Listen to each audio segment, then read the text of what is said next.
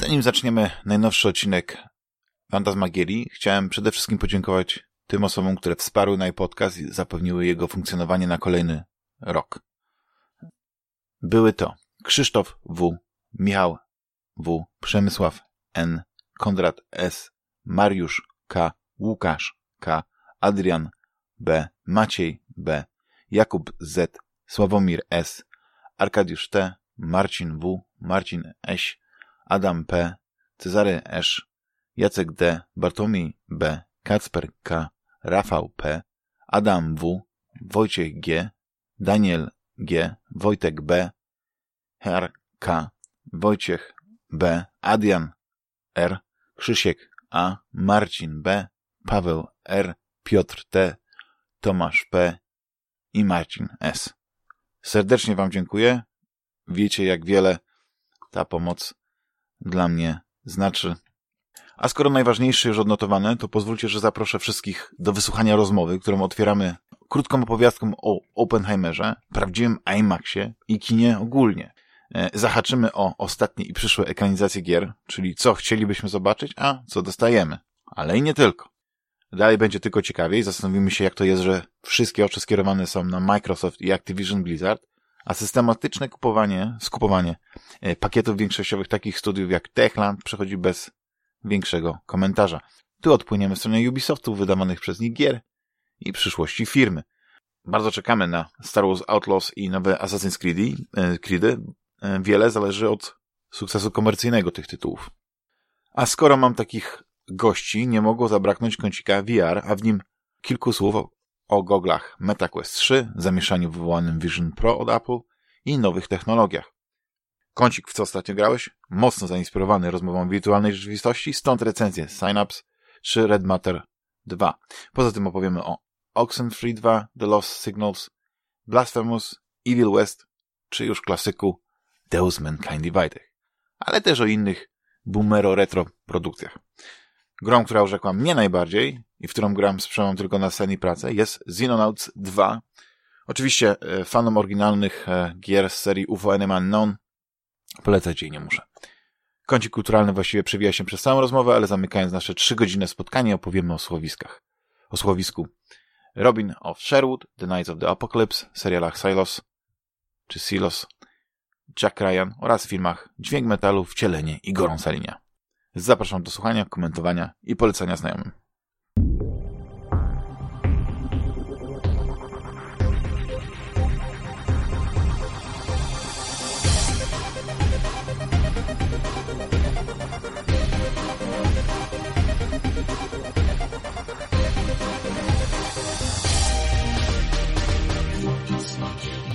Witam, Fantasmagieria, podcast o grach komputerowych, konsolowych, ale i nie tylko. Odcinek 577. Ja nazywam się Damian Paluch, aka Dachman. I ponownie mam przyjemność gościć, e, zrobić crossover podcastowy. Tym razem zacznę od Łukasza. Łukasz Lost aka Simplex, podcastu M Kwadrat. Witam, hej. I Rafał Szychowski, aka Szyka, aka Stary Gracz z podcastu Stary Gracz. W Rafale. Cześć Damian, witam słuchaczy. No panowie, y, jak tam wakacje? Y, macie czas na te wszystkie wasze przyjemności? Ja to powiem, że ja dzisiaj wziąłem urlop mhm. i wziąłem urlop, żeby pójść na, żeby pójść na Oppenheimera, bo nie da, się, nie da się Oppenheimera w IMAXie zobaczyć w, jakby w normalnych godzinach, takich wiecie, weekend czy coś, bo wszystko jest mhm. kompletnie zawalone. Moja żona miała, miała genialny pomysł, wzięliśmy urlop i poszliśmy na 11 na, do, rano no, jak na Oppenheimera. Podobało? podobało? mi się. Nie wiem, A może ludzi było? Przegadane, nie ma, w sensie nawet do 11? Bo to jest taki Proszę? film, który jest przegadany właśnie tak jak Rafał powiedział, a dwa, tak. że tam nie ma za bardzo taki efekt, znaczy trzeba docenić to, to tylko to, to nie jest, dodam wiesz, to nie jest film to jest film, bomby. Tak, że to jest film nagra, na, nakręcony na taśmie, Aha. bez, bez efektów komputerowych, przynajmniej, e, znaczy na pewno tam jakieś efekty komputerowe są, ale w pełni w pełni z tego, co słyszałem, na taką starą modę, modłę, nie jak to powiedzieć. Więc, Praktyczny efekt. Jak to, jak to widać na przykład w IMAXie, nie wiem, ale jestem bardzo ciekawy twoich wrażeń. Znaczy, wiesz co, y, tak naprawdę te, te IMAXy, te IMAXy w Polsce to, to nie są takie prawdziwe IMAXy. Chodzi o to, że to, co się mówi o, Oppenheimerze, że ten film najlepiej obejrzeć w IMAXie, to dotyczy tak naprawdę tych IMAXów, które mają 70 mm projektor. Dokładnie. Czyli IMAX, y, ten film był nakręcony na 70 mm taśmie. Najbliższe A u nas są 35. No tak, a najbliższe kino IMAX, które, które ma taki projektor, to jest w Pradze. W Czechach Więc, w sensie, a nie, na, tak, nie tak, w Nie, nie w Warszawie, nie, nie, nie. Więc tak naprawdę... Na Pradze nie ma kina. Y, ja też myślę, że to nie jest koniecznie film, który musi być obejrzany w kinie, czy, czy tam nawet w IMAXie, ale moim zdaniem on nie jest przegadany, tylko po prostu jest nie, tak to jest fascynująca, fascynująca historia niesamowitego człowieka, nie? I no. nakręcone to jest fenomenalnie. Te, te role, które zagrali Robert Downey Jr., Matt Damon, czy chociażby Killian Murphy są genialne, zasługują na Oscary. Ale ja mówiłem dlatego przegadany, no bo tam w zasadzie trzy godziny ludzie ze sobą rozmawiają, nie? I ty śledzisz te losy, to jest fascynujące. Ale jakby nic więcej z tego filmu, nie chcę, żeby to źle zabrzmiało, wynika. To jest dobry film, ale znam lepsze filmy samego Nolana chociażby, nie? E, fajnie, że tam historię opowiedział, ale, ale nie wiem, czegoś mi zabrakło może w pewnym momencie, jakieś więcej akcji, tak jak Damian wspomniał. Znaczy, wiesz, akcji to w tym filmie to pewnie by nie mogło być za dużo, ale... No wiem. Ale e, efekty, nie wiem, związane z, z, tą, z tą, nie wiem, z, z eksplozjami, że się tak wyrażę. No tak, bo reklama była, że będzie, będzie super test bomby atomowej, ale no okej, okay, no był, no wiadomo. Lepiej niż w Kryształowej Czaszce, Łukasz? Niż w czym? Niż ta eksplozja na początku w Kryształowej Czaszce. nie, nie wiem. Indiana Jones. Nie oglądałeś Indiana Jones? A, Jezu, ta co się schował w lodówce. Tak. Ja to, ja to wyparłem. ja to wyparłem. Nie, jakby ja, ja tylko tą lodówkę pamiętam. Serio. Tak, oglądałem przed sobą czaszkę, ale to było tak dawno, że ja z tego filmu nic nie pamiętam. Autentycznie po prostu nic. Po prostu mhm. nic. Więc... Nie, no trzeba zobaczyć Oppenheimera. To jest jakby film, który po prostu jest ważny i. Znaczy, można poczekać, aż pojawi się w streamingach, nie? Ale ja Jasne. na przykład dużo o tej historii, jeszcze ja nie znałem tej historii tak dobrze. I A w ogóle książkę wam polecam. No, książka chyba, no chyba 600 stron. 800 stron cegła, ale ona tłumaczy wszystko, kim był Oppenheimer, bo jest tak trochę mm -hmm. mało zarysowany tego negatywne wady, trochę jest taki gloryfikowany. Ja rozumiem mm -hmm. dlaczego, no bo tak, nie? I nawet końcówka filmu o tym mówi i to pokazuje. Natomiast e, no to był przecież kobieciarz, to był, i to jest tak naprawdę mało jest tego pokazane. No okej, okay, no jest trochę, ale, ale to mm -hmm. było, on, on, był też takim, wiesz, to, to, to nie było jakby mhm. strefy szarości, bo e, czy, to były strefy szarości, określamy człowieka, bo on nie był ani dobry, ani zły, no był po prostu człowiekiem, tak? Z, z no wadami no, tam, e, no. Wszystko się kręci wokół tego jego słynnego cytatu, no nie? Że mhm. nie, wiem, jak, nie wiem jak to, jak to, nie, teraz pewnie... Yy... To jest po angielsku I am become death, the destroyer of worlds. A, yeah. no, tak. Się Dosłownie to przetłumaczyli, tak. Tak, tak. tak, tak. I, I, nie, no to jest, to jest na tyle fascynujące, że y, po prostu same to i, i kwestia tej, wiesz, bomby atomowej, to już rozpala wyobraźnię i zawsze y, była ta dyskusja na temat tego użycia e, bomby atomowej e, w Hiroshima i Nagasaki. Mhm. I e, jak pewnie ktoś zafascynowany tą postacią po obejrzeniu filmu chciałby pewnie nie obejrzeć, bo jest mnóstwo materiałów, w ogóle jakichś takich rozmów z, z nim, gdzie on, on, się wypowiada na ten temat, gdzie, gdzie na początku właśnie pewnie miał jakieś, jakieś dylematy, nie? Ale później twierdził, że, że mu po prostu generalicja amerykańska wytłumaczyła, że gdyby, gdyby nie użyto tych bomb, to, to, to ta rzeźnia byłaby, tylko ona po prostu by y, była dłuższa, rozciągnęła się, byłoby też e, dużo ofiar po stronie amerykańskiej i tak dalej, i tak dalej, bo więc, więc y, to było tak zwane mniejsze zło, jeśli można tak mhm. E, użyć tej definicji. No ale sama, sama historia na pewno jest fascynująca. Ja nie wiem, jak, e, tak. jak, w jaki sposób, bo to też na pewno jest ten, i to mnie bardzo ciekawi, na pewno chciałbym na to zwrócić uwagę w filmie, jak będę już miał okazję obejrzeć, jak właśnie te zawiłości fizyki, to rozszczepienie atomu zostało pokazane, takie różne rzeczy. Wiem, wiem, że na pewno to robi wrażenie na widzu. Znaczy mam wrażenie, że o wiele lepiej pokazują, jak on stał się tym e, genialnym fizykiem, jego fascynację wieś ciałami niebieskimi, e, teorią względności Einsteina i, i, tego, jak się rodziła ta nowoczesna fizyka kwantowa, nie? To jest super pokazane właśnie, no bo to jeszcze w latach 30. w ogóle nie była znana dziedzina nauki, nie? Wtedy w Stanach mm. i na świecie, raczej bardziej w Europie niż w Stanach. A, i, I to jest niesamowite, jak to oglądasz, nie? W ogóle Killian Murphy fantastycznie zagrał. Ja dawno nie widziałem takiej magnetycznej postaci na ekranie, nie? No już był tam żużą e, Oscara, więc... więc no, po Peaky Blinders tak go kocham, więc wiesz to. mnie, mnie w ogóle naszło, żeby obejrzeć, bo ja, ja, jest taki serial Manhattan. Tak. E, I dokładnie o budowaniu, właśnie o projekcie, o projekcie e, Manhattan i Manhattan. o te, budowaniu tego, tej, no właśnie o tym Los Alamos, nie? I ja zacząłem to kiedyś oglądać, ale tak w sumie po kilku odcinkach już tak przerwałem, bo tak się bardzo wolno zaczynał. Ale myślę, że może do tego wrócę. Zobaczymy. No. Oglądaliście Manhattan, czy, czy, czy nie? E, nie, nie, nie, w ogóle ja nie. nie kojarzę tego serialu. Okej. Okay. No to jakiś pewnie niszowy taki. Nie, nie, pewnie nie, na żadnym jakimś streamingu, ani nigdzie. Tam miał grać, zresztą Killian Murphy, nie wiem czy wiesz, a on tylko przegrał oh, wow. casting. Serio? Bo to jest stare, sprzed 10 lat, tak? Tak, tak, 14 rok, no. tak, tak, tak. To Może gdzieś od, od, od, odkryli jakieś jego e, kasety demo, gdzie nagrywał jakieś tam e, sceny do tego serialu Później mhm. no to już mamy gotowego aktora. Którym... Nie, wiesz no, porównywałem zdjęcia Oppenheimera z Killianem Murphy i naprawdę świetnie go zagrał. Nawet nie mówię, że fizycznie jest bardzo podobny, ale jednak jest coś w tej postaci, że uwierzysz, ale to jest to Hollywood, to jest Hollywood. Ja tam, tam wiesz, jak już ktoś jest y, gwiazdą, to, to, to, to nie, to tak jak Tom Cruise. Tom Cruise tak może, może być lubiany, może być nielubiany, ale nie można mu odmówić talentu. Tropic Thunder widzieliście. To po polsku jest, jak to się nazywa? No to ten, ten, ten okręcenie tego filmu w Wietnamie, tak, co Robert Downey... Nie, nie żart tropików, to... tylko... Jaja w czymś, nie pamiętam, sorry. Tego jaja w, ja w tropikach, tak. chyba, nie? A, dokładnie, no, no, co Robert Downey Jr. się grał czarnoskórego. Dzisiaj by to nie tak. przeszło. To jest film, który na każdym aspekcie obraża, wiesz, dzisiaj wszystkie uczucia wszystkich, nie? Ale A, wiele ale filmów by nie przeszło. Indiana Jones by dzisiaj nie przeszedł. to prawda, bardzo seksistowski. Bond! Różne rzeczy, no nie chcę teraz no wie, nie, nie ma co, tak, tak. Po prostu e, żyjemy w czasach jakichś takich e, przemian, nie? I to kiedyś, e, prawda, znaczy nie wiem, czy, czy, czy to się w ogóle przetrawi, czy idziemy w, w kierunku, nie wiem, czy Brave New World, czy 1984, hmm. ale to jest też tak, że e, bo to nie chodzi o jakąś cenzurę, czy popularność polityczną, tylko chodzi o autocenzurę. Że chodzi. No już nie powiesz tak. jakiegoś dowcipu, już nie powiesz nic takiego, co mogłoby kogoś obrazić, mimo że powiedzmy dla 99% byłoby śmieszne, no bo już się ugryziesz ten język. Więc... Ale wiesz co, ja, ja, ja, to, ja z tym się spotykam w swojej pracy, gdzie na przykład przychodzą młodzi ludzie po studiach albo jeszcze w trakcie studiów, mają te 24-23 lata, jak ja czasem rzucę tym swoim klasycznym mięsem weter, to powiem ci, że spojrzenia albo komentarze są co najmniej dziwne, jak dla mnie, nie? Dla mnie to jest normalne, nie? No, no ale panowie, bo my tutaj rozmawiamy o ciekawych filmach i tak dalej, ale zanim Rozumiem, że Barbie ten, e, też nikt nie oglądał.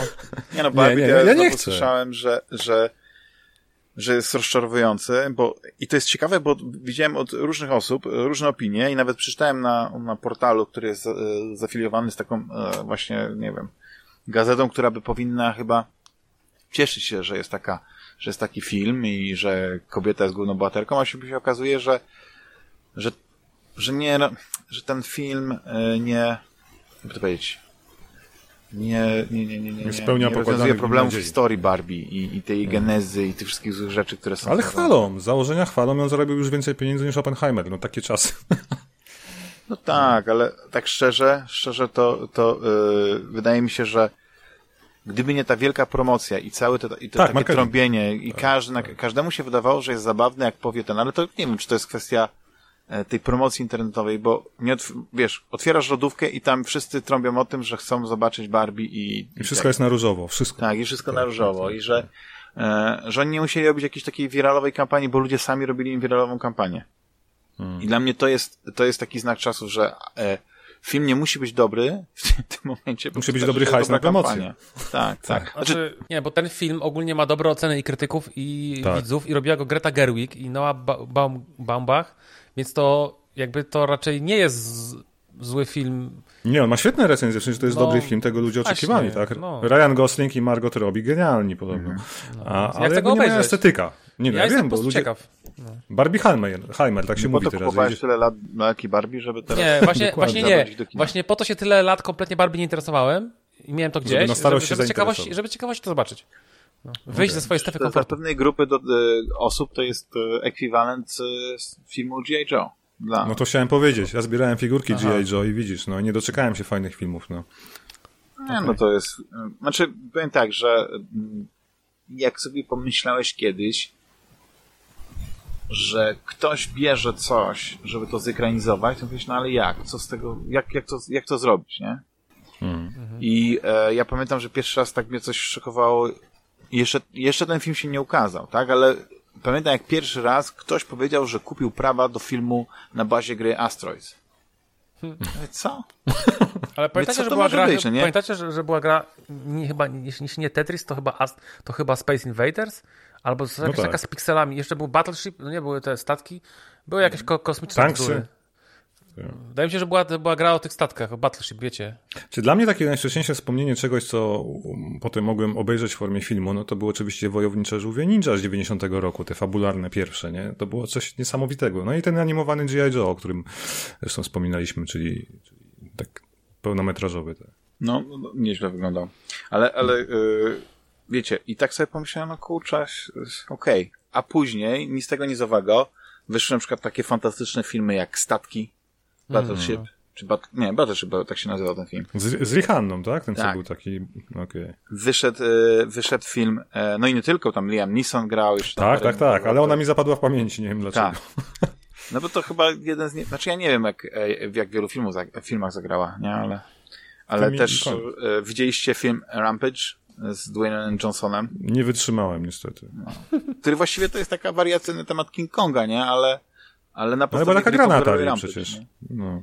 No i, i, tak, tak naprawdę to oni wszystko mogą zekranizować, nie? Czasami e, ekranizacja Tetrisa to nie jest po prostu ekranizacja z spadających klocków, tylko powiedzmy jakaś tam fabularna wersja mhm. e, autentycznej historii, ale ja nie wiem, czy jest w ogóle teraz jakaś gra, w znaczy fi e, serial, film w produkcji, na który, który czekacie, albo o którym wiecie, że, że, że coś będzie, a jest na podstawie gry komputerowej? Czy jakoś, on, czy w ogóle odczarowano tę, tę klątwę, nie? że jak e, jest coś na, na podstawie gry komputerowej, to znaczy, że to jest mizerny odcinasz kuponów i nic nie warte coś do oglądania.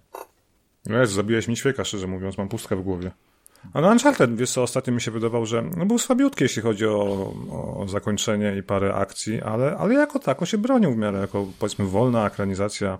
No ja liczę na drugą część. Ja liczę, no że, tak, że, tak. że już się powiedzmy e, ukształtowały, znaczy już wiemy kim będą te postaci, nie potrzebujemy e, origin story, więc teraz możemy mieć bardzo ciekawą przygodę jakąś taką przygodową, nie? Gdzie Ale przypomniałem można... sobie, tak, bo wiesz co, seriale, bardzo dużo seriali na podstawie gier jest w produkcji, no bo Amazon robi Fallouta i coraz więcej wypuszcza jakby, wiesz, e, zdjęć z planu tak. i ma być teaser niebawem. Czekamy na Gotowora, przecież prawa do serialu kupił Netflix. To pewnie odległa przyszłość, ale jednak, nie? Tomb Raidera robią serial i animowany i chyba anime w zasadzie, tak? ale no to jest tak, jakby się te informacje pojawiły po sukcesie The Last of Us, czy serialu, czy... Myślę, że chwilę przed. A no, The Last of Us genialny przykład, no bo to jest naprawdę świetnie zrealizowany serial wysokobudżetowy, który zdobył popularność na całym świecie. To jest, to jest najlepszy przykład chyba, nie? Tego, że oni odczarowali jakby da, mhm. możliwość adaptacji gry, czy materiału wyjściowego w postaci gry wideo, który trafi do mas. No tak. bo wiadomo, że nie do graczy tylko, nie? A, i, a ja w ogóle to czekam, wiecie na co, na Williama Gibsona ekranizację Neuromancera, bo Apple Plus robi i, i tam ma grać ten, John Miller, jak on się nazywa, czy John Teller, ten co grał w Top Gunie tego z wąsikiem. To powstaje wiecie. dalej, mhm. naprawdę? Tak, Apple to robi, Apple przejął projekt i robi teraz z nim, więc super, nie? To, to ja się nie boję o wykonanie tego, jeśli chodzi o Apple. A, a nie powstaje fajnie. jakiś Bioshock, czy to anulowali? Też powstaje, Netflix ma prawa oczywiście, okay, tylko nie wiem, czy jeszcze, czy film. Jeszcze Horizon. Tak, też Netflix ma prawo do Horizona Przecież. No. no. jest tego sporo, jak się zagłębić w temat, ja nawet nie mam notatek przed sobą, ale gdyby... No, Horizon się taki najbardziej Netflixowy wydaje. Jakby tylko nie pożałowali budżetu. Mm, mm, no, Widzisz te plastikowe to... dinozaury? Bo ja nie wyobrażam sobie tego. Ej, ale, ale właśnie jakie one mają być? Aluminiowe? Nie, dlaczego? No przecież masz potwierdzoną produkcję. To daj źródło. No nie wiem, no poszukaj sobie Apple nie, no, jakieś, wiesz. Szukałem. Szukałeś, dobrze, to poszukam w wolnej chwili ci podeślę. No. Wiem, Ale że w każdej nie plotce jest ziarno prawdy. Później się okaże, że, że może po prostu e, prezes Netflixa grał w Horizon. No ale wiesz, o, o tym słyszymy od zawsze, nie? Tak. To mógłby być dobry serial na naszej platformie. I tyle. I tak, zanim, to, zanim to Amazon serial. Prime wykupi, nie? Ja znalazłem e, źródło, ale serwis Illuminerdi i jest to plotka. O Jesus Christ. Mhm. Czy jest w ogóle taki jeden, jeden news, który się pojawia tak powiedzmy, on może nie jest stricte związany z grami, ale jest związany z jednym z moich ulubionych filmów, czyli z Głębią albo Otchłanią, zależnie od jaki, jaki, jaką tłumaczenie polskiego tytułu The Abyss. Zadam ci pytanie, oczywiście. zadam ci pytanie. Jakie mm. są dwa filmy, które do dzisiaj nie wyszły w formacie 4K? Od tego samego pana, W jakim formacie? W Blu-rayu no nie wyszły. E, znaczy, no. najlepsze jest to, że one częściowo wyszły, bo powiedzmy na przykład chyba Prawdziwe Kłamstwa to gdzieś jakiś hiszpański Blu-ray jest e, tak. dostępny. No i też e, na platformach streamingowych niektórych można było obejrzeć w HD, no ale nie ma wersji i, tak, specjalnej. Aliensy i The Abyss, tak. The Abyss. Ja nie, ja nie potrzebuję są, 4K, tak. niech będzie już tylko w tym. I... Nie, 4K. Nie chcesz mieć no, Aliensów 4K, ja chcę mieć 8K, 12K. Szczerze mówiąc, to ja się cieszę, że po prostu jest wersja e, no, na Blu-rayu i, jest, i ona jest odświeżona i, i, i wygląda okay. bardzo dobrze. E, ale chodzi o to, że właśnie tej wersji, ta wersja DVD w ogóle, The Abyss specjalna, to jest wygląda strasznie. Ja I, to jest, I to jest po prostu mm, e, no, coś naprawdę przykrego, że e, Cameron nie wiem, czy się nie może dogadać, czy w końcu się dogada, bo on on nie mówi, że jest w jakimś konflikcie z, z, z, z, z producentami. Ale prawdziwe kłamstwa też nie wyszły, nie? Tak. On, on twierdzi, że po prostu jego, jego on musi e, siąść, i tam muszą zatwierdzić parę rzeczy, no nie, tam wiesz, e, kolor musi hmm. się zgadzać, efekty, jakość tego ma być wysoka i już podobno już świat jest gotowy i już będą tłoczyć, no nie? I tego od kilku hmm. lat i się zasłaniał też awatarem.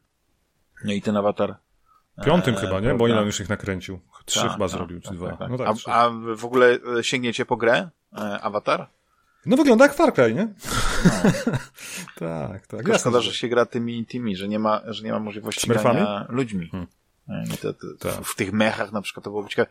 Bo o ile pamięć mnie nie myli, w tej pierwszej grze jeszcze za czasów, zresztą w ogóle to był, to był hit, bo ta gra wyszła na wszystkie możliwe platformy i na, i, i na PSP, i na e, Wii, i na, na, na, na, na konsolę. To nie wiem, jak tutaj będzie. No nie, ale wtedy tam można było grać. E, ale masz rację, gdyby się można było wcielić w ludzkość i zniszczyć te niebieskie smerfy, to byłoby zupełnie fajniejsza Tylko, gra. że wiecie, że, że, że, że, ten, że Cameron gdyby na to nie pozwolił. Wiem. No. Mi się wydaje, że, bo kiedyś Cameron mówił, że to jest po prostu coś, co mu się albo przyśniło, albo mu babcia opowiadała jakąś historię, coś takiego było. Coś o Indianach, no oczywiście. No. Tak, i, i, i że, że właśnie, no, jest taki osobisty na jego film. No ale to reżyser zawsze takie rzeczy mówi, no nie? Kiedy, kiedy trzeba robić tą, tą promocję. No. no. Chociaż w ogóle cieszę się, jest jedna rzecz, o której w sumie hmm. nie mówimy, no bo um, nie mam tutaj jakichś takich informacji, ale ten przestój, który teraz e, nastąpił ze względu na strajk scenarzystów i aktorów, mhm. to, to, moim zdaniem e, trochę się przyda, bo chyba, że nie wiem, e, przez, to dostaniemy wiele, e, więcej, nie wiem, jakichś e, reality show produkowanych za, za, za 5 zł, ale Wiesz co mi się wydaje, Damian, że my dostaniemy teraz masę kontentów z Azji i innych rejonów świata, bo skoro Ameryka nic nie produkuje, to wszystkie streamingownie rzucą się kupować te rzeczy, o których nawet nie myśleli do tej pory i to może być straszne, nie? Ten zalew, mm. wiecie. Znaczy z jednej strony fajnie, bo ja nie znam dobrze azjatyckiego kina, czy to kryminalnego, czy horrorów, czy tam, wiecie, innych tematów. To będzie ciekawe, z drugiej strony pewnie też masę szmir dostaniemy. Może więcej Bollywoodu dostaniesz, bo lubisz, nie? Bollywood jest specyficzny, bo oni po prostu produkują tam e, tonę, tonę filmów i, i e, 99 .999 pewnie jeszcze ten, to nawet byś tego nie obejrzał, gdyby cię przywiązano do krzesła, no nie, bo, bo ja niczego nie oglądam z Bollywoodu, więc... Ale, ale są te super produkcje, które oczywiście jadą tym kiczem, ale przecież e, ostatnio e, ta, ta, ta super produkcja chyba RRR, hmm. muzyka z tego filmu dostała Oscara. No tak, tak. I to jest no, naprawdę bardzo, bardzo fajny film, ale on jest na wskroś właśnie taki, e, taki bollywoodzki. Tam, e, tam jest, e, tam są efekty specjalne, gdzie, gdzie ludzie robią nadludzkie rzeczy, których nie powstydziliby się Avengersi. Prawda? Tam, nie wiem, Kapitan Ameryka z Iron Manem. I to jest... No to jest specyficzne kino, no. Tak, ale ja, ja to oglądam jako takie kino akcji z, z uśmiechem, nie? A nie, że mhm. to musi być coś, co bo teraz tak się zastanawiam, jak żeśmy tutaj doszli do tego Bollywood. A. E. Co dalej? To, to, to, nie, nie, to tak, ale z, z, z takich ciekawszych newsów, których e, wspomniałeś, że dzisiaj jest premiera e, The Expanse, Tale, Telltale Series, tak. czyli, czyli gry e, no, Nowo wskrzeszonego starego studia, powiedzmy. No w zasadzie tylko nazwa jest, została, przecież to jest nowe studio, nowa ekipa tak dalej, no ale chcą wrócić do robienia tych, wiecie, narracyjnych przygodówek i trzymam kciuki, nie? Brakuje mi takich rzeczy, no. The Expanse to... mówicie? Mhm. Dzisiaj premiera pierwszego epizodu. Ale tak, właśnie to robi to, to robią ludzie, to robią byli pracownicy tego prawdziwego, prawdziwego Telltale, czy to robi to nowe Telltale, co, które nie jest tym starym Telltale? Oczywiście, że nowe i nie wiem, kto w nim pracuje, więc e, no, tutaj możemy okay. tylko spekulować, ale, ale generalnie mają nowy silnik, nowe pomysły, wygląda to fajnie na trailerach i ja chętnie zagram, bo to jest mój ulubiony serial science fiction ostatnich, można powiedzieć, 10 lat, tak szczerze, no. nie? E, bo nic lepszego nie powstało. No chyba, że Dystrykt 10, który czytałem dzisiaj, że Neil Blomkamp, Neil Blomkamp ruszy w przyszłym roku z produkcją, o. bo wrócił trochę w łaski Hollywood tym, że zrobił Gran Turismo, teraz w sierpniu zresztą w kinach, nie? Ten o, właśnie. Grze, powiedzmy. Tak. Ale właśnie, to, czy Gran Turismo to będzie film? Bo ja miałem w ogóle wrażenie, mimo że widziałem zwiastun chyba w serial. że to ma być serial. Ja nie, to jest, pełno, to jest pełnometrażowy film. Słuchaj, David Harbour, czyli ten, który grał w Stranger Things, taki charakterystyczny aktor i Hellboya chyba gra coś nowego. E, on się wciela tam jakiegoś adwersarza i jest ktoś młody. Nie wiem, czy Aaron Paul, chyba Aaron Paul ten Breaking Bad, ale teraz strzelam, więc do sprawdzenia. Aaron Paul gra w, w ekranizacji Need for Speeda, więc może ci. Tak, to nie, to nie on, dobra. No to któryś z tych młodych, nie, nie, nie znam się na nich. A, i, i, podobno to ma, ma, być całkiem dobry film z tego, co czytam pierwsze opinie po pokazach, więc jaki, ja się cieszę, bo wiecie... Jaki ja, film? No. Jaki? Gran, Gran Turismo. A, Gran Turismo. Ja widziałem właśnie, ten zwiastun był na tym, na... Podobno to jest no based on a true story. Nie wiem, na ile to jest true story. Tak, bo to jest e, historia kolesia, który wygrał e, Gran Turismo zawody i został prawdziwym kierowcą a, formuły. Aha, tylko nie wiem której, czy pierwszej, czy innej. Okay. Więc to jest fajny temat. Taki bardzo życiowy, nie? No. A tylko ja Simplex myślę o tym, że, że, że... A, bo wiem, co chciałem powiedzieć, że ja w ogóle chciałem nakręcić odcinek, znaczy nagrać odcinek z wami o Nilu Blomkampie, bo a, dla mnie to jest jeden z bardziej zjawiskowych reżyserów. To znaczy nie? ja uważam, że zrobili dobry film. Dwa. Jeden. A... Po rybach. Jeden. I studio. To jest moje osobiste... No i to i tego animacje, nie? Co tam... I Out, Out Studios, gdzie są genialne no, no animacje. Właśnie, to, tak, tak. Znaczy wiesz co, tak. no tak, no nie zrobił za dużo filmów, ale ja na przykład lubię Elysium, mimo że ja bardzo lubię. nie wszystko mi się w Elysium podobało, jeśli chodzi o tam ale... fabułę, ale bardzo mi się ta idea tego, tego pierścienia, tego Halo, prawda? Właśnie no i cyborgizacja, cyborgizacja nie, no ciała Daemona, nie? Sam to, pomysł, że tam Bogole uciekli z Ziemi na stację jest spoko. Jak no nic nowego, oczywiście, tak. A jest fajny, tylko że właśnie, no nie wiem, jakoś tak te filmy do mnie... Po Dystrykt, moim zdaniem Dystrykt 9 bardzo jakby, był bardzo dobry i potem spodziewałbyś się, że kolejne filmy będą jeszcze lepsze, a one według mnie nie dowiozły, a Chapi to już w ogóle No a poza tym mówcie. wiesz, no, on, no, no, Chapi zaliczył taką wtopę, że no. on już jakby... Ja tego demonika wszystkie... nie widziałem, teraz jak uświadomiłem Jest słabiutki, jest słabiutki, nie polecam. Że on nakręcił tyle filmów, to demonik to jest zupełnie mi... Bo to jest w miarę nowa rzecz, wiesz, z 21 roku, a taki horror bardziej i to się źle ogląda. Słuchajcie, chciałbym jeszcze tak? wrócić na chwilę do tego Telltale, nie Telltale, tak. bo, bo tak, wszystko no. sprawdziłem, zresearchowałem. Bo to jest nowa firma, tak? Telltale to jest w ogóle tak, LCG Entertainment, tak. Doing Business as Telltale Games. To jest po amerykańsku jest jakieś takie określenie, że do, Doing Business Kupili as. nazwę. Kupili nazwę, kupili dokładnie. Nazwę. Kupili nazwę Zasetu, i, i zadowoleni. Tak. A byli pracownicy Telltale, ci, ci prawdziwi, co pracowali faktycznie w Telltale, stworzyli studio Dramatic Labs. I to studio okay. Dramatic Labs wydało niedawno grę w uniwersum Star Trek. Przygodówkę o. w stylu Telltale. Star Trek Resurgence. O, o która przeszła kompletnie bez echa. No ja myślałem, to jest strzelanina. Znaczy ja słyszałem nie. o niej i jeśli to jest, to jest to, co ja słyszałem, to, e, to e, nawet dobre opinie słyszałem, że po prostu jeśli chcesz w tej grze wcielić się w takiego typowego kapitana, ale nie no. ze Star Treka tego Discovery, no nie? Gdzie wiesz, interesujemy twoje emocje i mhm. nieważne jest, że jesteśmy tutaj e, żołnierzami, wszyscy właściwie tak, bo, bo, bo, bo przecież to jest militarny obiekt, e, ten statek kosmiczny, mhm. badawczy. Ale ty jesteś fanem Star Treka, Damian, czy nie? Nie, no jak każdy. No wiesz, ja nie, nie jestem. Nie znam ludzi, którzy nie są fanami Star Treka. Znaczy, Obecny... Aha, ja znam. Nie są, Obecny... E, nie są... Naprawdę? Nienawidzisz Star Treka? Tak? Nie, to, to jestem obojętny na Star Trek. Nie oglądałem nic i nie, nie, mnie nie ciekawi. Next Generation Nic, nawet fajny. te nowe, nowe te, Próbowałem trochę tego nowego, próbowałem trochę tego nowego. Nowe nie, spoko. sorry. Oglądałem te J.J. Abramsa filmy. Tak. No i takie okej, okay, mogą być. I próbowałem oglądać ten nowy serial, ale nie, nie podobał mi się. Ale Gwiezdne Wojny to to nie są, nie? To tylko Niestety. Strange New Worlds. Jeśli ktoś jest wielkim fanem Star Treka, e, znaczy ktoś nie jest wielkim fanem, przepraszam, ale, ale słyszał dobre rzeczy, mhm. to odradzam zaczynania na przykład od Discovery.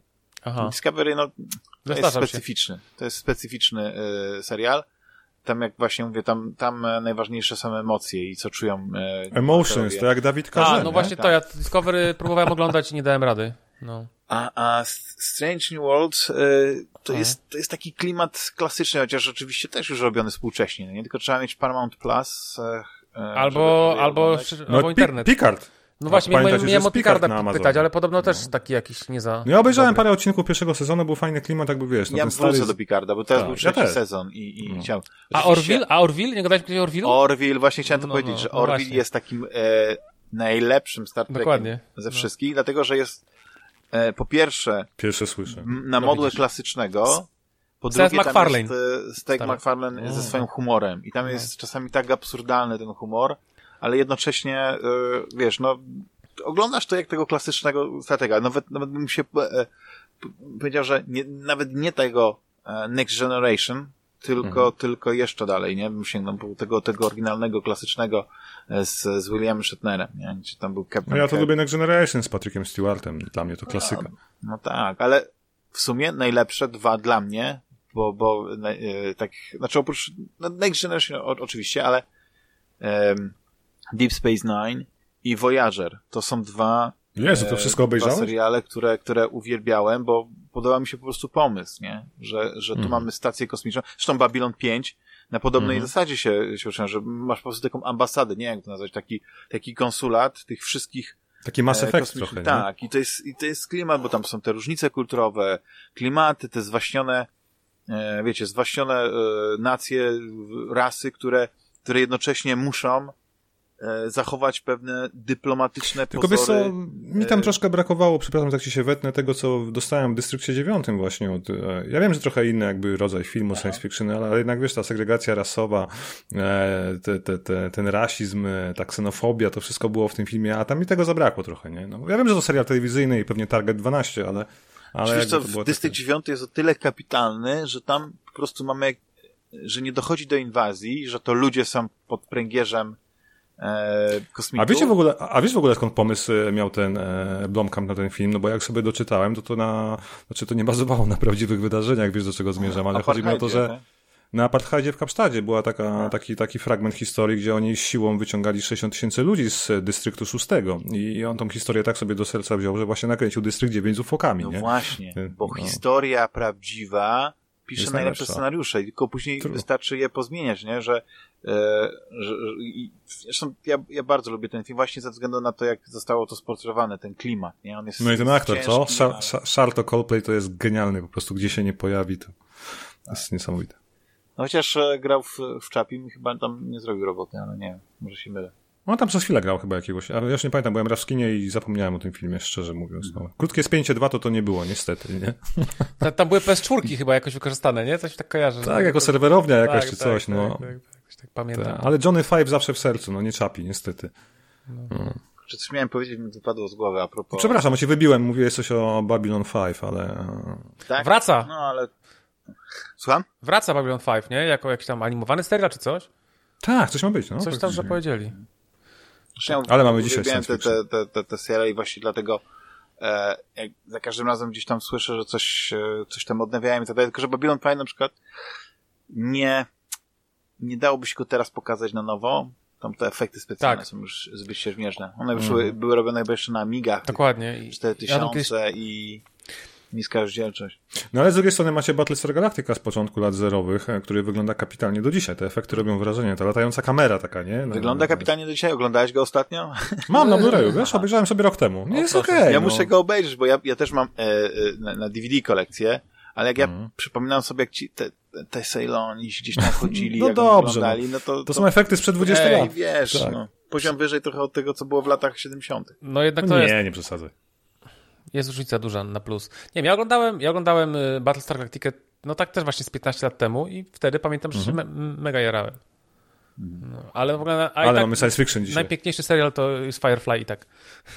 Oczywiście. No. E, Dlatego, że po prostu nie zdążył nam tak. się znudzić, tak. nie zdążył nam e, po prostu e, być może. nie też, się przejeść, co, co e, nie, nie było na tyle odcinku, że można powiedzieć, że kurczę, jakie, głupotki, nie? Ale film widzieliście, nie? Serenity. Tak, no, tak. Film nie, nie, nie, nie był tak dobry, ale... Tak. Ale był tak, dobry, moim zdaniem. Znaczy, był spoko, ale nie tak jak dobry jak serial, ale tak, no, na zawsze w serduszku. Wyszedł w ogóle, na, w ogóle też na Blu-rayu. I... No. O, tak. Serenity, w ogóle Firefly to ja bardzo też mam głęboko w serduszku, bo e, nawet mam grę planszową, która jest takim kosmicznym eurobiznesem, nie? Tam e, Gwiezdny kupisz. joby, jakieś tam przekręty i tak dalej, ale ale wszystko właśnie ma ten taki znaczy, fajny klimat. Ja nie? bardzo żałuję, że nie powstała żadna gra na podstawie y, Serenity, bo to naprawdę to jest takie fajne uniwersum. Można by zrobić z tego naprawdę fajną gierkę w typu Privateera, nie? Czyli... No właśnie chciałem powiedzieć, że masz Privateera, no jedynkę, dwójkę, e, albo, albo nie no ale, wiem, elitę dla fanatyków. No nie, no ale chodzi właśnie mi o to uniwersum, nie? Ale to, to uniwersum taki jest takie trochę tak, klasyczne, no. jeśli chodzi o, o, o, Ale nie, nie, nie do końca, bo to jest, takie, to jest taki dziki zachód. No, no, ale to też nie jest tak. dziki zachód do końca. To jest tak jak, dokładnie jak... Kosmiczny dziki zachód. Że masz dziki zachód, czyli masz to Tatooine, nie? Gdzie po prostu ludzie żyją w, w jakichś takich gliniankach. I masz imperium. Wiem, e, hodują, nie wiem co tam na tej pustyni, nie? Bo już nie pamiętam jakieś, co. Jakieś jaki takie, nie? To były jaki, A. czy jakieś wielbłądy? No nie wiem, tam rodzina Skywalkerów tych, tych e, tam, e, tam miała. Takie zielone mleko mieli, pamiętam. To nie, też w tej, w tych lepszych częściach, najlepszych. ale, ale to samo masz tutaj, nie? Że masz te dziki zachód. Tylko oczywiście, że to jest konkretnie dziki zachód. Ale już e, w StarCraftie, na przykład, jak muzyka była, to tam było taki, e, taki, tak, taka gitara, no wiesz, wiecie, tak. no to było takie charakterystyczne, że mi się tak, muzyka tak, ze StarCrafta tak, kojarzy z muzyką z, e, z, z Firefly. E, mhm. po prostu jakoś tak mi się miesza. Ale to, co mi się właśnie podobało, to było to, że miałeś te rubieże i te planety typu westernowego, dziki zachód, ale miałeś zaawansowaną cywilizację, technologię. Miałeś te, te planety typu Coruscant i przecież te takie um, te statki, nie wiem, jak, zapomniałem, jak to się nazywały. Te, no to te, jest te, taka te, trochę to, kopia Star Warsów, Imperium, no. gdzie było wszystko po prostu bardzo tak. zaawansowane. Miałeś, e, no, bądź cyberpunkowe klimaty, no nie? Albo nawet e, takie... Jest jak... taki, wiesz, tygiel, ty, tygiel paru pomysłów, e, nie wiem, recycling Star Warsów zmiksowanych z czymś, wiesz, i, i Tak. podlane sosem z dzikiego zachodu, tak. A, a nie ma jakiejś potoń, że powsta... A, aha, bo już nie wiem, czy mówiliśmy, czy już nie wiem, czy mówiliśmy o StarCraftie, czy o Firefly'u. Ale, a to i to. No, tak. Bo, bo chyba powstaje chyba jakiś kolejny StarCraft, jakieś chyba też były plotki, że jakiś kolejny... Naprawdę? Czy mi się wydaje? Dawaj źródło. No, StarCraft to by powinien, Dobrze, powinien zaraz prze, przejść... StarCraft powinien przejść jakiś taki, nie wiem, jakieś takie odrodzenie, bo po tym jak, e, prawda, Ale wiesz, weszły oni tylko moby, Diablo. to straciło na popularności, straciło na popularności RTS-y, takie klasyczne. No w ogóle nie ma fajnych RTS-ów, mam wrażenie. O, ja, ja nie pamiętam, kiedy grałem w RTS-a, może tak. No. Znaczy grałeś te, te, teoretycznie Aliens to jest taki trochę RTS. Nie? No tak, tak, tak. To jest z czasu To rzeczywistego jest, jakaś to jest, to jest strategia. piękna, piękna gra. No. No. Cały czas próbuję sobie przypomnieć, co ja chciałem powiedzieć, ale to na pewno nie było nic ważnego, ale wiecie, jest takie wrażenie, że coś ci siedzi na końcu głowy, Tak. więc po prostu... Ale właśnie musisz, musisz to odpuścić i wtedy to samo przyjdzie, wiesz. Dokładnie. Ale tak rozmawiamy o różnych rzeczach. Zanim porozmawiałem, w co ostatnio graliśmy, to nie wiem, czy śledzicie w ogóle, co się dzieje w, w, w branży. Ja już nie mówię o tym e, przejęciu przez Tencent, bo trochę żeśmy Mhm. porozmawiali o tym wcześniej, że Tencent e, wykupił pakiet większościowy, no ale to taki pakiet, który sobie po prostu Techland tam odkroił, nie? I tam ileś tam tych, tych procent. Ale większościowe to jednak, wiesz, teoretycznie mają wpływ na kontrolę nad firmą, a marchewka, w- prezes Paweł Ale Marchewka wiesz, dlaczego podaje- oni nie kupili no. całej firmy?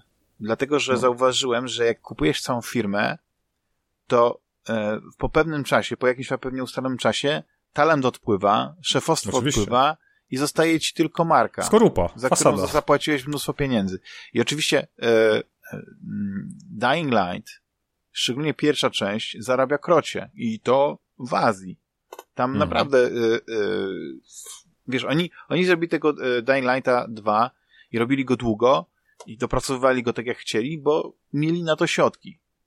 No to jest tak. też prywatna e, spółka, nie? Dosłownie, prywatna spółka z prywatnych pieniędzy finansowana, Tak, czy pewnie już potem z tego, co się sprzedało, oczywiście, ale... No właśnie. Ale nie, no, gdyby- sukces odnieśli super, no. No, i gdyby, gdyby e, Paweł Marchewka sprzedał całą firmę, to miałby już tak pewnie myślami mógł być na jakimś takim, e, nie wiem, jakimś myślę, że on już to wyspie. hobbystycznie prowadzi, a nie dla pieniędzy, więc wiesz. Tak, tak, tak, ale, dokładnie. ale na pewno odczuwa jakąś dumę prowadząc taką firmę i mieć... No jednak to jest firma, wiesz, wymieniana w jednym tchu z największymi firmami świata dzisiaj tak naprawdę, nie? Obok CD Projektu i zagranicznych studiów. Mhm. Myślę, że to też jest ważne z jego punktu widzenia takiej dumy narodowej, nie? Przynajmniej ja bym to tak Słyszałem, traktował. że jedną z pierwszych gier, e, które w ogóle Tencent chce, żeby e, pod ich, e, powiedzmy, kontrolą Techland wydał, to jest Chrome 2. O! To oczywiście... Ale to było ciekawe, ja pamiętam chyba jedynkę, jakie to było takie, no tak, tak. No to były ciekawe czasy wtedy. Był jeszcze był, nie? Tylko był to nie był ich, tylko Optimusa, jak chyba, Mhm. jak jeszcze istniał Optimus. To były te takie innych- czasy pierwszych FPS-ów, nie? Polskich, Mhm. PC-towych, może tak. Łukasz, a ty myślisz, co się zmieni pod, e, pod wpływem e, Tencenta? Czy nie, nie uważasz, że gdzieś tam wszyscy patrzą na Microsoft, który kupuje po prostu e, Activision za niebotyczne pieniądze, a Tencent sobie chodzi i skupuje praktycznie wszystkie te mniejsze firmy i e, tak naprawdę dużo więcej pewnie wydał pieniędzy niż te 70 miliardów na te swoje acquisitions, bo chyba jest też właścicielem jakimś tam Epika. E, e, People Can Fly chyba też jest, tak? Czy nie? Jak, poprawiaj mnie, bo ty Łukasz jesteś tutaj, Yy, People wiesz, Can Fly został kupiony chyba przez Tencenta właśnie albo przez y, Netiza, tego drugiego, bo jest też taki jeszcze Netis, no nie? Wiecie. Nexis chyba. Netis, czy Neteaze Mi to się pisze. Netis. Okej, dobra. Okej. Ale wyobraźcie sobie taką sytuację, że na przykład Tencent kupuje Ubisoft Hmm. albo Electronic Arts. No i Ubisoft wszyscy- ma problemy finansowe, wiesz, No oni właśnie, mają teraz... wszyscy mówią, że Tak. Ubisoft ma te problemy, nie? Dobrze. dobrze Ale, ale zobacz, ma problemy, ale mają teraz ogromną szansę, żeby się odkuć. Assassin's Creed Mirage zapowiada się super, Avatar zapowiada się dobrze, no i Star Wars Outlaws, który może być genialną grą i oni odkują się za te wszystkie lata niepowodzeń, więc e, nie wiem, czy jest dobry moment, żeby się sprzedawać. Mi się wydaje, tam są mądrzy ludzie, ten Yves Guillemot, to raczej nie jest jakiś głupi facet. Wiesz co? Jacyś Przeczekają tam, się mówi ci e, tacy ekonomiczni e, asasyni Mhm. e, są od tego, żeby na przykład e, reputację firmy podkopywać i abstrahując od, od, od e, bo wi wiadomo, dopóki powiedzmy sąd nie wyda wyroku, można powiedzieć, że ktoś jest niewinny, no nie? Tak, tak, tak chyba w cywilizowanym świecie się ustala pewne reguły, bo ja nie wiem dokładnie, czy, czy te rzeczy, które próbowano zarzucić Ubisoftowi są tego kalibru, które, które zarzuca się Activision i które udowodniono też Activision, że tam... tam poleciało paru no nie, no ale w Ubisoftie to były też jakieś masakry tam się działy. Tak, no właśnie, ale chodzi mi o to, że e, czy uważasz, że tam były po prostu mniejszego kalibru, czy tam po prostu mieli lepszą szczotkę z tym zamiataniem pod dywan, czy też to jest tak, że e, pewne rzeczy, które kiedyś, ja nie mówię, że to, że to jest, e, że to nie było naganne, ale po prostu kiedyś, w cudzysłowie, były jakąś taką normą, nie? Szczególnie we, we w przemyśle zdominowanym przez młodych, napalonych Mężczyzn, tak. facetów, tak. którzy, którzy realizowali się właśnie przy, eks, tą, przez tą fantazję, no nie, ekspresję w grach i, i, Wiecie, kiedy osiągnęli ja, sukces. Ja myślę, że kiedyś po prostu branża gier ogólnie była mniejsza i jakby nie była aż tak mainstreamowa i to, i to wtedy przechodziło, bo to były, że nerder były gierki dla nerdów, nie? Ale ponieważ ta branża się tak niesamowicie rozwinęła i tak bardzo jest teraz tyle warta i teraz więcej ludzi do niej idzie, to tak jakby nagle ona musi ona zostaje, staje się na, świecz, no, na, na, świeczniku, nie? Już, już nie można sobie tam... I przyciąga coraz dziwniejszych ludzi. To, I, i, tak, i tak to działa, nie? No i też wiadomo, myślę, że ten ruch mi tu cały też się jakoś odbił na tym, nie?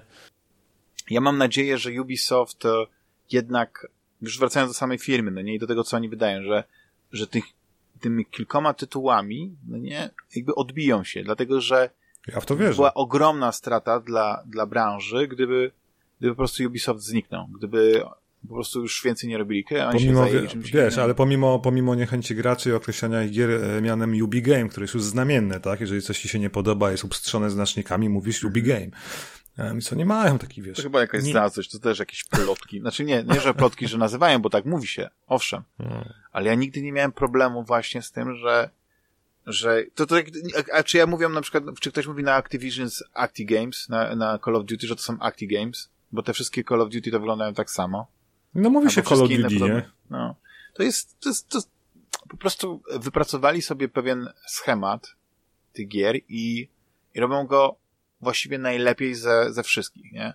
I są oczywiście firmy, jak na przykład nasz y, drogi CD Projekt, który zrobił Wiedźmina 3, który y, jest jeszcze lepszym prawdopodobnie e, Ubi grom niż, niż e, inne gry e, od Ubisoftu, ale nie wiem, ja, ja nie mam problemu z, z, z grami z otwartym światem i z tym, że, że czasami e, tam są jakieś takie schematy, które się powtarzają, bo, bo, bo nie jesteś w stanie na takiej wielkiej mapie za każdym razem wymyślać coś nowego. Ale wiesz, Musi ja myślę jakiś... do tego, że, że, że jeżeli rok w rok gram w podobną grę, tylko powiedzmy zaraz się ktoś obrazi, ale z innym skinem i, i inną fabułą, mówię to oczywiście o ostatnich trzech asasynach, nie? Gdzie ja skończyłem faktycznie Originsa, bo to był powiew świeżości po tej skostniałej serii tych samych asasynów. Mhm. Potem mhm. bardzo dobry Odyssey, chyba mój ulubiony asasyn od czasów dwójki. E, ale jak skończyłem po 100 godzinach tą grę, stwierdziłem, że ja już nie chcę grać w Valhalla i wytrzymałem 20 godzin z Valhalla, czyli nic tak naprawdę. A ja nawet nie zacząłem i dobrze zrobiłem.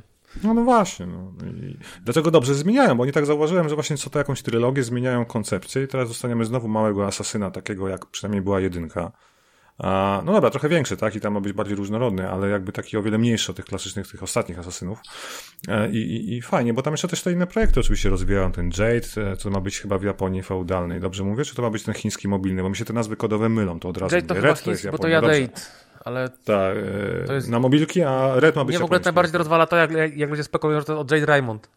To jest po prostu jadeit. To jest po prostu takim nie, to jest minerał. Spekulacje to nie są ten, ale że to jest w hołdzie. Tak, ale Raymond. to jest bez sensu. Tak tak, tak, tak. No, ale słuchaj. To nie ma sensu. Moim zdaniem, e, e, że ktoś doskonale wiedział, to jest tak jak na przykład masz jakieś zemsta designera, gdzie pewne rzeczy ci się na przykład na obrazku układają w pewne, pewne inne elementy i to później przechodzi i to jest na przykład, nie wiem, w reklamie jakiejś, e, w jakiejś gazecie. Wiesz o co mi chodzi?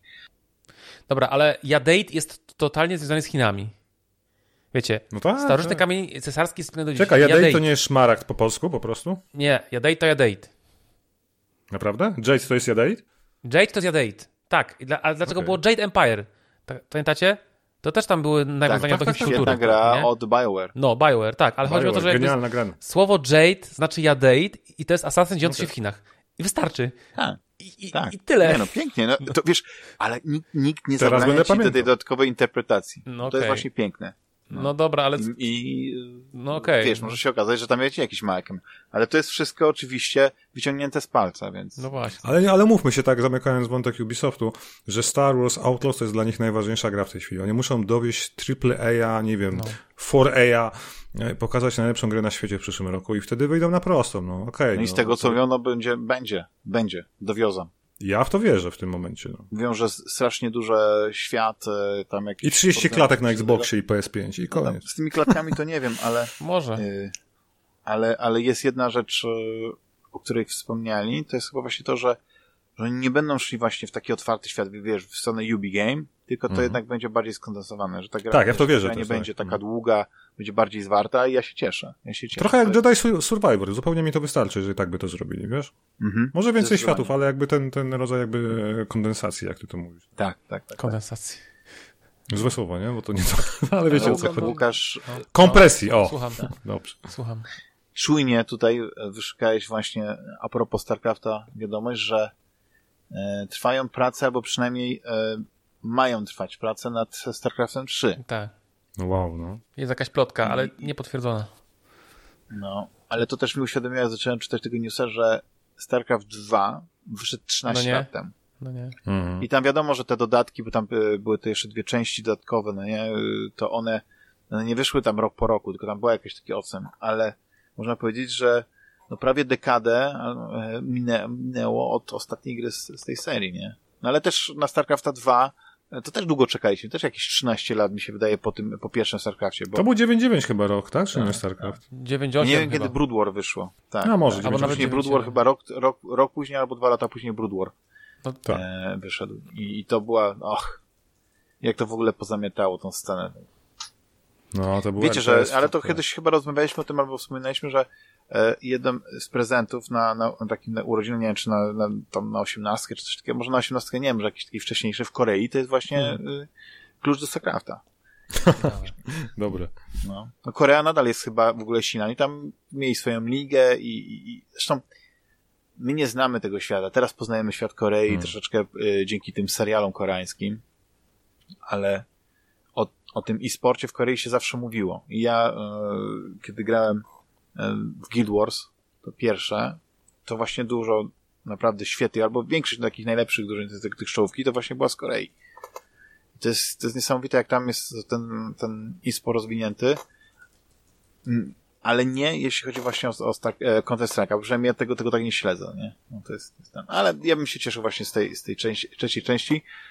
No i e, zobaczymy, jak to będzie. Ja, ja się trochę obawiam pewnych zmian, kiedy, kiedy Microsoft, e, wiecie, e, przejmie stery nad Activision Blizzard, e, być może wprowadzą jakąś, jakiś abonament dla tej gry. Wiecie, takie jakieś różne dziwne rzeczy. Nie wiem, e, oczywiście teraz się o niczym nie mówi. Teraz się tylko mówi o tych zapewnieniach, że, że nic się nie zmieni, że gry będą wychodzić na, e, na Sony e, i tak samo jak na inne platformy, że, że przynajmniej przez 10 lat Call of Duty też będzie się pojawiało na, na platformach e, na PlayStation i, i tak dalej, i tak dalej. Ale nie wiem, wymieniliście w ogóle jakiekolwiek obawy związane z, e, z tą fuzją, znaczy z fuzją, z przejęciem przez Microsoft Activision Blizzard, czy, czy ani was to ziębi, ani nie ciepli?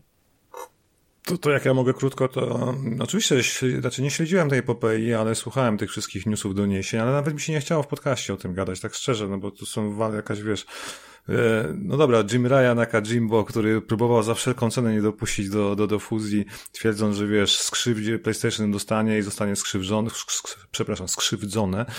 A dzisiaj czytam newsy, że PlayStation dominuje w Europie wiesz, 40 milionów sprzedanych konsol, a Xbox gdzieś znowu połowa tylko tego, więc nie wiem, to był taki, taki dla mnie cyrk trochę jakaś taka, taka ja, wiesz, ja, wymiana ciosów. Ja, ja, wiecie, jako... Nie bałem ja, się kibicowałem tej, y, temu przejęciu. Dlaczego?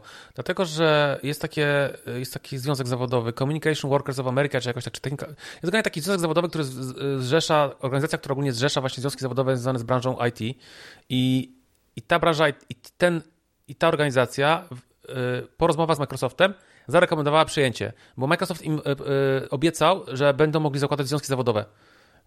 I w Microsoftie też zaczęły powstawać związki zawodowe związane z grami i generalnie ta organizacja została przekonana przez Microsoft, że on nie będzie blokował tworzenia związków zawodowych w Activision po, po przejęciu. I oni, i ta firma zarekomendowała przejęcie przez, przez Activision. I w przejęcie Activision przez Microsoft, nie? I ja myślę, że to poprawi y, sytuację pracowników Activision, jeśli przejmie ich Microsoft, bo, bo takie afery, jakie były w Activision, to nie, nie pamiętam, że w Microsoftie y, były informacje o tym.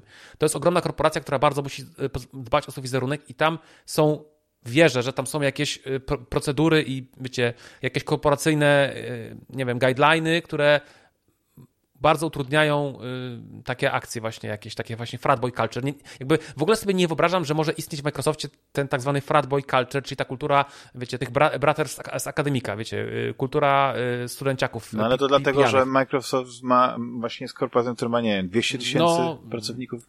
Okej, okay, no i... I tam już po prostu masz takie struktury, że tam, tam nie ma miejsca na to. Już trochę zwolnili, to trochę mniej ich mają. A jak masz na przykład sytuację, ja nie mówię, że akurat tak było w Activision, ale masz powiedzmy tak, taką firmę X, która jest duża i cały czas skupuje mniejsze studia.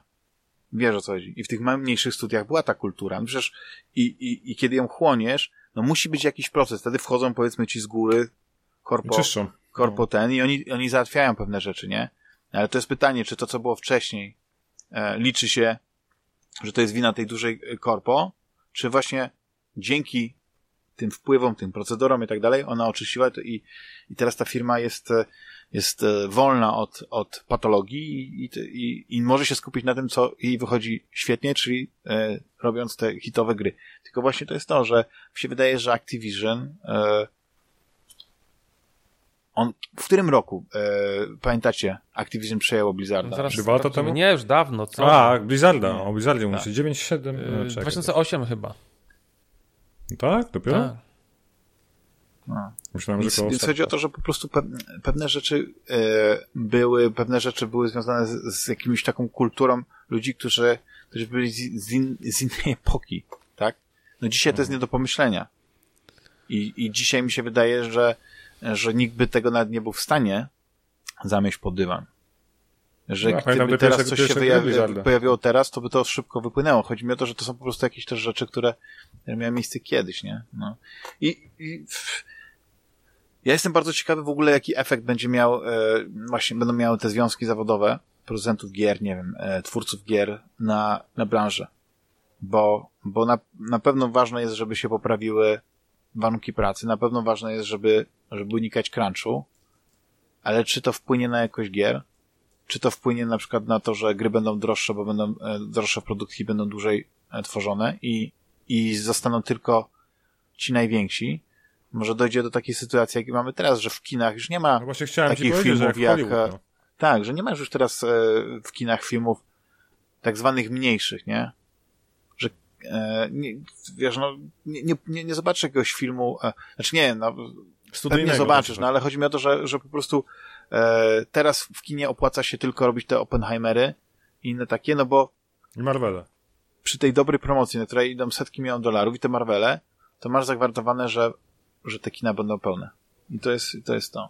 No. No ja, ja właśnie znalazłem tą informację, że właśnie Microsoft zawarł z tą organizacją CWA e, normalnie legally binding labor neutrality agreement, czyli to wiecie, prawnie, to nie tak, że on powiedział nie tak, że Microsoft sobie obiecał, wiecie, ha, ha, ha dajmy wam słowo, słowo honoru, nie? Scouts honor, tylko po prostu zawarli normalne porozumienie yy, prawne i Microsoft w nim się zgodził, że nie będzie, yy, że będzie miał jakby zachowane neutralne stanowisko w stosunku do związków zawodowych.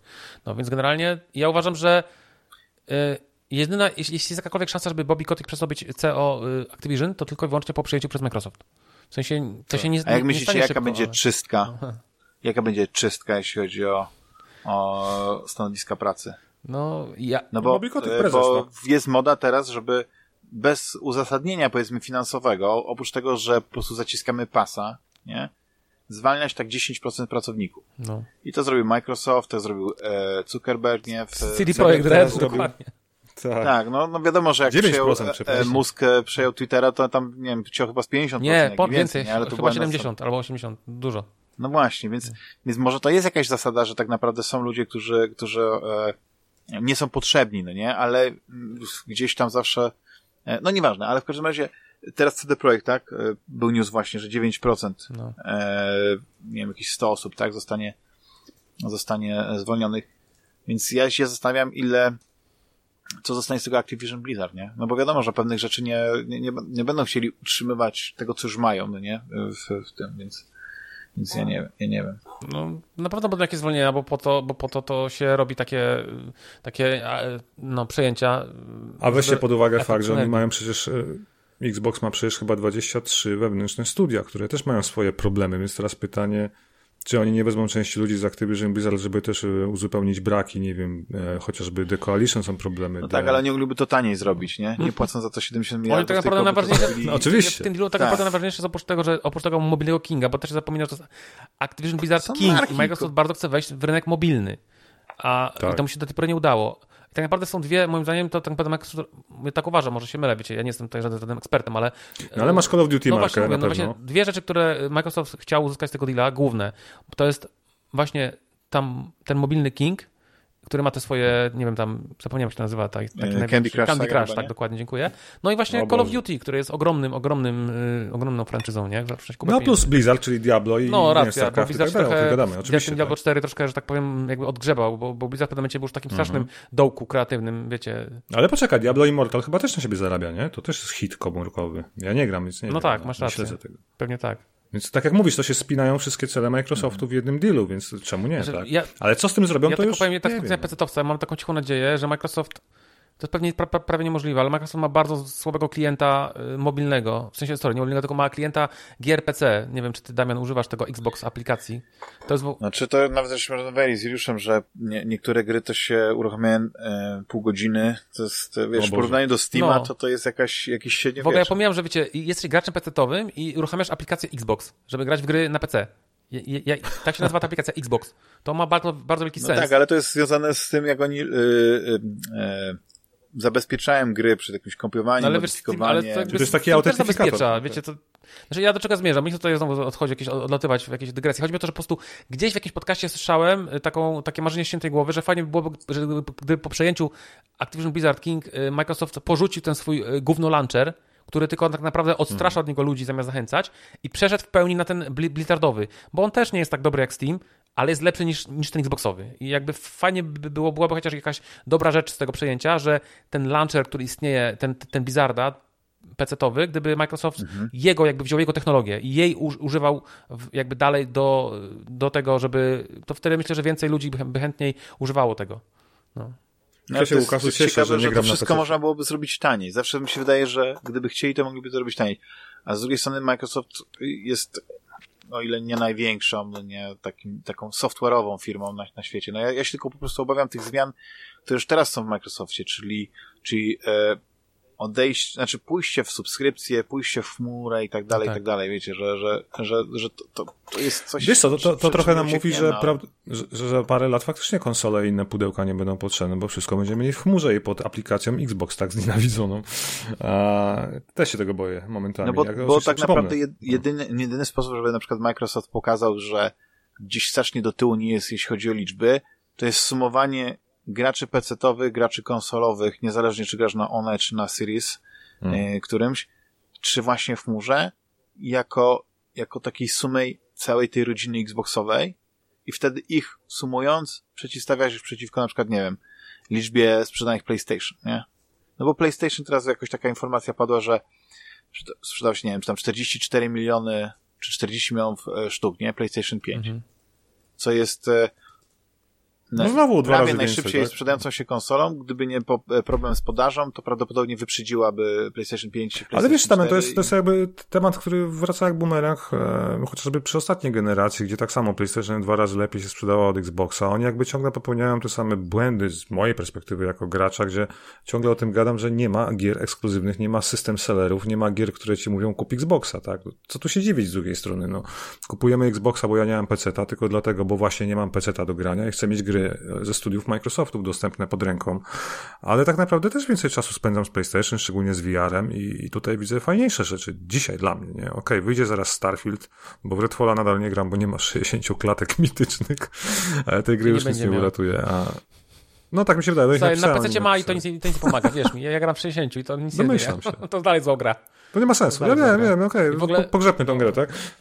No jak, jak tak się zastanawiałem, że gdyby zależało Microsoftowi, żeby mieć po prostu dużo fajnych marek, dobrych gier, to dlaczego na przykład nie kupił tego Ubisoftu? No. Być może ale miałby jakąś Może nie był na sprzedaż, wiesz. To, to, Albo dlaczego nie kupił Square Enix? Pamiętacie jak, za, jak ten, jak ten tak. Embracer, nie, Embracer kupił za jakieś grosze. 300 milionów, 300 milionów dolarów? Pamiętacie?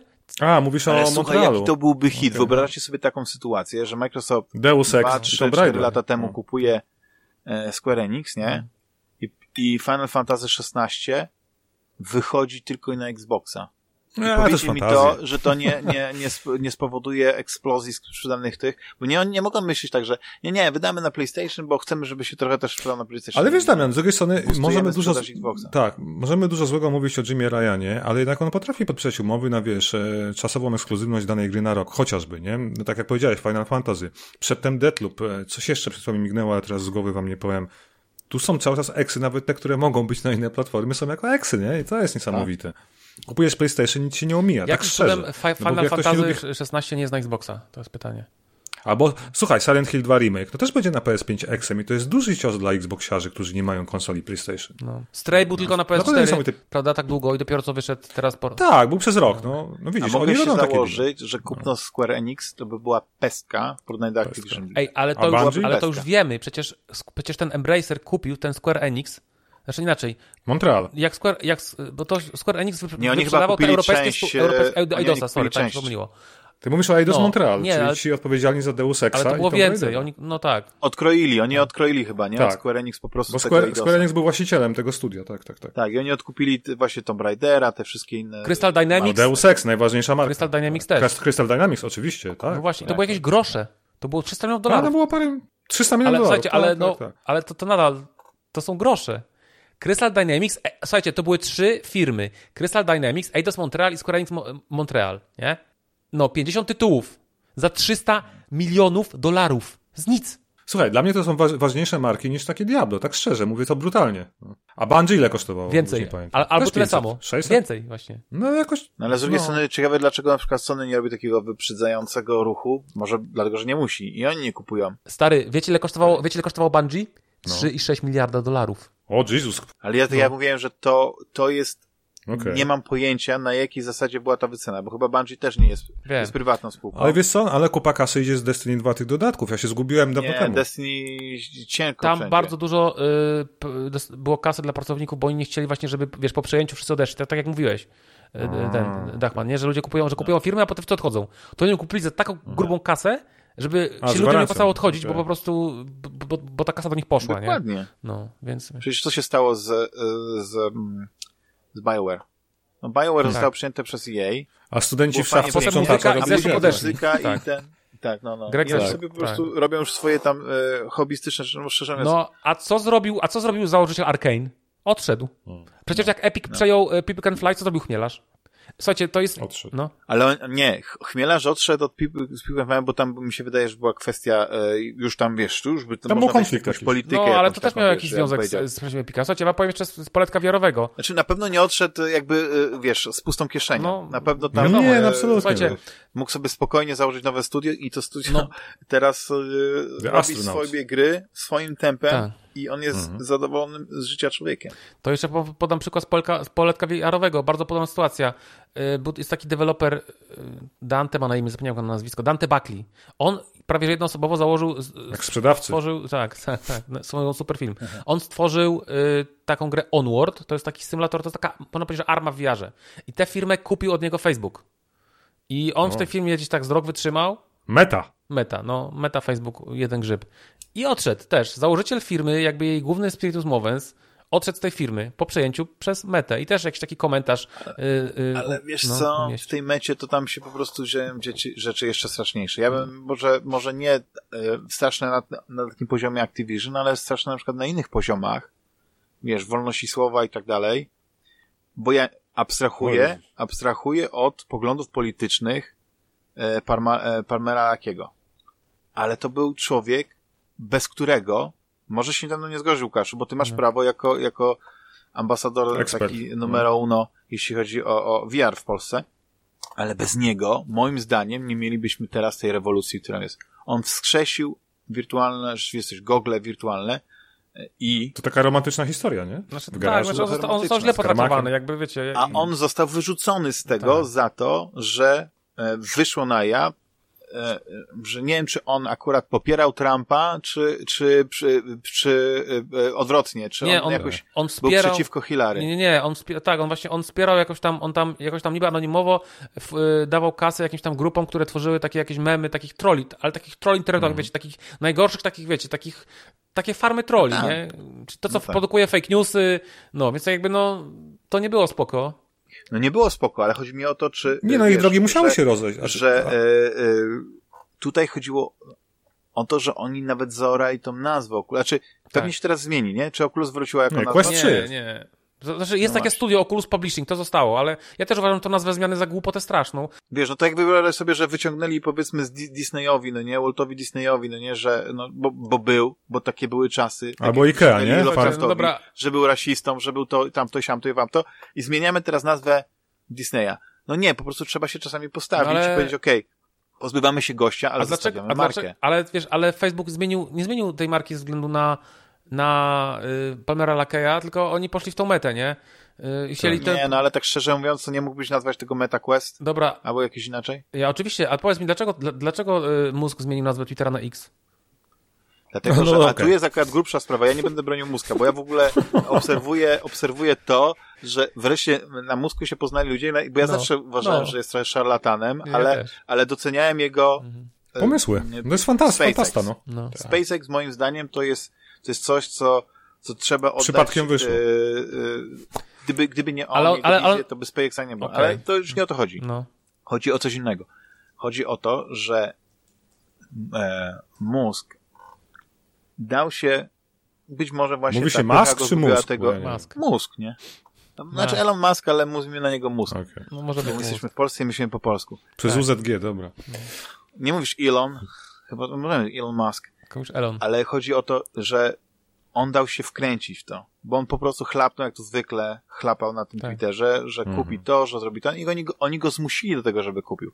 Tak. I Musk już kiedyś chciał, ale mu się to nie udało z PayPalem i dlatego jego drogi się z PayPalem rozeszły, stworzyć właśnie tą platformę X. I on jest zafascynowany, ja nie wiem, czy taka... Te, o, o no tak, on wszędzie te X On jest zafascynowany WeChatem chińskim. Mhm. A wiecie, co jest WeChat? To jest platforma do wszystkiego, do, do czatowania, do transakcji, do tego, no, y, społecznościowa. Ja widziałem gdzieś kiedyś kątem oka, no bo WeChat chyba poza Chinami nie jest, nie jest, e, nie funkcjonuje, nie? Mogę się mylić. Mm -hmm. Ale on chciałby właśnie, żeby ten, e, ta platforma X, ona nie zmieniła nazwy, Twitter nie zmienił nazwy na, na, na X, ona nadal się nazywa X, ale chodzi o to, że on wrzuca już te logo X on już wchodzi w tą, e, w tą, w tą, to przebranżowianie, e, nie, nie branżowianie, przebrandowywanie, jak ładnie powiedzieć, zmiany marki, mhm. czy nie marki, nie, jak to nazwać, brandu? Rebranding, no. Nie szukam takiego, tak, bo on ma wizję, bo Twitter nigdy nie zarabiał. To zawsze był jakiś taki, e, to fajna idea, inwestorzy dawali pieniądze, to tam coś tam zarabiało, więcej y, traciło, ale ale było potrzebne społecznie. No nie? Twitter jako w ogóle e, platforma e, społecznościowa, moim zdaniem, e, jeśli chodzi dla, dla społeczeństwa, jest ważniejsza niż Facebook. No Facebook teraz nie istnieje. Facebook to wchodzisz, gdyby nie Płachta reklamowa i, jesteśmy, i boomerzy. Tak dalej, tak. to ja nie widzę postów znajomych, mhm. oprócz tych, którzy naprawdę mają dużo followersów i to są jakieś znane osoby, celebryci. Mhm. Ja nie, nie, widzę na przykład postów e, członków mojej rodziny, innych znajomych i tak dalej. Póki nie zapłacisz za reklamę, to nie zobaczysz. No. I, i widzę właśnie te, tak, widzę tylko, tylko e, proponowane dla ciebie reklamki, reklamy, tak. e, roleczki, inne bzdury. No po prostu... To samo na Instagramie jest niestety. No. Metr mu. Hmm. I on po prostu cały czas teraz próbuje zmienić Twittera, żeby przynosił, e, żeby, żeby nie tracił pieniędzy, bo zarabiać to jeszcze jest inna kwestia. I Pierwsze to było zwalnienie tych pracowników i to było taką, e, ta, ta, ta brzytwa była ostra i czasami nierozważna. Dwa, e, to jest właśnie wprowadzenie tych subskrypcji i e, weryfikowanie ludzi, czyli namawianie ludzi do tego, żeby żeby na tej platformie się zweryfikowali, bo to jest pierwszy krok do tego, żeby stworzyć z tego tam platformę nie wiem, czy finansową, czy płatnościową. Wiecie, chodzi o to, że, że tak jak są te wszystkie ja nie korzystam akurat, ale na pewno znacie jakieś rewolty, jakieś inne te. Tam trzeba się po prostu zarejestrować. Tak samo jak na PayPalu, tak? Trzeba się zarejestrować, trzeba podpiąć konto bankowe, ewentualnie kartę kredytową i tak dalej, tak dalej. I, I w tym procesie, no nie? Ludzie są wciągani. Ta subskrypcja Blue to jest powiedzmy tylko element tego. on ma tą wizję, ale czy ta wizja się zre, y, zrealizuje? Nie wiem. Czy Twitter y, albo X, Twitter przyniesie w końcu, y, nie wiem, będzie dochodowy? Nie wiem. Na pewno te 44 miliardy to była, to była przepłacone. To były, to były pieniądze po prostu kosmiczne. Bo wiecie, jak się wycenia spółki, to się wycenia tak w taki sposób, że powiedzmy no bierzesz sobie teraz odkrajam 10%, 10% firmy i ile mi za nią dasz, to ja później liczę, wiesz, kapitalizację robię na podstawie tego. No oczywiście ja to bardzo upraszczam, bo nie jestem finansowcem, ale wydaje mi się, że, że, że dobrze mówię. Jak oni go zmusili do tego, bo powiedzieli, że to jest deal, e, nie do tego, moim zdaniem jego problemem było to, że on się w ogóle chciał sądzić, albo że w ogóle musiał się sądzić, mógł po prostu zapłacić tą karę za zerwanie umowy i mieć święty spokój.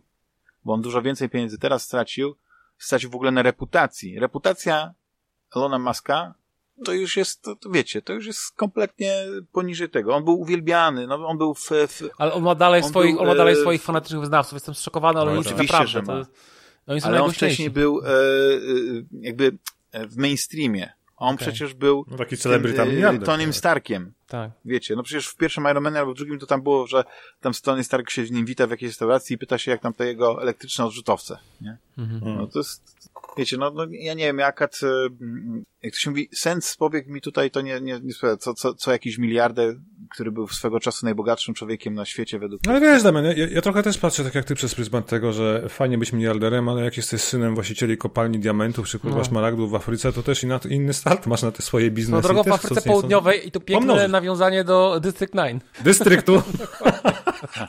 no, tak. Pełne koło. No, no, pełne koło. To, to... Dlatego ja też patrzę. Słuchaj, ja szanuję na przykład Jeffa Bezosa za to, że zrobił Amazona. Oczywiście, jak poczytasz książkę o nim, jego autobiografię, no to, to nie jest normalny człowiek. W sensie chodzi o traktowanie. No, ale to jest człowiek, który doszedł do wszystkiego Zbudował. Od, od zera, tak? I to, i to jest... Od pocybuta do milionera, klasyczna historia. Zresztą nie wiem, czy widzieliście, jak on wy, wygląda dzisiaj w ogóle, przypakowany facet, no. no. Starszy. No takie samo oczywiście tacy osoby. Steve Jobs tak samo, nie? Czy tam Woźniak. Czy Bill Gates chociażby, nie? Ale a takiego maska resztę traktuje takich celebrytów, miliarderów, którym czasem coś wyjdzie, no bo musi wyjść, no nie królem się, jak odpalisz 10 biznesów, dwa ci powinny się udać, nie? SpaceX, Tesla, genialne marki, prawie jak Apple dzisiaj, nie? W zasadzie tak, no. Tak, tak. Ale a propos, jeszcze jedna rzecz, a, a propos wielkich spółek, trochę nawiązuję do tego, co wspomnieliśmy o, o zwolnieniach, 9%. Jak wam się hmm. podoba ta edycja kolekcjonerska e, Widma Wolności. Bez gry, tak? To tak? A ja się w ogóle pochwalić Bez muszę gry. wam. Pochwał. Mówiłem wam, że i, no. idę na Phantom Liberty Tour. Zostałem wylosowany, bo było przecież takie no, bo publiczne ogłoszenie na Facebooku, że będzie organizowana impreza i właśnie w Warszawie teraz 5 sierpnia e, jest cały harmonogram imprezy, gdzie o 12.30 mogę sobie pograć Phantom Liberty, oczywiście z jakimś przewodnikiem ze studia, więc nie wiem, czy wszystko zobaczę. No ale generalnie potem są jakieś Pamiętaj, żeby wziąć Google Glassy i nagrywać wszystko, co Tak, tak, tak zrobię. Schowam kamerę gdzieś, wiesz, do tego. No zobaczymy, bo jeżeli będzie NDA embargo, a na pewno będzie jakieś będzie, na wejściu, będzie. a to tak czy siak kiedyś nagram jakąś relację z tego i wideo też i umieszczę. E, fajnie, bo cały dzień, słuchajcie, to jest tak, że o 22 jest w ogóle impreza, o 20 już tylko dla pełnoletnich, więc pewnie szykują się jakieś balety niezłe z dewami. E, ja chcę jakieś wywiady porobić, bo jestem ciekaw Pawła Sasko, który przecież jest tam głównym quest designerem, prawda? Jakub Szamałek, który jest e, odpowiedzialny za scenariusz, zresztą świetny autor genialnych książek. Ostatnio czytałem sporo jego rzeczy, tam Ukryta sieć, Stacja, a, i, no i generalnie super, czasie się jaram, cieszę się, że udało mi się tam dostać i, i mam nadzieję, że będzie fajnie. To wam opowiem prędzej czy później. No. A, a, tak. Ja, się, ja się też cieszę twoim szczęściem. E, okay. Oczywiście nie zazdroszczę ci, ale jak się okaże, że na przykład dostaniesz jakąś fajną figurkę, tak jak kiedyś dostawali dziennikarze od... E, Pamiętam, od zezowate piękności z modliszką, tak. Tak, tak, to, to, to wiesz, to będą ci jedni. Ale nie, y fajnie, że, że CD Projekt e, tak wychodzi. Zastanawiam się, dlaczego nie chcą, żeby ludzie o tym mówili. Mi się wydaje, że chyba nie będzie embarga. Może nie będzie e, może materiały, za, które za będą miesiąc, no, po tym... Za dwa będą... miesiące premiera, prawda? To jest no jakby tak, kluczowe. Tak. No. Ale mi się wydaje, że, że nie robiliby tego, gdyby się e, obawiali tego, że coś wycieknie na temat gry, bo już teraz e, były już pokazy dla prasy. Były jakieś takie pokazy tak, dla prasy tak. zamknięte i tak dalej. Tam tak. był e, Zbyszek Jankowski z Eurogamera, był nawet wywiad zrobił właśnie z tym, z tym i, mhm. i widział grę. Tam opowiadał o tych vertical slice'ach, nie? Które, które były mhm. pokazane i one robiły bardzo dobre wrażenie.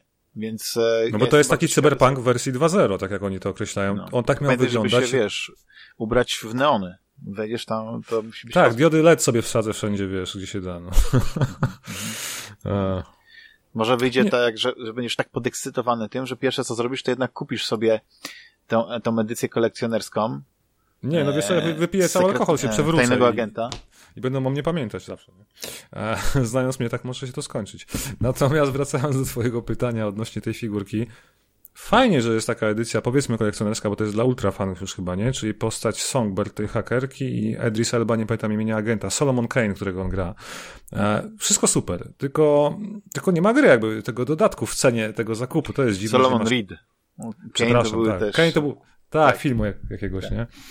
E, i, I chyba Vin Diesel go grał, tak? Dobrze mówię? Nie, nie, nie, nie chyba e, ten, jak on się nazywa? E, nie. Bo na końcu The Expanse grał tego Jane, jak on się nazywa? Tomasz Jane. Tomasz Jane. Okej. Okay. Chyba on tak, był właśnie Solomon Kane, ale jak, jeśli nie, no to trudno, ugryzę się w język i później będę musiał to szukać. Ale no nie, właśnie. tak, figurka, w ogóle ta statuetka, no bo to jest taka podwójna. No bo ja zbieram figurki, ja, ja to głośno mówię, Wygląda że zbieram świetnie. figurki. Tak. I oni w ogóle mieli jakiś taki falstart, że yy, w ogóle mhm. przesyłka z Austrii to jakieś kosmiczne kosztowała pieniądze.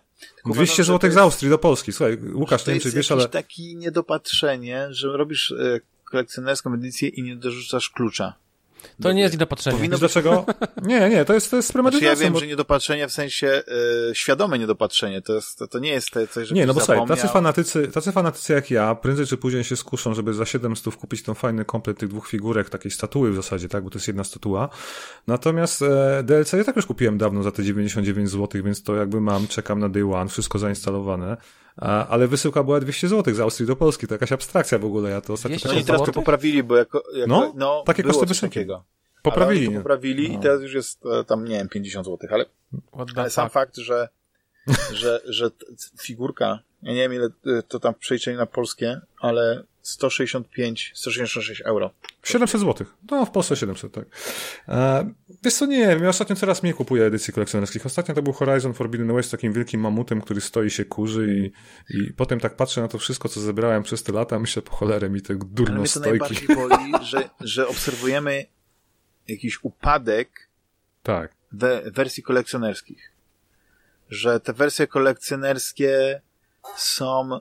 E, kiedyś to było tak, że po prostu e, no faktycznie to była kolekcjonerska, ale nikt nie chciał jakoś, nie wiem, kokosu na tym zarabiać. E, to no ja dam ci przykład, nie po kosztach. Do dzisiaj pamiętam kolekcjonerkę Deus Ex Human Revolution, gdzie była fantastycznej jakości figurka Jensena od Play Arts, czyli znanej firmy z Japonii, która produkuje genialne action figures i, I powiem ci, że to kosztowało wtedy 300-400 zł, które dzisiaj płacisz za, nie wiem, jakieś super wydanie Diablo 4, tak? Czy tam Call of Duty. Teraz tylko kosztują grę wersji tam Gold, nie? Czy tam, no, nie Gold, tylko tam... Tak, tak, tak, dokładnie, no, to też zmierzam. A, a dzisiaj teraz kolekcjonerskie edycje, wiecie, półtora koła. kolekcjonerska no. edycja wygląda tak, że dostajesz, powiedzmy, steelbooka. Pustego. Dostajesz właśnie y, jakieś do tego wlepki, naklejki, nie wiadomo co i no, takie... E, stosik wirtualnych przedmiotów. Co się w ogóle wkurzyłem. Y, czasami y, Wspaniała gra. Uwielbiam ją. Aliens e, Dark Descent. Aliens Dark Descent. Ale tam nic nie było w środku, nie? Mapa czy coś? Była, była wersji, wersji tej e, Day One, czy jakbyś tego nie nazwał, był e, kod na... A to ja mam to na muzykę, tak, okej. Okay, nie, nie, nie. A co tam było? Na stroje, na czarne pancerze. No co ty gadasz? Ej, słuchajcie, tak... Ja tego nie mogłem znaleźć, a później jak ja próbowałem to uruchomić w grze, okazało się, że u mnie, nie wiedzieć czemu, nie było opcji zmiany tego wyglądu. Znaczy, mogłeś zmienić wygląd ale nie, że no, tej, no, tej części, jakby brakowało linijki z, z, drop, z drop menu. Słuchajcie, ja, I mówię, okej. Okay. Ja, ja mam lepszą rzecz. W, w Returnalu chyba, czy w innej grze, był taki bug, że jak się miało skórkę z super wersji, to gra się bugowała i coś tam nie działało. O, Czy było jeszcze gorzej? To jest nagroda nie, dla gry. Tak, to jest, ale ja rozumiem, to jest kara że... za kupowanie kolekcjonerek. Tak. tak. Ja rozumiem, zmierza do tego, że dzisiaj to jest trochę takie wyzyskiwanie graczy, tych największych fanów. Ja przynajmniej no. odnoszę powoli takie wrażenie, prawda? Że dostajesz kawał jakiegoś plastiku, y, durno stojki, naklejki, które, nie wiem, na telefon sobie raz nakleiłem Cyberpunka i tyle. Okej, okay, kolekcjonerka Cyberpunka jest super, nie? To naprawdę było fajnie wydane, aż się miło e, rozpakowywało to i bawiło tym, nie? Ale tak jak dzisiaj bym miał coś kupić, no Armored Core chciałem kolekcjonerkę, bo jest fajny mech, ale im dłużej na to patrzę, za te półtora, dwa tysiące złotych, mówię, po cholerę mi to. Nie? Słuchajcie, w ogóle y, na Amazonie, a propos Jeffa Bezosa, na amerykańskim Amazonie wersja kolekcjonerka kolekcjonerska Deus Ex Mankind Divided na PS4 kosztuje 260 zł. Ja za 100 zł kupiłem figurkę. O, to ładnie. Tak, Jensena. Kurde. 100 zł było w GameCO UK powiem ci, że nie wiem, bez wahania kupiłem. Powiem ci, że ej, ja muszę to powiedzieć. Ja wróciłem, ja, ja zauważyłem, że w, w tym nowym, w plusie dodali tam do tego y, pakietu premium czy któregoś y, Mankind Divided, nie? Chyba niedawno. Świetna gra. No, ja no naprawdę ją lubię, tylko a gadaliśmy o tym chyba nieraz, że jest dobra, tylko nieskończona, w sensie no, urywa się. Ja z ciekawości, ja już się przeszedłem na PC. Ja mhm. z ciekawości odpaliłem na PS5, bo ona ma HDR na wersji konsolowej. Tak. Wersja na PS4 Pro, PS4 to była jedyna wersja, która dostała HDR, bo to był ten moment, kiedy tak. Sony próbował Pro. I tak odpaliłem, myślę, to odpalę, zobaczę HDR. Wiecie, tak się wciągnąłem, że grałem już chyba z 6 godzin, już w ogóle robię misję w tej Pradze, chodzę tam, grałem tam w 30 klatkach. Ale to jest, a ta gra no jest jak, dalej super, tak nie? dobra, jak ona w ogóle wygląda dobrze. Bo jestem w szoku, to jest, ona nawet nie dostała patcha żadnego, ona tak po prostu wygląda jak wygląda na PS4 Pro. A ona śmiga już w 60 klatkach na PS4? Nie, 30, no nie dostała żadnego patcha, 30 okay. klatek. Ale w tej grze to nie jest takie, ta, takie nie, ważne, nie bo ona jest wolna, bo tam się skradasz, nie? Więc jakby... Ja w ogóle wróciłem do Human Revolution i powiem ci, że o. mimo, że wyglądasz archaicznie, gra się no. super. No. To, tak, to genialna gra też. No i muzyka. No ja wszystko, tak żałuję, wszystko. Tak żałuję właśnie, że Square Enix zakopał tę serię.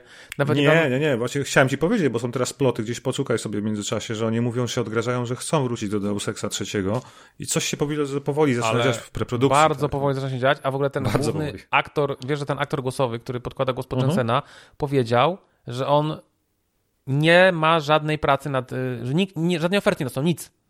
Rozumiesz? Bo scenariusza jeszcze pewnie nie ma, to wiesz, no. no to, to, to, to, poczekamy jeszcze 5 lat, ale ja wierzę, że ta marka wróci, bo ona jest fantastyczna. No, no ja też mam nadzieję. To była wtopa finansowa, ten e, Mankind Divided, ale wiemy, nie? No, tak, no, ale znalazłeś w ogóle, wyślij tego linka na tą wersję kolekcjonerską, bo ja w ogóle nie Dobrze. mogę, nie mogę tego znaleźć. Na Amazonie Fajna amerykańskim. Tak, tak, jestem na tym. To bliżej do ciebie akurat. Nie, ale no. ostatnio się zastanawiałem, bo w ogóle jest... Proszę. Ja zawsze e, podkreślam to, jak ja jestem szczęśliwy, że mieszkam tu, gdzie mieszkam, ale niestety po Brexicie no. To tak, cały ten rynek angielski, w ogóle cokolwiek chcę kupić na eBayu, co by było powiedzmy w miarę jakiejś dobrej cenie, jak już włożę do koszyka i tak dalej, to muszę dopłacić cło 25%. I, i, i właśnie inne takie rzeczy i przesyłkę, no nie? Więc e, w ogóle z Europy to samo. Z, z UK odpada. Z Europy jest różnie. Ale cło.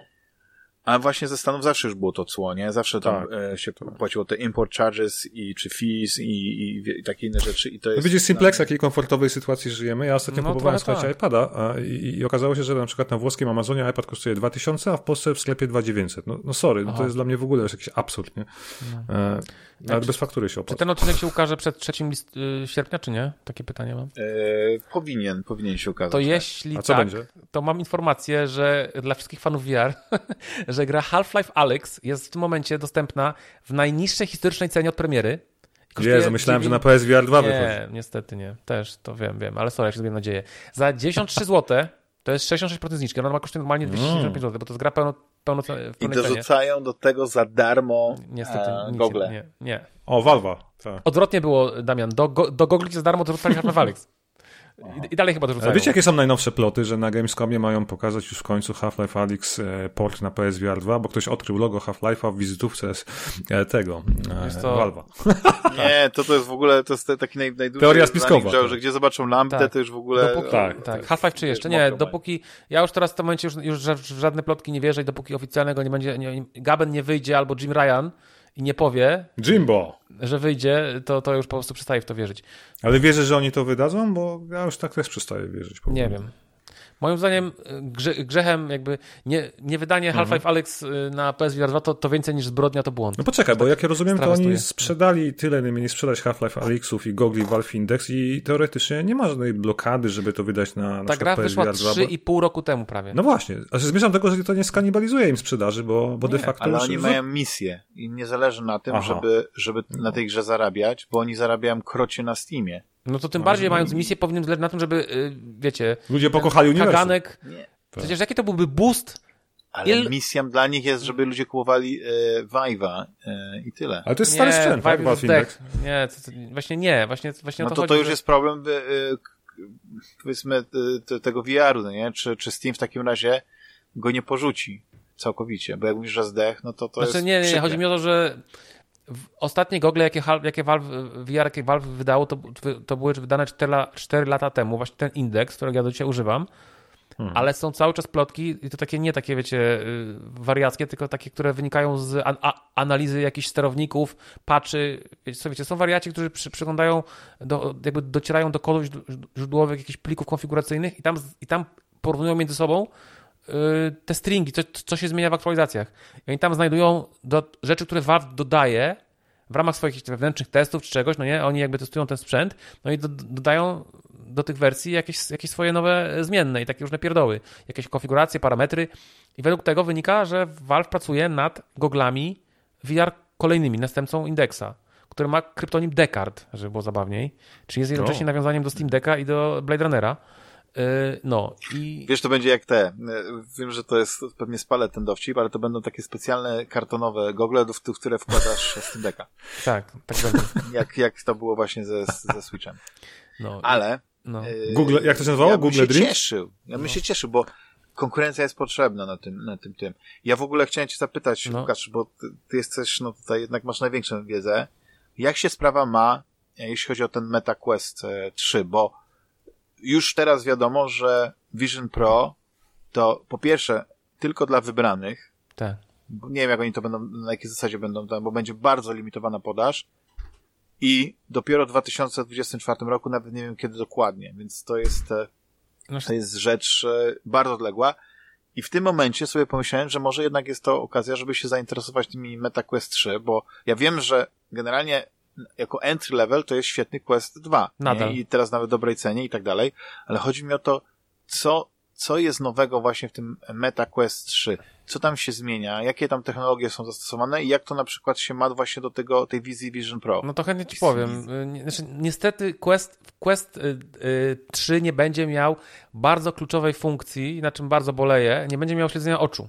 I to jest to, co będzie miał Vision Pro, to jest to, co ma, to, co ma Sony PSVR 2 i to, co ma Quest Pro, czyli te gogle, Quest Pro to są te gogle profesjonalne, które kosztują 1000 euro i były plotki ostatnio, że w ogóle Facebook się z nich wycofuje, że już jakby anulował następcę Questa 2 Pro i że w ogóle przestaje, przestaje produkcji. Potem ten jakiś tam szefu, tam jakiś tam CTO e, Mety, Andrew Bosworth próbował to jakoś tam jakiś damage control robić, jakoś to tam dementował i tak naprawdę do końca nie wiadomo, co jest prawdą, a co nie.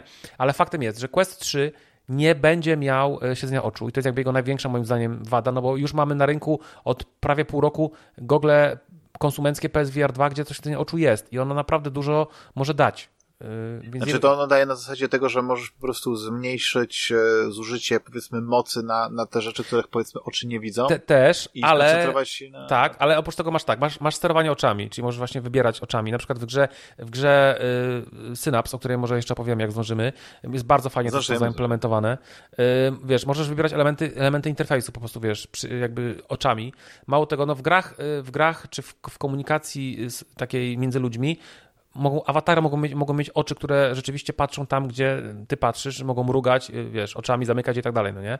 I to jest, to, i to jest fajne, i to, i to, i to robi robotę. Ale to tak, najgorszą rzecz powiedziałem na początku, a z, z, z lepszych rzeczy. Te gogle będą miały moc porównywalną z PS4. One będą dwa razy, dwa razy szybsze od y, Questa 2, czyli te gry już naprawdę będą coraz bardziej przypominać takie porządne, zaawansowane gry rodem z PC, no bo jednak bardzo dużo gier na Questa 2 to są jednak gierki mobilne, które mają grafikę mobilną, jakby mechaniki mobilne, no ten, ten słaby sprzęt je jakoś tam w dół ciągnie, no bo nie da się pewnych rzeczy, pewnych mechanik, pewnych y, zaawansowanych jakby osiągnąć rzeczy. Nawet nie chodzi o samą grafikę, tylko mhm. w ogóle o, o, o mechaniki, o AI i tak dalej, o fizykę.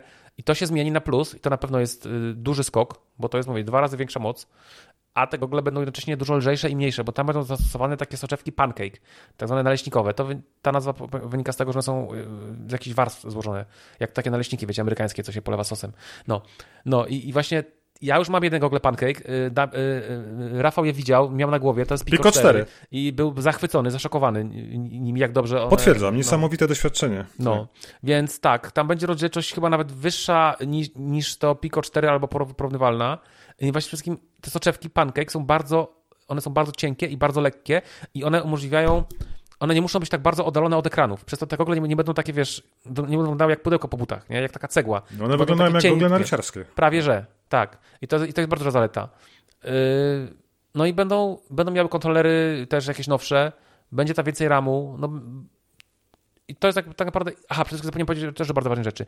Meta będzie bardzo stawiała, i to akurat jest tutaj powiązane z, z Vision Pro, na to, na to mixed reality, czyli że my, że mamy kamery kolorowe, które nam puszczają jakby na gogle obraz świata.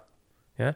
Czyli też będzie ten mixed reality. See-through. Tak, tak, tak, tak, To, to będzie i to okay. ma szansę zadziałać. I właśnie o ile Quest 2 i PS, i PSVR 2 mają czarno-białe te pastru, co je de facto tak naprawdę dyskwalifikuje, no bo wiecie, no kto będzie chciał używać y, tego z czarno-białym y, ekranem?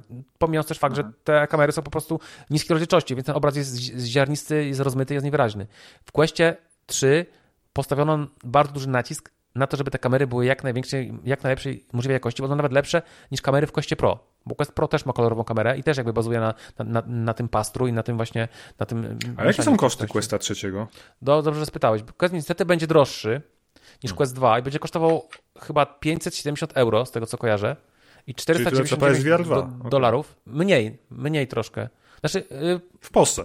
podobnie. Przeliczam tak. to na trójkę. Tak. Podobnie, ale jakby tak, tylko pamiętajmy, że PSVR 2 wymaga PS5. No dokładnie. Oczywiście, standalone unit, to no. jest przewaga. Więc, więc ja myślę, że to będą w ogóle warte uwagi, ale też nie wróżę im natychmiastowego sukcesu, bo jednak ta cena jest duża, bo e, Meta e, wygrała tym, e, bo w ogóle Quest 3 to sprzedał się w około, według plotek, i tam jakieś informacje, które uciekły z Mety, około prawie 20 milionów sztuk. Były nawet takie Już. śmieszki, heheszki, wow że w pewnym momencie więcej było sprzedanych urządzeń z, jakby z, z rodziny Quest, w sensie Questa 1, Questa Pro i Questa 2 łącznie, niż Xboxów, nie? Więc no tak, tych tak. Series S. To znaczy tych wszystkich, tych wszystkich, obu, obu, jednego i drugiego. No, no, no. On się także sprzedał. SX. Jedno i drugie, SX, tak, w, w tym sensie. Mhm. I i myślę, że nie będzie takiego, takiego aż szału na to, bo jednak tego w pewnym momencie Quest 2 była taka, był taki moment, że on długo kosztował ten najtańszy model chyba 299 dolarów, z tego co pamiętam. To jest bardzo mało. 299 albo 499, już kurczę teraz nie pamiętam, ale wydaje mi się, że to było 299 dolarów. A w Europie 350 euro. I teraz oni z powrotem, oni z powrotem obniżyli tę cenę do, y, do tej ceny, bo był taki moment, że oni podwyższyli tę cenę o prawie chyba 100 euro, ale teraz znowu ją obniżyli. I tak naprawdę myślę, że to dobrze, że oni to dobrze zrobili, bo w tym momencie mamy dwa różne urządzenia, bo to nie jest tak, nie ma takiej oczywistej odpowiedzi, że nie ma sensu kupować Questa 2, bo wychodzi Quest 3. Nie jest to prawda, bo różnica w cenie wynosi no, bardzo dużo. Możemy teraz kupić za 1550 zł, mniej więcej, za te, za te 450 euro, Questa 2, a Quest 3 będzie kosztował już 570 euro. Czyli y, w Polsce około chyba 2,500. Ale zobacz, jak to, to brzmi na, na strasznie wysoką kwotę w porównaniu właśnie do tego Questa 2. Ale jak sobie powie, tak. powiesz, ile w Europie, bo nie w Stanach, będzie kosztowało tak. Vision Pro, prawdopodobnie w Europie będzie kosztowało 4000 euro, bo, no. bo pewnie y, ta cena się nie przełoży jeden do jednego, nie wiem, dolar do euro. No to to jest po prostu kosmiczna cena. To kupujesz, kupujesz nie wiem, 5,5 tak. e, Questa e, 3 w porównaniu do jednego Vision Pro. No tak, Vision Pro. A mało tego, Vision Pro nawet nie ma kontrolerów.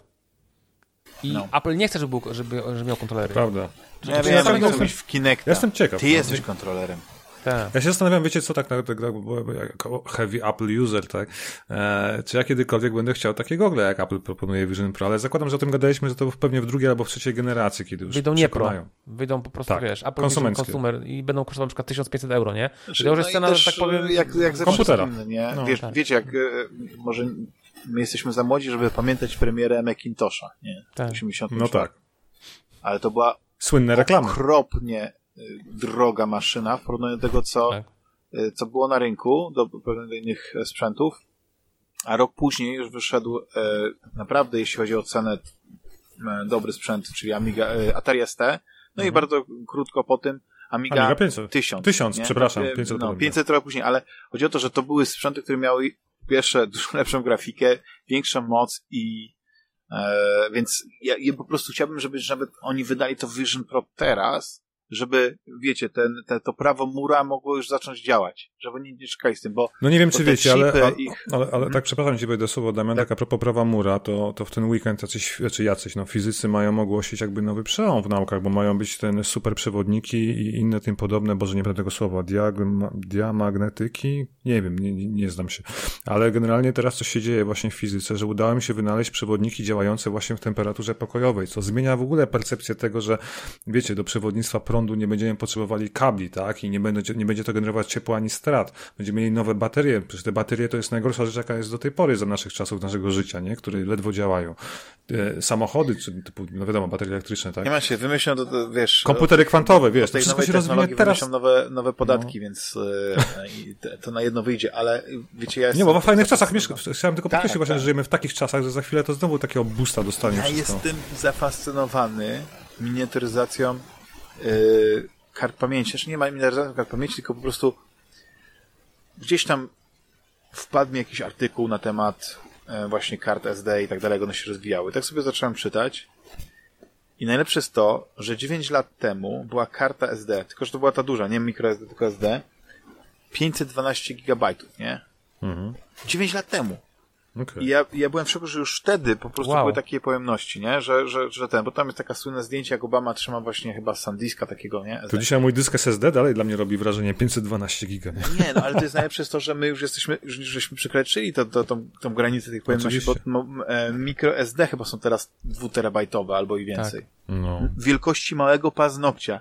Ja nie Pamiętasz? wiem, ile tam jest warstw, jak oni to robią, że to jest wiecie, no ja, ja jestem w szoku. Mój mózg tego nie ogarnia. Będą kryształy nadane, albo takie rzeczy, że, nie? Że, że nie jestem w stanie teraz, bo jeszcze kiedyś to pewne technologia, elektronika to była do ogarnięcia nawet takiemu człowiekowi po normalnie tam jakichś tam zwykłych technicznych studiach, nie? Mhm. Ale teraz to już jest, trzeba się tak specjalizować, tam, fizyka kwantowa, nie, mówię ci. To jest, no. to jest fizyka kwantowa, to równie dobrze, no nie mógłbym uwierzyć to, co się teraz dzieje tam w tym kongresie amerykańskim, tam przesłuchujemy jakiegoś gościa, UFO. który twierdzi, że... To jest genialne, ja właśnie skończyłem Archiwum Mix oglądać te wszystkie sezony, bo sobie postawiłem za cel honoru. E, już mam dosyć Archiwum Mix, ale, ale the truth is out there po prostu, jak słucham tego, nie? I want to believe. Panowie, bo y, y, tutaj musimy zamknąć ten temat tego questa. Ja nie wiem, jakieś takie ostatnie słowo jeszcze Łukaszu na temat e, właśnie tego Warto się zainteresować y, tym questem, bo na to jest naprawdę na to jest ponad 500 gier. I jakby nie ma lepszego wejścia VR niż, niż obecnie niż Quest 2. Niestety PSVR 2 trochę nie spełniło nadziei. Mało tego, trzeba też pamiętać, że te Google Quest można jeszcze można je też podłączyć do PC-ta. Więc jak mamy PC-ta... I Half-Life Alyx. Half-Life Alyx, no na niższej cenie. Tak, także właśnie, można je podłączyć i kablowo, i bezprzewodowo. Więc, więc tak, myślę, że... Tylko trzeba mieć sprzęt, który to pociągnie tego Half-Life Alyx. Yy, nie, Half-Life Half jest genialnie zaktualizowany. Tak? Half-Life Alex... na GeForce 1060? Pójdzie, to, to są dokładnie minimalne A na Macu pójdzie? Nie, nie wiem. Ale trzeba mieć e, USB-C, żeby... żeby... A mam, Albo nie. mam, dobra. Half-Life Alex... ten wirtualny, wirtualny ten desktop, nie? Na, na... Nie wiem. A, Paralersa odpalę. Tak, tak Virtual Desktop, tak. Half-Life Alex, jeśli chodzi o wymagania, zaraz wam powiem, bo tutaj dojdę do tego. Minimalne wymagania Half-Life Alex to jest e, GeForce 1060. Nie. To jest najpopularniejsza karta graficzna na świecie. Tak. Była. I to jest niesamowite. Na Steamie, ale niestety, ale właśnie to jest, wiesz co jest najbardziej niesamowite? Że to była najpopularniejsza karta na świecie przez kilka lat, po czym zdetronizowała ją karta wolniejsza od niej, rozumiesz? Ta 1650, tak? 1660, tak. 1660. Jeszcze, jeszcze, 1660. gorsze. Serio. No. Także to, to, jest, to jest przerażające. To pokazuje, w jakim, jakim jakby, że rynek, rynek gier VR się tak naprawdę cofa można powiedzieć. No Sorry, tak, ale wiesz, PC. masz po prostu segment taki... Ale przypomnij sobie te czasy, gdy oglądaliśmy koszarza no umysłów bo... i chciałeś mieć taką grafikę, nie? A dzisiaj masz coś lepszego, nie? I to jest dla nas nie, norma. Nie, no to w ogóle nie się tego porównać. Ale wiesz, co jest najlepsze? Że po prostu mamy producenci kart graficznych robią karty praktycznie dla, dla niszy niż. I może oni są zadowoleni, że oni sprzedają tych kart, ale jak na przykład producenci gier mają robić gry, które wykorzystują moc tych kart, kiedy wiedzą, że to jest niewspółmierne do tego pokładu, wiecie, energii. No nie? To już lepiej moim zdaniem jest zoptymalizować takiego Jedi Survivor, żeby chodził właśnie super na tych 1060, niż wodotryski RTX i tak dalej, bajery na 4090. Nie? No, Bo a jeszcze chciałem to, tutaj to, powiedzieć, że Damian miał rację, że ta karta, która zdetronizowała 1060 to jest 1650 karta. Tak. czyli właśnie słabsza. Mhm, Ale co ciekawe, tak. na drugim miejscu, i to jest też w sumie dość optymistyczne mimo wszystko, jest GeForce 3060. Czyli już ten taki mhm. midrange'owy, przyzwoity, y, przyzwoita karta z tej serii już, wiecie, z DLSS-em i tak dalej. Z RTX-em i tak dalej, więc 3060. No, także... A tam też w top 5 jest 2060. O Damian, mam dla ciebie no. fantastyczną informację sprzed chwili, bo ty jesteś przecież fanem e, Hanna Solo i Star Warsów starych. Powstaje serial e, Lando, Star Wars Lando i Donald Glover wraca jako Lando Calrissian. Spoko, nie? Tak się śmialiśmy ostatnio, że nie ma nic ciekawego w eterze, a tu takie fajne. Znaczy, no ale to jest pytanie, czy, czy y, film solo ci się tak podobał, że nie byś zobaczył po prostu. Nie, był w porządku, w sensie był okay. trochę świeży. Był dla mnie taki świeżym tematem, nie? Nagle coś innego, niekoniecznie mhm. Jedi znowu, bo ja nienawidzę ostatnio Jedi. Jak widzę Jedi, no mi się źle robi, szczególnie to... te seriale. Aha. No. no. No tak. No Andor był świetny, no nie ma co ukrywać, nie? No, tam nie było Jedi, tak. tak. Ale jesteś no, tak Jediem w, w Synaps. To ci nie przeszkadza. No właśnie, właśnie, bo tak rozmawiamy o tym wirtualnej rzeczywistości. Zróbmy tak, panowie. W co ostatnio graliście i w nawiązanie do wirtualnej rzeczywistości, bo i czy do VR-u. Płynnie, Mówicie tak. o tym, że nie spełnia oczekiwań PSVR 2, ale jednocześnie rozumiem, że gra, w którą się zagrywacie, to jest na tym sprzęcie. Tak. Ja oddam głos Rafałowi, bo... A, ja jako... Jak mam się nazywać? Nie apostoł, tylko jestem padawanem no, VR-u. Tak? No. A ty jesteś apostołem VR-u. E, więc moja percepcja jest, wiecie jaka, no kupiłem PSVR 2, bo bardzo lubię tę technologię, doceniam VR jako tako, ale nie jestem jakiś super entuzjastą. Presja społeczna. Nie, no powiedzmy, ale nie, jara mnie to, tak? Jednak ta imersja i bycie zanurzonym w świecie gry to jest coś niesamowitego, co nie da się opisać, tylko trzeba założyć gogle, albo to kupujesz, albo nie, ale symulatory i tym podobne rzeczy jak strzelanie, to robią niesamowite wrażenie, nie? Potem nawet, okej, okay, grasz w gry płaskie, natomiast to jest jakby ciągle myślisz o tym, jakby było fajnie zanurzyć się w tej grze w tym 360 stopniach, tak? No wiecie o co chodzi. Anyway, źle powiedziałem, ale wiemy o co chodzi. Zmierzam do tego, że moje gogle się kurzyły od miesiąca, może dwóch, bo w sumie nie było w co grać z mojego punktu widzenia, a chciałem mieć dobrą strzelankę strzelaninę, która mi pozwoli znowu pobawić się tak jak kiedyś w Blood and Truth, właśnie gdzie ta gra jest w wersji na PSVR 2, tego nikt nie wie. Moim zdaniem jedna z najlepszych produkcji na PSVR 1 od Sony, pierwszoligowego studia w zasadzie, London, Sony London, tak? Czy jak się tam nazywają? Nie Chyba tak. Anyway, no wyszedł Synapse, to jest gra kolesi, znaczy firmy Endreams, oni zrobili Fract. Wiem, że ty jest Impex Fract bardzo lubisz, grałeś, ja nie miałem okazji, bo tego nie ma. to gra na, VR1, na PSVR 1 wyszła i potem na PC. Okay. Ona była spoko, tylko bardzo krótka. Okej, okay. ale też chyba wyciągnęli wnioski z tego, bo zrobili bardzo ciekawą grę, którą wiecie, ja w skrócie dzisiaj wrzuciłem krótką taką mini recenzję wrażenia do siebie na socjale, ale ja to napisałem, że to jest taki John Wick, e, czy siekasz Johna Wicka, która spotyka estetykę z Deathloopa i tą pętlę czasową, plus fabuła rodem z Incepcji Nolana. I tak by mówić o czym jest ta gra, nie? W wielkim skrócie. A, a mechanika z Jedi. Mechanika źle, bo oczywiście mamy e, moce telekinetyczne, czyli używamy telekinezy do rzucania wrogami, rzucania przedmiotami. Oczywiście musimy odblokować te umiejętności, bo na początku tylko rzucamy kamieniami. Dobra, jest w ogóle rogalikiem. Tak, to jest rogalik i wiem, że to może odrzucić to słowo wielu osób, ale właśnie na przykład mnie, który nie, niekoniecznie przepada za rogalikami, bo ja przeszedłem tylko Hadesa na przykład z rogalików ostatnio, mhm. dwa, trzy lata temu i nie chcę mi się w takie gry grać. A, a, a tutaj mam, mam taki, taki, taki, wiecie, jak to się mówi, efekt, że jeszcze tylko jedna runda, nie? Tak po 15-20 minutach i to się zamienia w dwie godziny non-stop siedzenia w wiarze, co dla mnie też jest dużo, bo ja wytrzymuję godzinę i tu chciałem bardzo ponarzekać na hełm PSVR 2 jako mało ergonomiczne urządzenie, które mi się wbija w czoło i w tył czaszki. Po godzinie takiego napięcia tej obręczy czujesz się jak jakiś, nie wiem, skazanie strukturowany na jakimś łożu śmierci, nie? Niestety. Tutaj skorzystałem z, z, z polecenia właśnie Simplexa i zamówiłem takie fajne te modyfikatory do tego, nie wiem jak się nazywa, Studio Form VR. Studio tak? Form robią... Creative, coś tam tak, tak. O, oni robią właśnie, nowozelandzka firma, robią jakieś takie paski, obciążniki, które dzięki wyważają ten hełm i pozwalają odpocząć głowie, więc znam oczywiście relacje. Ale powiem wam szczerze, pierwszy raz wytrzymałem tyle czasu grając w Synapse, gra, która mnie pochłonęła całkowicie ostatnio. To jest po prostu, tak jak wspomniałem, sieka, w której biegamy po krótkich levelach, które musimy wyczyścić z wrogów. Używamy mocy telekinezy, tu kłania się Jedi, czyli możemy ich łapać, wyrzucać albo przyciągnąć do siebie, strzelić im w łeb. No bawić się jakby tym wszystkim, tą całą fizyką. Do tego mamy bardzo fajnie przemyślany system ten e, skradania się, czy skradania się, chowania się, gdzie możemy, nie wiem, jedną ręką łapiemy się skały albo ściany i wtedy możemy się wychylać albo kucać e, i strzelać pistoletu, a jak wypadnie na magazynek, no wiadomo, że naboje się kończą, to wystarczy, że uderzymy tym magazynkiem o powierzchnię, która jest przed nami i on się zaskoczy uderzam o klatę. Zawsze o klatę. A, to już o klatę, nie wpadłem na to. Tak, o klatę. Zawsze o skałę albo, albo o drugą rękę. Nie? o klatę. A to ciekawe, że to działa tak, nie? Tak. A, bo ja się w głowę walnąłem ostatnio. To też okay, patent sprzedał. Ale ja też chcę jeszcze powiedzieć, co to mówił Rafał. Te, tak, ten, ten, ten mechanizm wychylania się jest genialny, bo to jest tak, że y, zamiast się... Ja się, ja, ja, się ja się schylam i kucam jako tak. człowiek, w sensie w realu, tak? No, ale to właśnie, to właśnie chodzi, że tutaj nie trzeba, bo w wielu grach jest tak, że jak chcemy, jak chcemy się schować, to musimy się na przykład kucnąć. Albo A grałeś w skalowanym pomieszczeniu? Bo to może być ciekawe w tym przypadku, nie? Ja, ja grałem na stojąco, nie, nie ruszałem się. Ja też. Chodzi mi bardziej o to, że przykład, jeżeli stoimy za ścianą i chcemy się za niej wychylić, to możemy się albo, tak jak w większości gier, po prostu fizycznie wychylić za tej ściany po prostu głową, a w tej grze Frakt jest bardzo fajny system, taki, że możemy złapać się jakby ręką krawędzi yy, tej ściany i, i przesunąć. Przesunąć tą tak. rękę. I wtedy tak, jakby, tak, tak. jakby my się przesuwamy ciałem. Ciężko to opisać, ale to jest bardzo intuicyjne i bardzo fajnie działa.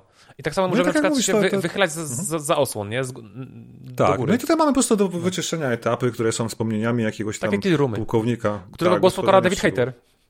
David Hater, e, e, czyli znany nam głos e, Snake'a z serii Metal Gear Solid.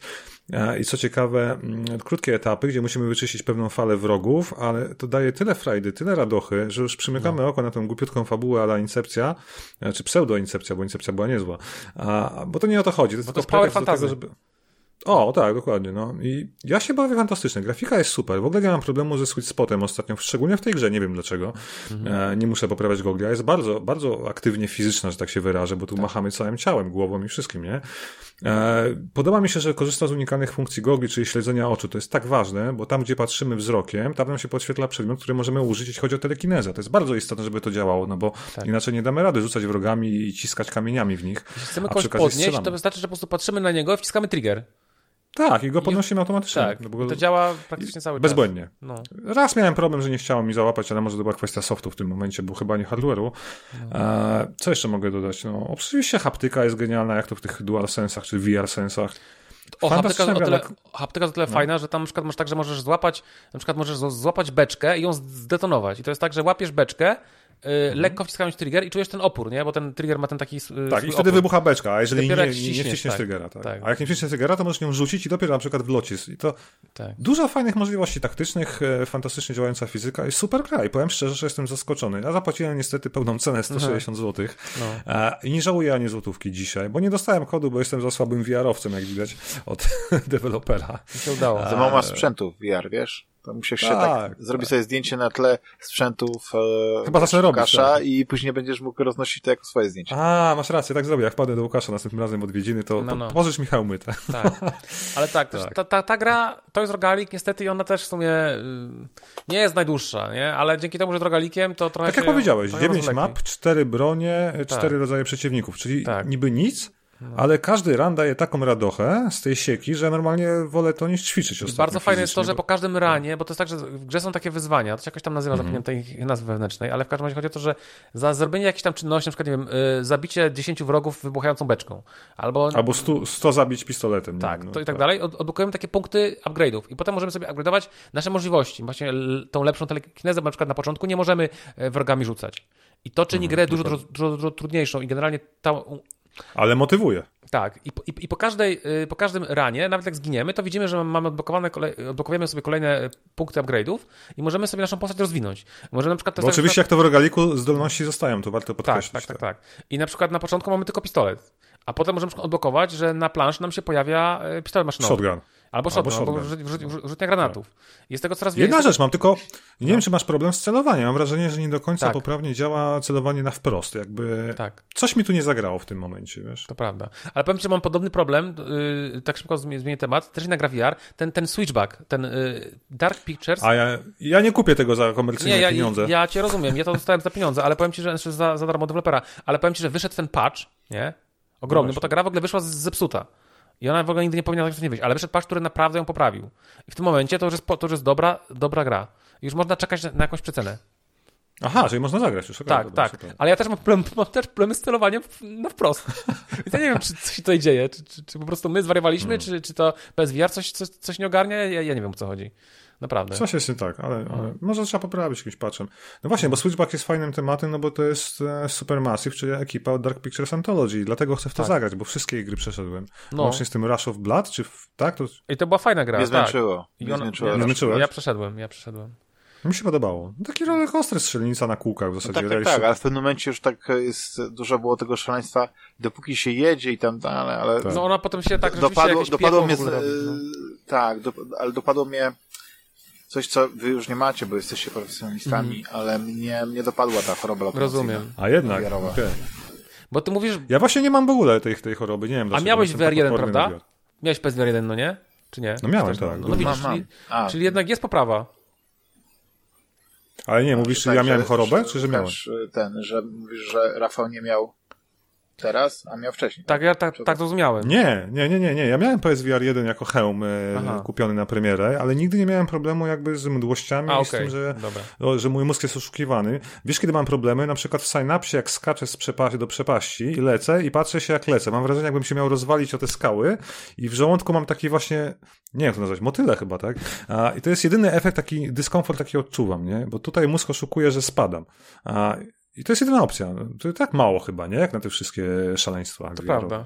No to jest w ogóle no. fajna gierka i coś tam się ogólnie dzieje, bo na przykład zapowiedzieli teraz, y, w ogóle w, w, w, sierpniu wyjdzie ten Firewall Ultra. Czyli to jest ta gra... Ale to jest sieciówka z tego, co mówisz, Ale tam będzie też tryb y, taki koopowy, walka z botami. A, Więc okay. tak, to wychodzi, to jest ogólnie gra też od studia, nie pytam nazwy, ale ona jest na, na wyłączność. I tak samo wychodzi Journey to Foundation, czyli ta oparta na prozie Azimowa, jest jakaś super tak. science fiction gra, na którą czekam bardzo. różne platformy. Tak jesienią, ale to jesienią na pewno wyjdzie. Ale czy wiadomo o niej konkretnie, czy... czy... No były te trailery na jakimś tam pokazie chyba showcase. Tak. A, potem, a potem się zapadła. Tak. No, no może umarło. a, a wychodzi coś jeszcze dużo. No, no i Half-Life Alyx 2, wierzę, czekam, Ej, I want to believe. Słuchajcie, no. ta gra Joint Foundation to chyba jest X na PS5. Tak, I robi to dość doświadczony deweloper y, VR-owy. Ja wiem, że wam nic nie powie. Nazywa się Archiact. Ale to jest deweloper, który y, robi dużo gier. Zrobi dużo gier VR-owych. Więc y, jakby. No właśnie, bo są jeszcze dwa fantastyczne tytuły. Opowiedz Simplex no. o wrażeniach z Red Matter 2, że to jest o. chyba najlepsza gra na PSVR 2 dzisiaj. Tak. tak. Koniecznie powinien Jules hmm. zagrać w Red Matter 2. Bo to, jak ta gra teraz ja wygląda. Też. Ty, te, ty też. A ty grałeś, czy jeszcze nie grałeś? Nie, no nie mam, muszę kupić, A, no bo no nie dostałem kodu. Nikt mi nie daje kodów na gry VR. No. no, ale naprawdę, Red Matter 2, nie, nie chcę się tutaj rozgadywać, bo już gadałem o tym. Ale powiedz w skrócie, to jest jakościowo, no właśnie, jakościowo no to i... To najlepiej niż na PC. Tak Ta gra działa w o. 120 klatkach na PSVR 2. Natywnie. Natywnie, bez e, reprojekcji. Ma grafikę jakby rozdzielczość jest natywna. Po tym jak zagrałem e, w Red Matter 2 na PSVR 2, to prawie każda gra, w jaką później grałem, jest brzydka. Znaczy nawet nie tyle, to jest rozmyta, jest niewyraźna. Nie ma, okay. nie, nie, ma tej ostrości, to znaczy, że ona nie jest zrenderowana w, naty w natywnej rozdziałce yy, gogli. A ta gra jest i jeszcze działa w 120 klatkach. Więc to naprawdę... Jak oni to zrobili? Nie wiem, to są geniusze. Zrobili to na Unreal. Oni mają jakieś taki bardzo. Oni mają super. O co chodzi w tej grze Red Matter? Wiesz co, to jest taka gra, taka gra taka eksploracja, ale my... przygodowa. Eksplorujemy taką stację kosmiczną, rozwiązujemy zagadki środowiskowe i akurat w tej dwójce dodali yy, trochę strzelania. Tak mało, ale tak, o. tak, żeby coś się działo, nie? Tam strzelamy do takich ro ro robotów. Ale to jest generalnie... A trzeba znać jedynkę, czy nie? Tak naprawdę nie.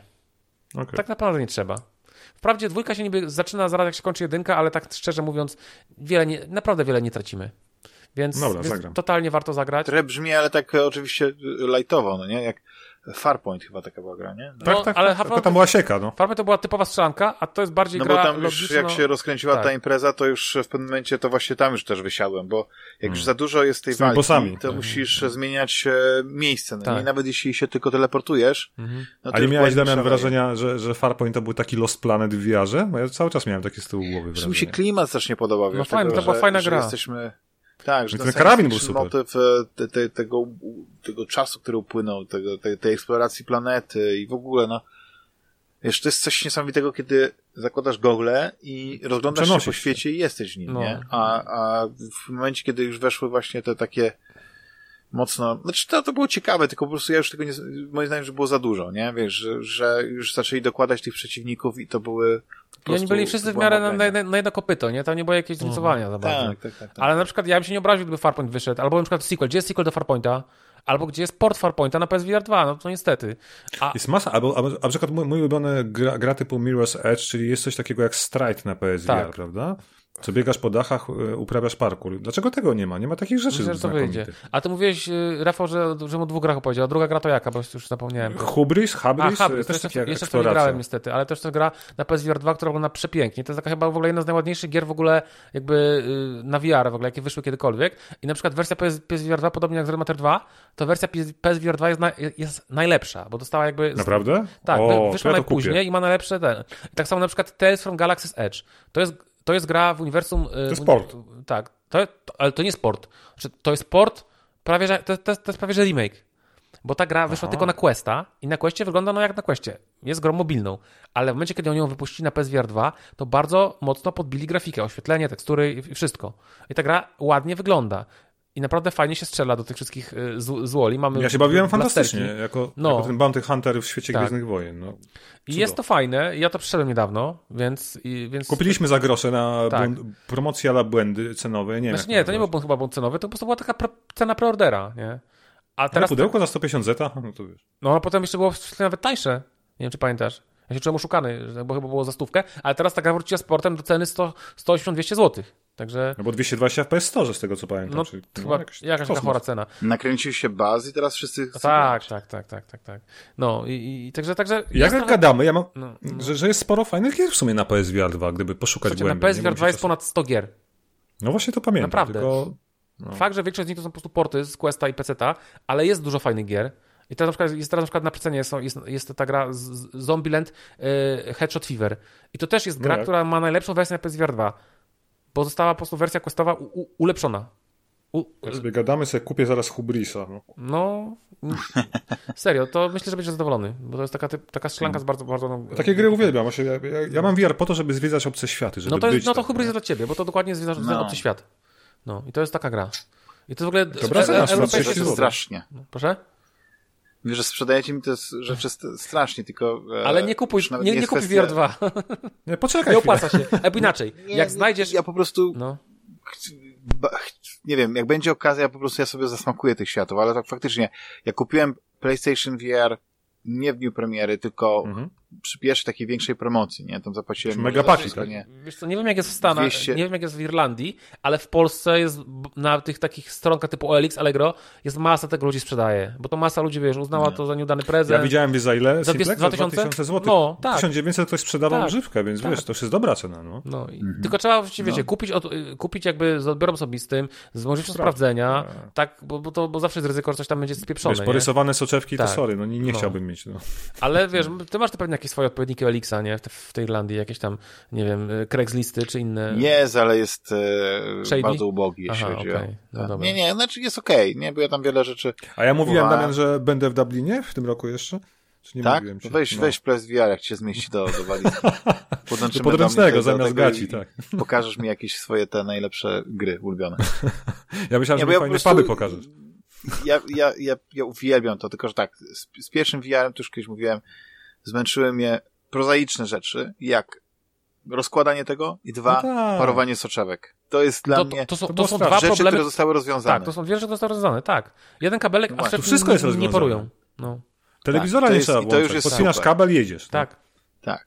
tak. A dwa, że właśnie to jest to, że ja, ja mam parę gier, które mi się strasznie y, podobały na tym i ono w ogóle oczywiście na na PlayStation 5, nawet na, na tym starym VR-ze wyglądają lepiej, bo jest to ekstra moc, mhm. ale nadal nie robią jakiegoś takiego super wrażenia, nie? I, I, ja nie wiem, czy jestem ciekawy, czy na przykład Squadrons no nie, nie ma jakieś patche na PlayStation VR. Niestety nie, no, ma, nie ma, na razie. I to no tak, samo jak, tak samo jak Ice Combat, nie? Ja pamiętam do dzisiaj, jak startowałem z lotniskowca, puściłem sobie Kenny Loginsa Danger Zone z iPhone'a obok i leciałem tym F-14 cholernym w tej burzy, nie? Wiecie, chyba taka jedyna gra, którą Sony przeportowało porządnie, to jest Res. Res używa w ogóle śledzenia oczu. Tak. Jest tak. genialny. Jest, jest akurat niestety płatny. Mam, mam, super. I jest fat fenomenalny. Te OLEDy no, To jest robotę. gra, moim zdaniem, y, która może oczywiście robi jakieś wrażenie na VR i tak dalej, ale to nie jest to eksplorowanie świata. No nie. To nie jest no to nie. wejście. No tak, oczywiście. To jest po prostu no. psychodelka taka z bajerkami.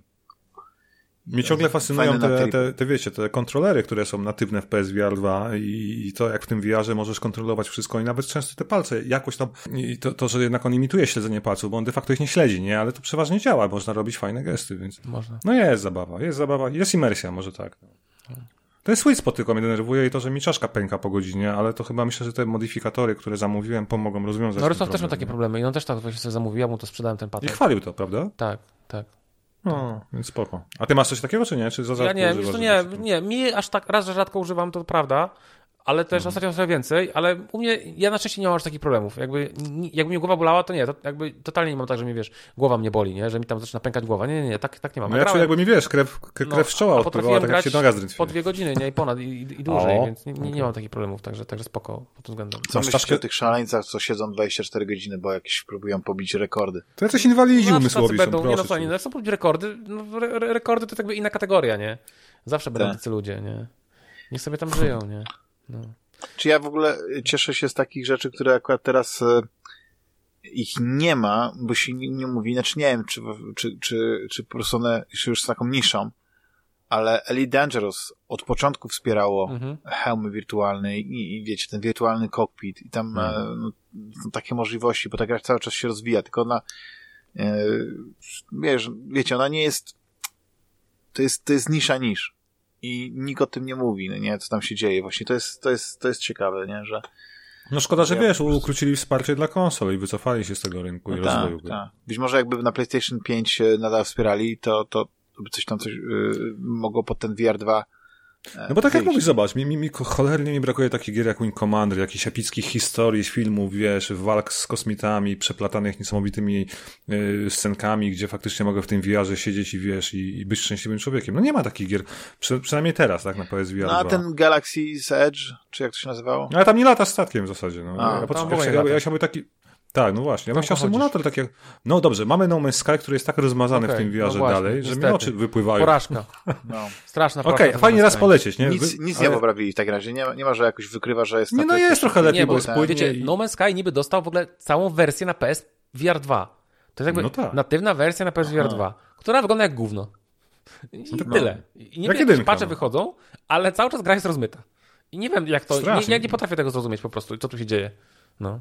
A ale, potem no, masz Red Matter 2 bardziej to, to rysowanie, ten drawing distance no. przeraża po prostu w że, że, że nie, nie masz tego takiego fajnego uczucia, które na przykład masz na sprzęcie słabym, no nie? No. Nie będziemy akurat o tej grze rozmawiać, ale jak w Zeldzie stajesz sobie na jakimś tam wzgórzu, wzniesieniu, to masz to poczucie tego, że jesteś naprawdę gdzieś wysoko i naprawdę gdzieś tam daleko coś jest, nie? Tak. I, i, i, I to fajne, fajne jest. Nawet w Horizonie miałem problem, że te góry były rozmazane i taka tekstura w tle w zasadzie, nie? Tak, mówisz o tym wiarowym, nie? No teraz no, jestem, Call of zawiedziony, tak. tak. Ale... Ale fajna gra, czy bardzo fajne uczucie wspinania się po tych górach. Ale ja muszę w końcu skończyć, jakoś tak jakoś mnie, mnie rozczarował ten, ten Horizon. Ale słuchajcie, fajna jest walka z tym Gran Turismo 7. Słuchajcie, ja nie o, znoszę ścigałek. Nie gram ja w ogóle, nie interesują mnie. A jak się wkręciłem w Gran Turismo, aż sobie kupiłem po prostu własną... Czas? Znaczy, no, już długo nie grałem, ale chcę to skończyć. Spędziłem w tej grze ze 20 godzin na luzie. Mm. I zrobiłem pewnie dwie trzecie fabuły, czyli tego takiego menu z tych takich, wiecie, z tej takiej kafejki, nie? I naprawdę, no tak. kurde, no zaskoczyłem się. Ja się powiem, że ja byłem zaskoczony nawet jak odpaliłem, tam się ładuje Gran Turismo, masz chyba pierwszą trasę i jedziesz takim starym kabrioletem tak, po, tak. w kółko po torze. klasyczna. Jaki, tak. Jakie to wrażenie w wiarze no. robi. Praktycznie włączyłem sobie wentylator na twarz i czułem jakby ten wiatr zwiewał mi włosy. Mhm. No, niesamowita imersja. No. no. Tak. Panowie, y, zamykamy w takim razie kącik wierowy. Tak jest to was zapytam, w co graliście ostatnio, co nie jest, e, nie wymaga gogli. No, e, to ja powiem, że raz, raz wróciłem do tego Deus Mankind Divided i uważam, że mhm. nadal gra jest grywalna i ładnie wygląda, jest świetna. Także jak ktoś lubi tego typu gry i na przykład nie grał, to polecam. Jest teraz w ogóle w, w ja plusie. Też. Tyle lat po premierze. No tak, ale nadal dobra Tylko gra. niestety musi się rozczarować końcówką, niestety. No, tak, ale, ale... Jak, właśnie trzeba się od razu nastawić, że gra się po prostu w połowie urywa. Bo tak, plotki tak. głoszą, że Square Enix pracował równolegle nad sequelem. Od razu. Hmm. Więc jakby oni planowali, że to będzie ok, to się urywa, ale za tam rok, dwa dostaniecie kontynuację, ale potem to anulowali, bo, bo, bo, bo są Square Enixem, no i niestety nigdy, tego, nigdy nie, dostaliśmy tego zakończenia i to jest przykre. Ale nadal polecam tę grę hmm. i jestem za, zaskoczony, jak dobrze się gra, gra y, na PS5. Nie, nie, to jest, to jest hmm. ciekawe. Wersja na Series I, na, na, X, na, na One X dostała na, na Series X FPS Boost. Tylko, że niestety, tak, z tego wiem. co mi wiadomo, jak gra dostaje FPS Boosta, to ona działa w tej najniższej rozdzielczości z trybu performance. I ta gra działa e, na Series X w 900p. Rozumiecie? 1600 tak, tak, tak. To, jest, to jest jakaś porażka. Ja to widziałem i, i tam też jest jakiś wtedy auto HDR teoretycznie się odpala, który no, trzeba może, wyłączyć, ale, żeby się nie psuło. Ale 900p w ogóle. Wiecie, wersja Niestety. z PS4 Pro działa w tym checkerboardowanym 4K. Pamiętacie ten checkerboarding słynny? Tak. Ej, to tak, wygląda tak. prawie jak 4K. Serio, ja byłem w szoku, jakie to jest, jakie to jest ostre. Ta gra wygląda A normalnie... Pomyśl, że jeszcze gram na Ambilightie i cały pokój mam zawsze oświetlony Słuchaj, tymi żarówkami z tego świata. Tak. że ja gram w wersję no. na, na, PS5, to bym mu uwierzył, gdyby nie to, że gra działa w 30 klatkach, no nie? To bym mu uwierzył, że to gra z PS5. Absolutnie no, bym uwierzył. Tak dobrze, tak, tak, tak dobrze wygląda. Więc tak, na, naprawdę y, spoko. No, więc yy, to przyszedłem, więc grałem trochę w, w Deusa. Praga jest świetna. Z takich rzeczy, które przyszedłem, które, które, o których warto powiedzieć, tak na szybko, to nie pamiętam, czy, czy wam mówiłem, że przyszedłem takiego polskiego boomer shootera Forgive Me Father. I tutaj przy okazji płynne przejście za, zareklamuję odcinek, nadchodzący odcinek specjalny rozgrywki. Udało nam się z Miss Prezem i takim jeszcze innym kolegą Patrykiem nagrać bardzo fajny odcinek o boomer shooterach. A nagraliście już? Nagraliśmy go, tak. Ponad dwie godziny. Praktycznie wszystkie główne... A to nie było jakiś czas temu? Nie, nie, to był odcinek A o retro. U mnie. Okay wiesz, o Dumach, A teraz o nowoczesnych retro FPS-ach, dobra. O, o, o boomer, boomer shooterach. Tak, okay. czyli grach wydanych od 2018 roku. Jest tego masa, jest bardzo dużo dobrych polskich gier. Między innymi właśnie jest nią Super. Forgive Me Father. No i to też wszedłem, wszedłem taką ciekawą bardzo Metroidvanię, Ghost Song, która jest za darmo y, grałem, w Respasie. Grałem. Fajna, bardzo ładna, prze, przepiękna muzyka i grafika. Ale może Klimat zmęczyć, ja ją w ogóle na pół roku ją przerwałem w ogóle i dokończyłem ją tak trochę na siłę. To oczywiście na deku, jest bardzo fajna polska, sorry, jeszcze wrócę do, do VR, ale za, za, zareklamuję bardzo dobrą polską grę Escape Room. Rooms of, of Realities. To jest gra, która umożliwia granie, rozwiązywanie zagadek w, w escape roomach Tylko, że to, jakby to nie jest taki escape room sztuczny, tylko naprawdę na przykład jesteśmy na przykład ko koło jakichś e, piramid egipskich, rozwiązujemy zagadki znane Ale to nie jest gra Rysława, bo Rysław... Nie, nie, nie, Rysław zmienił to, zmienił koncepcję, bo Rysław chciał taką grę wydać, ale po się okazało, że nagle wychodzi taki gier kil kilka i Rysław generalnie zmienił koncepcję. Także to jest gra Game Dusta. To jest polska gra y, firmy Game Dust, Kaskad, Arkadiusz Ogończyk, on tam pracuje, także pozdrawiamy. To jest, to jest, to jest jego dzieło. Zresztą robi taka jakaś spółka na Bluki. Ale naprawdę, świetna, świetna gra, jest w Early Accessie i na początku była tylko jakby taka jedna, jedna, jedna kampania złożona z trzech pokoi i jej przejście zajmuje około dwóch godzin, ale bardzo niedawno wydali drugą, w ramach tego Early Accessu dodali darmowy update, doszła dru, druga kampania, która dzieje się w jakimś tam, yy, wiecie, Insane Asylum, nie? czyli szpitalem psychiatrycznym. W to jeszcze nie grałem, ale to jest naprawdę świetna gierka, bo jest bardzo fajne, yy, są bardzo fajnie zbalansowane zagadki, bo nie są trywialne, ale nie są też takie absolutnie, że nie wiesz, co, co robić. Jakoś tak mi się udało to zbalansować. Przynajmniej jeśli chodzi o mój, mój mózg, moje IQ. No moje IQ są idealne. Yy, I można grać nawet w czterech graczy, do czterech graczy w koopie. No zawsze wiecie, co cztery głowy to nie jedna i można zagadki rozwiązywać. Jest crossplay między platformami. Yy, wydaje mi się, że wersja PS 2 jeszcze nie jest dostępna, ale ma wyjść. Na razie jest na PC i na Questa. Rooms of Realities się nazywa ta gra. Yy, jak ktoś lubi Metroidvanie, to jest bardzo fajna gierka Gato Roboto gdzie, gdzie biegamy kotkiem, który może wchodzić do takiej Power Armor. To jest gra, która w ogóle jest w monochromie, ona ma dwa kolory. Jest naprawdę fajna. Taka właśnie fajna Metroidvania.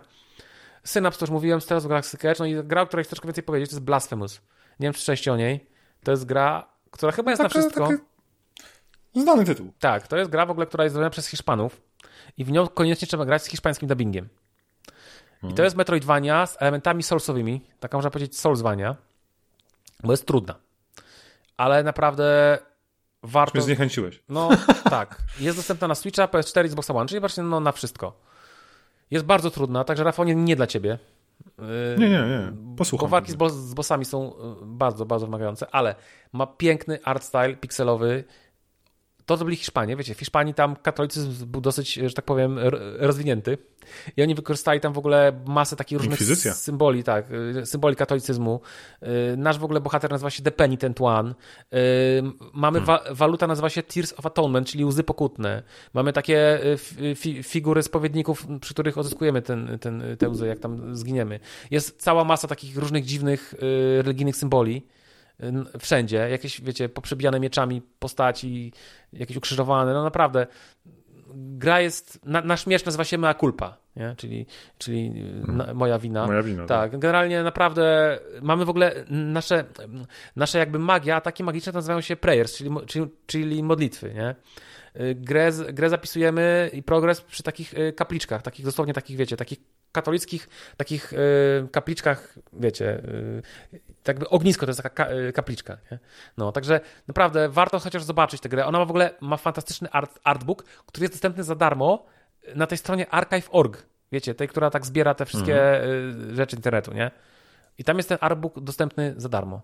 Internet Archive, nie? To się nazywa w PDF-ie, więc naprawdę warto zobaczyć, jak ta gra wygląda, zobaczyć tą grafikę, tę muzykę i w ogóle ten klimat, jak te postacie po hiszpańsku mówią. Tam w ogóle jakby w tej grze bardzo ważną rolę odgrywa coś, co się nazywa miracle. Po hiszpańsku jest la milagro, nie? czyli cud.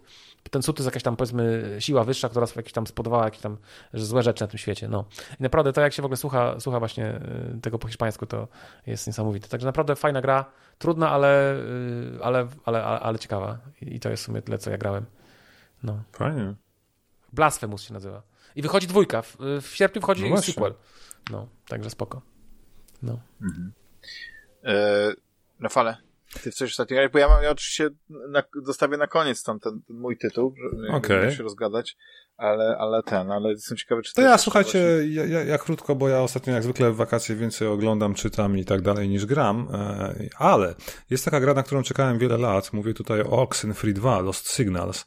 E, to jest gra, słuchajcie, od Night School Studio, wy możecie ich kojarzyć, bo oni zrobili wcześniej After Party i oczywiście Oxenfree 1 w 2016 roku, kiedy to debiutowali. To jest w ogóle ekipa założona przez byłych pracowników Telltale Games, nomen omen, E, oczywiście nie wszystkich, ale tam paru jakichś, tak? I, I, to jest generalnie taka, wiecie, taki dwumiarowy miks przygodówki, platformówki, w zasadzie platformówki z elementami przygodówki, tak? Jeśli chodzi o narrację, rozmowy i o to, jak się akcja toczy.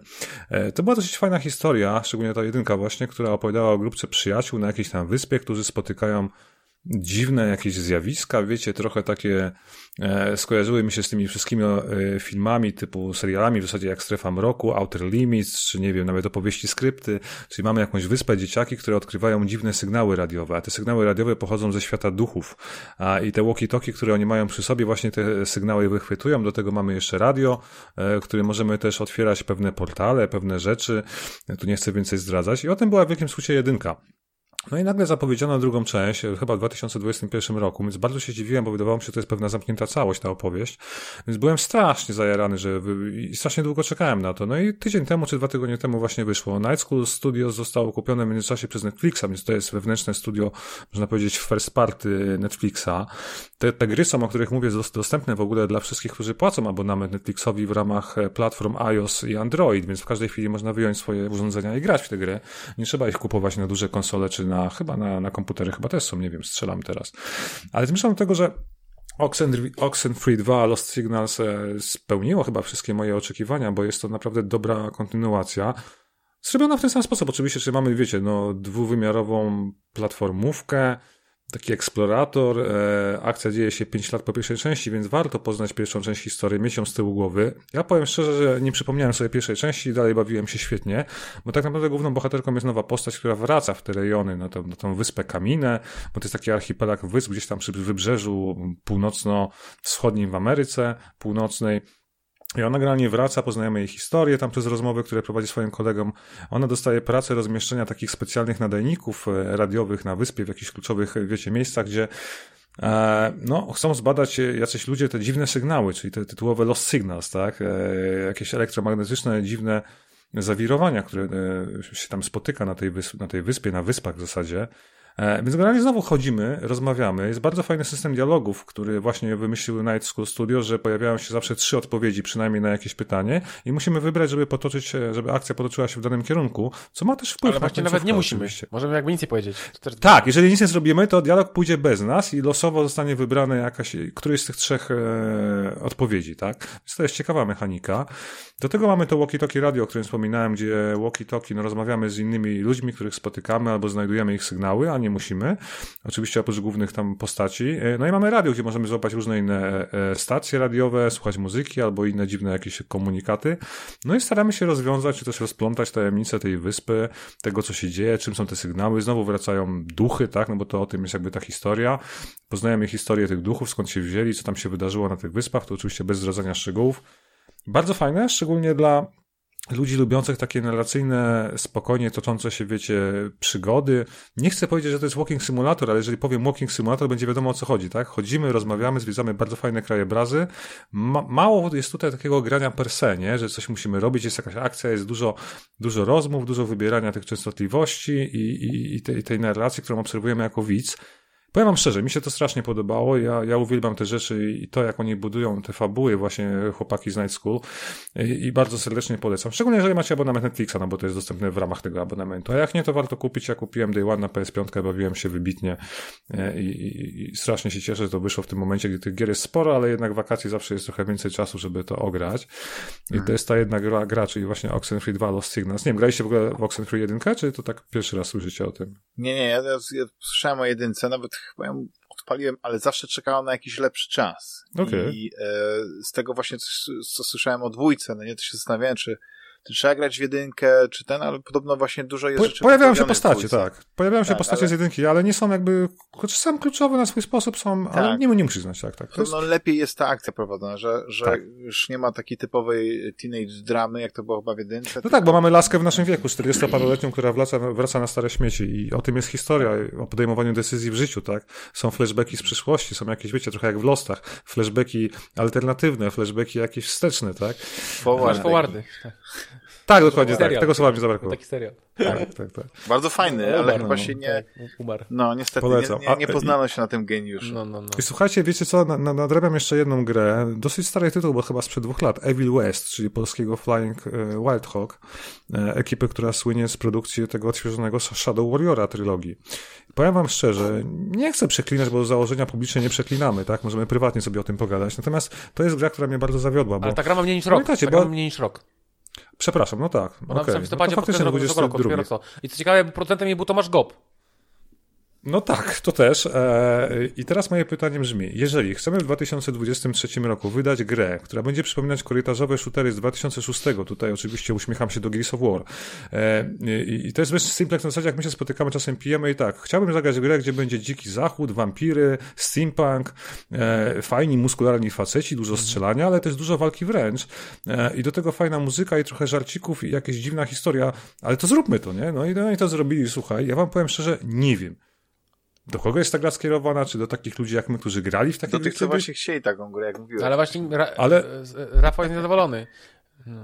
Nie, no właśnie, no właśnie, problem jest w tym, że nawet Gears of War dzisiaj, czy God of War rozwija jakby ideę swojej serii w postaci Gears of War, które miało takie półhuby otwarte, czy huby, nawet w piątce, nie? E, dwie takie duże sekcje mieliśmy pustynię i chyba lodowe jezioro. Tak samo w God of War mogliśmy wybierać sobie w ramach jakiegoś dużej planszy jakieś misje, czy elementy, gdzie pójdziemy. Już nie mówię o tym, że nic się nie musiało ładować. Tutaj, słuchajcie, jest stara szkoła z początku lat 2000 nawet, gdzie idziemy, musi być film i dopiero wtedy coś się dzieje. Mamy kill rooma, musimy wszystkich załatwić, dopiero możemy wejść na łańcuch, bo zawsze musi być łańcuch, który się świeci, który ci powie, gdzie masz iść, no bo jest tylko jedna droga, ale jakbyś przegapił, to jest łańcuch, nie? E, mamy dziwne postacie, dziwną historię o jakichś wampirach, które żyją sobie w, na dzikim zachodzie pod koniec wieku XIX. Mamy agencję Rentiera, czyli taką federalną agencję, dotowaną przez rząd federalną agencję, która walczy z tymi wampirami. To jest jakby cała historia. My się wcielamy w agenta tej agencji i walczymy z wampirami. Intrygująco. Tak, Brzmi fantastycznie. No, lubisz od zmierzchu do świtu? Tak, zróbmy grę. Weźmy Dziki Zachód, weźmy steampunk, weźmy technologię, weźmy wszystko. To będzie super. To nie jest super. To jest, słuchajcie, gra jeszcze wygląda tak paskudnie na konsolach, że ja się cały czas patrzyłem w opcji, czy ja gram w 4K 30 klatek, bo chciałem zobaczyć jakość. I to jest cały czas 4K 30 klatek. Wygląda to jak Full HD, nie wiem z czego, z Xboxa poprzedniego. A jak wziąłem wydajność, słuchajcie, to spadło wszystko do teoretycznie Full HD 60 klatek, jest bardzo rozmazane, tak jakby miał, wiesz, brudny telewizor, nie? E, I, i powiem wam szczerze, nie FSR jest włączony. tak, ja, ja, nie chcę, nie chcę to jakoś strasznie jakby, szkoda mi ludzi, którzy przy tym pracowali, wiecie, doceniam ich pracę, tak, no zrobili coś, e, co powinno trafić w gusta graczy, no w moje gusta ewidentnie nie trafili, e, rozumiem, że może ktoś to kupił, bo to nie jest jakiś niewypał, to jakieś recenzje ma chyba na poziomie 7 takie, na 10. No 6, 7 na 10, takiego mniej więcej. No. Okej. Okay. Ale to by mówiło, że to jest dobra gra. Dla mnie to nie jest dobra, ja się nudzę. Prawie to skończyłem, ale ja gram raz dziennie jedną misję robię, żeby nie przesadzać.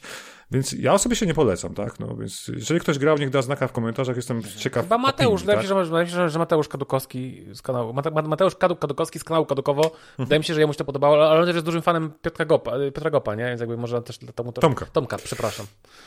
Tak, tak, tak. Więc... E, no dobra, pokładam z Kadukiem prywatnie, bo właśnie jestem ciekaw jego opinii, więc... Mhm. Ale generalnie dużo filmów, seriali, książek, ale będzie dzisiaj Dachma ten? Kącik popkultury? No, wciśniemy mi się wydaje. Hurra! Tak, ale, Bo, bo, mamy... mamy Już był, gadaliśmy, ale, gadaliśmy o Oppenheimerze. Ale, Nie, ja chciałem o Robin Hoodzie. No właśnie myślałem, że tak cię pociągnę za ten opowiesz, ale w sumie tak... E, o Robin Hoodzie. Na, na bardzo ciekawe inne e, dyskusje, ale, ale, ale myślę, że zrobimy kącik. To, y, to jak chcesz, chcecie, to zamkniemy te, ten kącik growy. A w co ty grasz? Tak, ja powiedz tylko... Tak. Zeldę. W Zeldę. A ja cały czas gram w Zeldę. Jest Zelda ja król. Myślałem, że jak zaczęliście mówić o tych retro shooterach i tak dalej, to, to ten wysyp boom, boom shooterów no. oczywiście jest, jest świetny, to mi się podoba. Mhm. Tylko, że są też takie gry, które są totalnymi niewypałami i ja, ja się trochę napaliłem, ale na szczęście na co? Bo nieszczęście, ale yy, jest taka gra chyba Chasm the Rift. A, bo to o. nie jest boomer shooter, to nie jest boomer shooter, to jest po prostu... To jest, A to jest ta stara gra tak, z 90. To jest, to jest remake, czy tam remaster ukraińskiej gry. To jest... Ale na silniku okay. Quake'a, nie? Nie, to, nie, to jest na silniku Quake'a, to jest ich własny silnik, który udaje silnik Quake'a. Nie, nie, nie, nie, nie. Aha. No okej, okay, okej. Okay. No dobra, to mogę wybaczyć, bo ta gra po prostu gra się w nią słabo. Bo to jest gra... Wygląda gorzej niż Duke Nukem 3D. No ten remake, No dobra, y, Dachman, prostu... a teraz wyobraź sobie, że tę grę zrobiło w latach 90. Y, y, paru Ukraińców. To zmienia trochę postać rzeczy, nie? No, tak, fajnie, tak. ale to, ale wiesz, w Polsce w tym czasie to robiło się takich Nie, nie. Mortyr, ja, Mortyr był w Polsce, będę... więc wiesz. I Teenager, mamy Quake'a w domu. Damian, nie robiło się hitów w Polsce. Ale Mortyr, ale na przykład Detektyw Rutkowski, to były no, gry, no, które były tak. tworzone przez I, rezerw i rezerwowe psy. Gazety za 5 złoty. Wiesz, to były gry, które miały być tworzone nie po to, żeby miały zawojować świat i, i tak dalej. Więc dobra, jeśli... jeśli Rezerwowe psy, Jesus Christ. I chcesz być obrońcą tej gry, spoko spoko. Ja po prostu trafiłem na nią Bo ty teraz, chyba nie wiedziałeś, po prostu co, ty miałeś jakieś dziwne oczekiwania wobec tej tak. gry, jakby, wiesz. Simplex, a wiesz, że wychodzi, no. wiesz, że wychodzi Rise of the Triad 31 lipca, dosłownie zaraz? Słyszałem, ale ta gra też biednie wygląda, Jezu, grałem w demo. Ale nie. to cudowne, ja Rise of the Dead kocham. Nie. nie chodzi o to, że po prostu y, pewne gry się może nie zestarzają. Na przykład pierwszy Quake absolutnie tak, się nie zestarza. Możecie się odpalić, I grać i to jest gra fenomenalna. No trochę straszy. Ale są ale... gry, które się zestarzały, więc jeśli to jest jedna z tych gier, no to okej. Okay. No to, to zwracam honor twórcom e, z Ukrainy. No po prostu trafiłem 20 y, lat za późno. Tak, 30, no, 25. prawie, 25, no. 30, 9, 9, tak. 97 rok. No, ale, ale to jest inna o gra, o której e, też nie będę za bardzo mówił, ale, bo, bo trochę w nią pograłem, ale to jest e, gra robiona przez, między innymi przez innego ze słuchaczy, twojego imiennika, Łukasza, mhm. mhm. i nazywa się e, chyba Dino, nie Dino, chyba, czy Dino się mówi, Dino tra Trauma. Ale po polsku Dino Trauma. Mhm. I jak, jak ktoś po prostu tak, i to jest najlepsze to, że ta gra po prostu wygląda jak shooter z, z ery PlayStation 1. Mhm. Mm. Faktycznie. Ale jest w miarę, w miarę gwane. To jest oczywiście jakaś wczesna wersja. Ja pograłem e, chwilę tam, może pół godziny do godziny. E, postrzelałem się z dinozaurami, po, pootwierałem jakieś drzwi, po, jakieś różne rzeczy, po, tu gdzieś się powspinałem. Ale to po prostu wygląda tak, e, wiecie, stylizowane jest, jeśli chodzi o jakość obrazu i, i jakość tekstur i tak dalej. I, I muszę przyznać, że jako taka mała gra robiona przez, nie wiem, jedną, dwie osoby, ma swój jakiś taki urok, nie? No, ale nie mówię to przez sympatię. Nie, tak ma bardzo wysokie ceny na Steamie. Ona ma na Steamie 91% osób pozytywnych, bardzo wysoko. Wow. Tak, bo ona po prostu oddaje tego, tego ducha. Nawet chyba e, sam, sam autor, jak, jak e, pisał do mnie, to mówił, że to jest gra, która jest dla fanów, e, wiesz, retro shooterów z dinozaurami, gdzie Turok. masz Dino Crisis, Resident Evil, no Quake, no nie takie Turok. rzeczy. I, i, tak, tak. To jest taki, taki list miłosny, to wiesz, on, ona wygląda pewnie tak jak ten Turok na Nintendo 64, tak. no nie? który dzisiaj może by się zdarzył, ale ma, ma swój, swój klimat. Oczywiście. Ale Turoka 2 to ty szanuj, bo to była genialna hmm, gra. No. W swoim czasie, w swoim czasie. Ja, ja, ja nigdy nie miałem tej, tej przyjemności jakby y, poznać organoleptycznie Turoka, ale oczywiście był. widziałem go i gdzieś w gazetach i jakoś tak... E, Słuchajcie, Turok w ogóle dostał parę lat temu takie no. remake remastery, takie wiecie, uwspółcześnienie, no że można na niego grać. Jakby na PC, nie wiem, czy no na tak, dużo gier takich taki ja pamiętam, ja pamiętam Turoka, jak miałem 3D Fixa, nie? Jedna z pierwszych gier takich. Tak, tak, tak. No ale panowie, no jest jedna gra, w którą no. po prostu gram Zelda. No. i porzuciłem Zelda. wszystkie inne. Wszystkie inne, yy, bo doszedłem do wniosku, że chyba jest dobry temat teraz, czas i miejsce, bo żyjemy w ciekawych no. czasach. No. Wspomnieliśmy o tym e, chwilę, ale jest, e, był jakiś oficer e, nie wiem, czy kontrwywiadu, czy jakiejś tam, e, czy jakiej to komórki, e, David Grush, Grush który, mhm. który teraz zeznaje... Fox Mulder, tak. Tak, pod, pod właśnie, pod przysięgą, że nie tylko e, obiekty, niezidentyfikowane obiekty latające istnieją, ale też e, jakieś tam próbki biologiczne zostały e, uzyskane, że, że po prostu no, niesamowite, wiecie, gdyby to był jakiś element jakiegoś serialu, filmu, to byś powiedział, no tak, no to bardzo ciekawe, nie? Ale mhm. trochę mi się po prostu nie chce wierzyć to i, i, i jakby grupy... No ale wiesz, te filmy są publiczne, te z kokpitów, samolotów, myśliwców amerykańskich. No tak, ale to jest, to jest taki, wiesz co, doszliśmy do, do takiego etapu, gdzie kamery w telefonach robią super ostre zdjęcia i przestaliśmy mhm. robić zdjęcia potworą z Loch Ness, latającym spotką i tak prawda. dalej, nie? Bo wcześniej po prostu te, te aparaty ledwo, Były zawsze, ledwo tak. coś tam było ten. I teraz po prostu przeszliśmy na nowe rodzaje zdjęć, czyli zdjęcie jakichś z radarów, kropek na jakichś oscyloskopach i wiesz, i to ma ci tłumaczyć, że to jest jakiś obieg latający, który porusza się niesamowite. Ja bym chciał w to wierzyć. Ja chcę być jak Fox Mulder, ja chcę być I want to believe. The truth is out there. Ja, ja, dla mnie to jest zawsze jakaś taka grubsza sprawa. Niemniej, to jest jeden z moich ulubionych elementów popkultury. Mhm. Czyli właśnie obiekty e, UFO, e, kosmici, e, no, jeden z moich ulubionych filmów to jest oczywiście Dzień Niepodległości, więc jakby tak. inwazja obcych, ten District 9, o którym rozmawialiśmy, o, no to tak. jest te wszystkie, XCOM. No, kurczę, Colony serial. No, ty, a w ogóle, Damian, przez... wspomniałeś mi, nie wiem, czy znacie taki bardzo mały, niż, znaczy mały, bardzo niszowy film pod tytułem Area 51, nakręcony przez kilku kolesi, właśnie o tym, jak się włamują, słuchajcie, do tej tajnej bazy i odkrywają, odkrywają to, co tam jest. Słuchajcie, to, to jakieś zagrosze nakręcone za, nie wiem, parę tysięcy dolców science fiction. Taki Blair Witch? komedia Paul. Nie wiem, czy oglądałeś Paul. Jak? Jak się nazywa? Paul. Paul? Paul? Paul, Paweł? tak. Mhm, tak. Okay. To nie znam. Nie. No jest y, z tym, z Simonem Peckiem i o. z tym jego kompanem, co zawsze grają. A to jest tej trylogii Cornetto? To jest, co były Być może, dlatego że, znaczy nie wiem, czy z trylogii Cornetto, ale to jest generalnie o tym, jak, jak właśnie, e, nie wiem czy oni, już nie pamiętam fabuły dokładnie, ale jest motyw właśnie taki, że oni spotykają takiego właśnie kosmitę o imieniu Paul, ale to jest taki typowy szarak, wiecie. Okay. Duża głowa, małe Greyman, ciałko i tak, tak. dalej. A jemu głos podkłada on... Seth Rogen. Być może, nie, tak. nie, nie dam sobie, nie pamiętam wow, dokładnie. No to, ale... sprawdziłem. Sprzedałeś no. mi to. No. No. Tak. Ale to jest komedia, wiecie, to się fajnie ogląda, no nie? Bo zresztą ja w ogóle uwielbiam, kiedyś taki był film, też gdzieś jakiś czarno-biały, nie wiadomo jak, jak była sekcja zwłok właśnie takiego kosmity. Kultowe. To tak, wszystko tak, tak, tak, niesamowicie wygląda. Wiecie, ja uwielbiam te klimaty. I ja to oglądam cały czas. Dlatego Archimomix musiałem powtórzyć, no. Tak, tak. No, polecanka. jest kapitalny. Ej, ja w ogóle, słuchajcie, pierwszy Dachman, słuchajcie, przerwa, ale ja no. oglądam, ja oglądam teraz ciurkiem Archiwum X, bo mnie właśnie zainspirował stary gracz. Gdzie jesteś? Gdzie jesteś? Na, na szóstym sezonie? O Boże, to jeszcze jest okej, okay. a wiesz co jest potem? raz w życiu Jezus. oglądam. Jezus, naprawdę? Jeszcze raz w życiu. A. Tak. O człowieku, wiesz, wiesz co się dzieje potem? Nie mów mi. Wiesz, dlaczego ci zazdroszczę? No. no. Bo oglądasz to w wersji tej odświeżonej, tak. tak. panoramicznej, tak. w HD. Tak. I jak Disney. oglądam pierwszy sezon na DVD, no. które mam, bo miałem, mam oryginalne, to, to się, nie da oglądać. jakbyś z VHS-u mhm. i to wygląda kiepsko. Ale ta wersja, która jest chyba nawet na, na Disneyu. na Disneyu. Na Disneyu, nie, na Disneyu, na Disneyu jest. Full, tak wygląda fenomenalnie. Tak. Oglądasz ten pierwszy sezon i tam tak. jest, wiecie, ten Monster of the Week, jak oni to mówili, czy zawsze jest jakiś inny tak. motyw, no nie? I to są takie kapitalne sprawy. Ale wiesz, wiesz co, tak, Simplex? Ja, no, ja cię tak tylko uczulę. Znaczy, zazdroszczę ci, że przejdziesz płynnie z dziewiątego sezonu ostatniego. Aha, bo ja usłyszałem, znaczy, no. Na Cartera przejdziesz 2016, nie? Od razu, 10 Wiem, słyszałem, że ten pierwszy sezon jest bardzo y, źle odbierany. Ten, ten, ten, no on generalnie nowy. niszczy ci całe archiwum mix tymi no, nowymi sezonami, ale to tak, samo tak, cenisz. Samo cenisz. Spoko, spoko. Nie, nie, nie planuję tego filmu oglądać, bo tam jest taki film jeden, I Want to Believe chyba się nazywa. Extra, znaczy Fight nie. the Future, jest super. No właśnie, tak, nie, to tak, sorry. Tak. To są dwa filmy. Tak. Jeden jest pomiędzy piątym a szóstym odcinkiem. Tak. Jest okej. Okay. Jeden, nieważne, jeden jest dobry, drugi jest zły. Jednego nie, jeden, jeden jest pomiędzy sezonami i rzeczywiście... jest pomostem, tak. O, te, o, te, o tej bazie na, na Antarktydzie, czy tam gdzieś. Tak. I on jest spoko, ale tego drugiego nie będę oglądał, bo słyszałem, że... A on to nie ma sensu, bo to no. był skok na kasę taki, wiesz, tak, potwór no. of the week, no, ale nie, nie wyszedł. Oglądam teraz y, Oglądam teraz y, X-Files właśnie ciurkiem w lepszej jakości i naprawdę dobrze się bawię. Naprawdę. Tak, bo to się w ogóle nie zestarza właśnie, jak się ogląda no. go w tej formie odświeżonej. Tak samo jak jakiś czas temu, już nie raz o tym mówiliśmy, więc no. nie jest jakaś tam, no, no. powtarzam się, ale może ktoś pierwszy raz usłyszy. E, Star Trek The Next Generation no ale oni go mega zremaster zremasterowali. No. Oni właśnie zremasterowali. To wszystko Genialnie. zrobili tak, że mimo, że tak. się ogląda ten, ten e, serial nadal w 4 na 3 formacie, tak?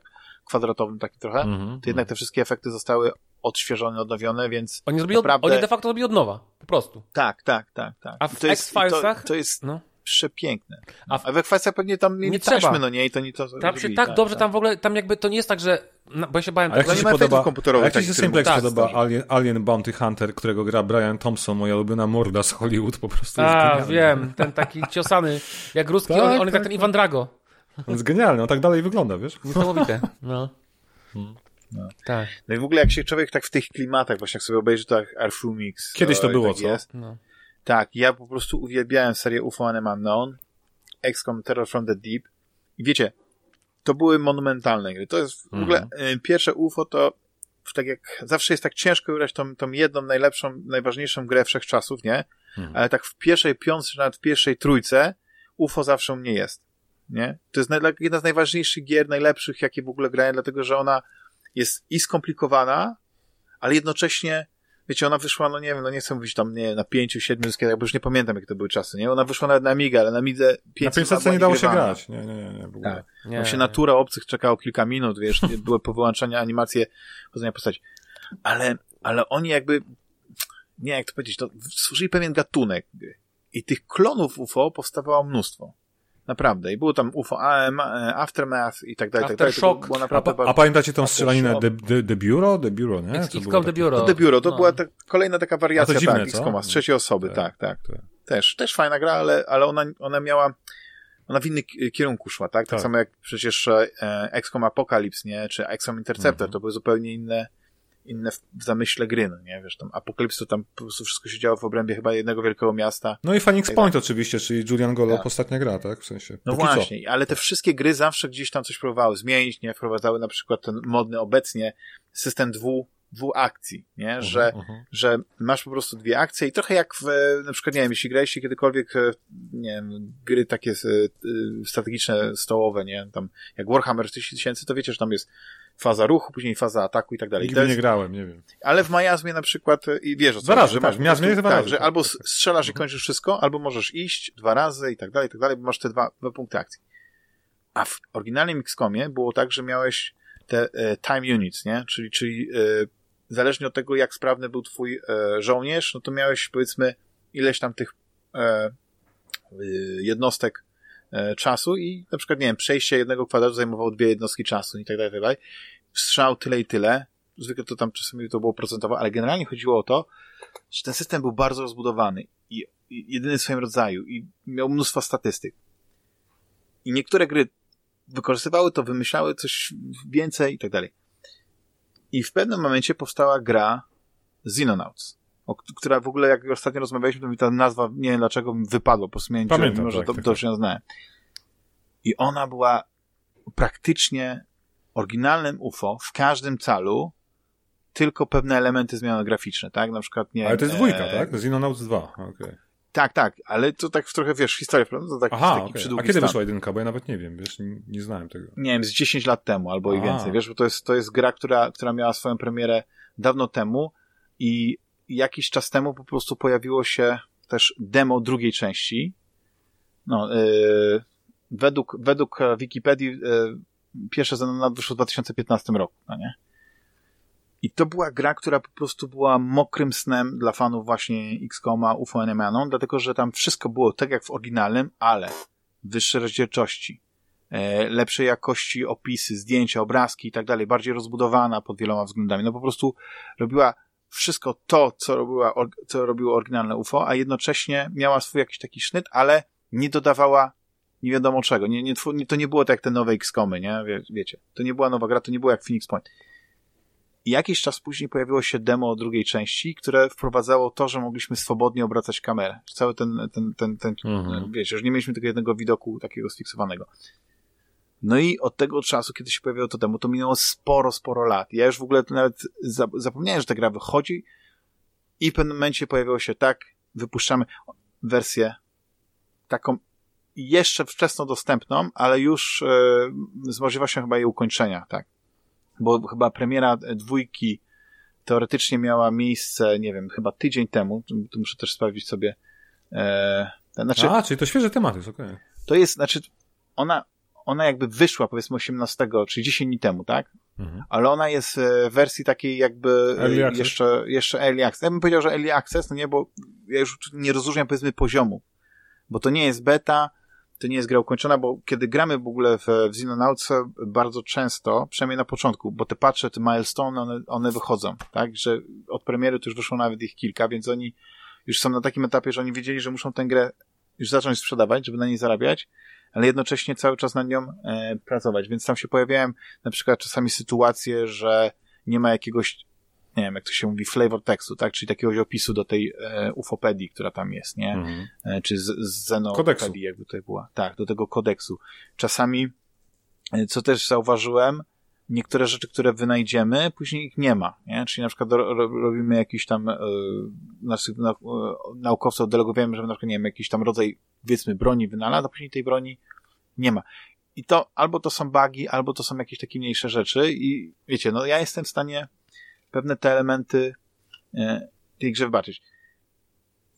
Wątpię, żeby ktokolwiek e, tutaj z was na pewno nie, ale chodzi o naszych słuchaczy, nie wiedział, czym są gry UFO, nie? Ale generalnie to jest, to jest taktyczna e, gra turowa, z, gdzie, gdzie podczas misji desantowych po prostu eliminujemy e, zagrożenie związane powiedzmy z istotami pozaziemskimi, które zaatakowały naszą wspaniałą niebieską planetę no ale też e, innych ich sprzymierzeńców. Nie? Tam się pojawiają na przykład nowy rodzaj przeciwników, e, cleanersów, którzy albo to są zmanipulowani ludzie, albo e, pod jakąś kontrolą nie wiem. A, a Damian, mam, mam pytanie, tak a propos, tak trochę, trochę skoczę w bok. A Aliensy skończyłeś Dark Descent, czy grasz też równolegle? Skończyłem, tak. O, tak. super. No, końcówka jest Gratuluję. mocna. Okay. To tylko teraz taka dygresja, że końcówka jest mocna. Bardzo mi się podobała i e, przyznam, że e, miałem taki moment, że mówię, a, mógłbym zacząć grać od nowa, ale, ale wiedziałem, że jak zacznę grać, to znowu się wciągnę w to, więc ten.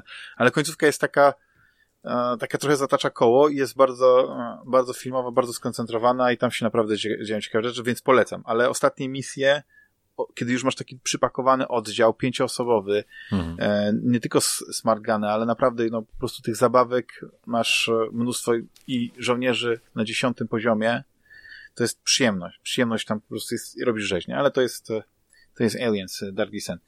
No i w Xenonauts mamy te misje takie, gdzie, gdzie tymi os, e, oddziałami e, desantujemy się w te różne lokacje, gdzie e, dostajemy powiedzmy sygnał, że na przykład, nie wiem, dane miasto czy dana wioska jest, e, jest pod wpływem obcych, albo gdzieś tam jest jakaś coś się wydarzyło, musimy wyeliminować jakiegoś głównego złego, albo musimy i to jest nowy rodzaj chyba misji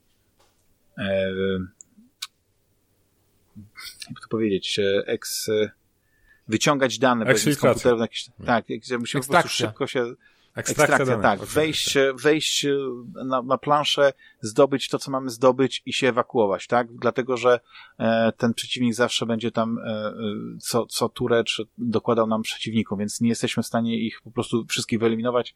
I ten, więc, więc to jest ten, ta, ta główna część gry, no i oczywiście jest ta, e, to zarządzanie bazą, zarządzaniem e, paniką, e, w, znaczy zarządzanie paniką. Generalnie chodzi o to, że kiedy my mamy bazę w danym regionie, tak, to, to, to ten, ten region w miarę jest stabilny, dlatego że za każdym razem jak przylatuje jakieś UFO, które mogłoby e, wprowadzić e, niepokój e, i, i, ludzie mogliby właśnie panikować, no to my jesteśmy w stanie reagować. Wypuszczamy nasze e, myśliwce, możemy zestrzelić to UFO, później możemy... A powiedz mi, a to, to, to jakaś ekipa od UFO robiła, pracowała nad tym, czy to brzmi jak taki duchowy spadkobierca UFO?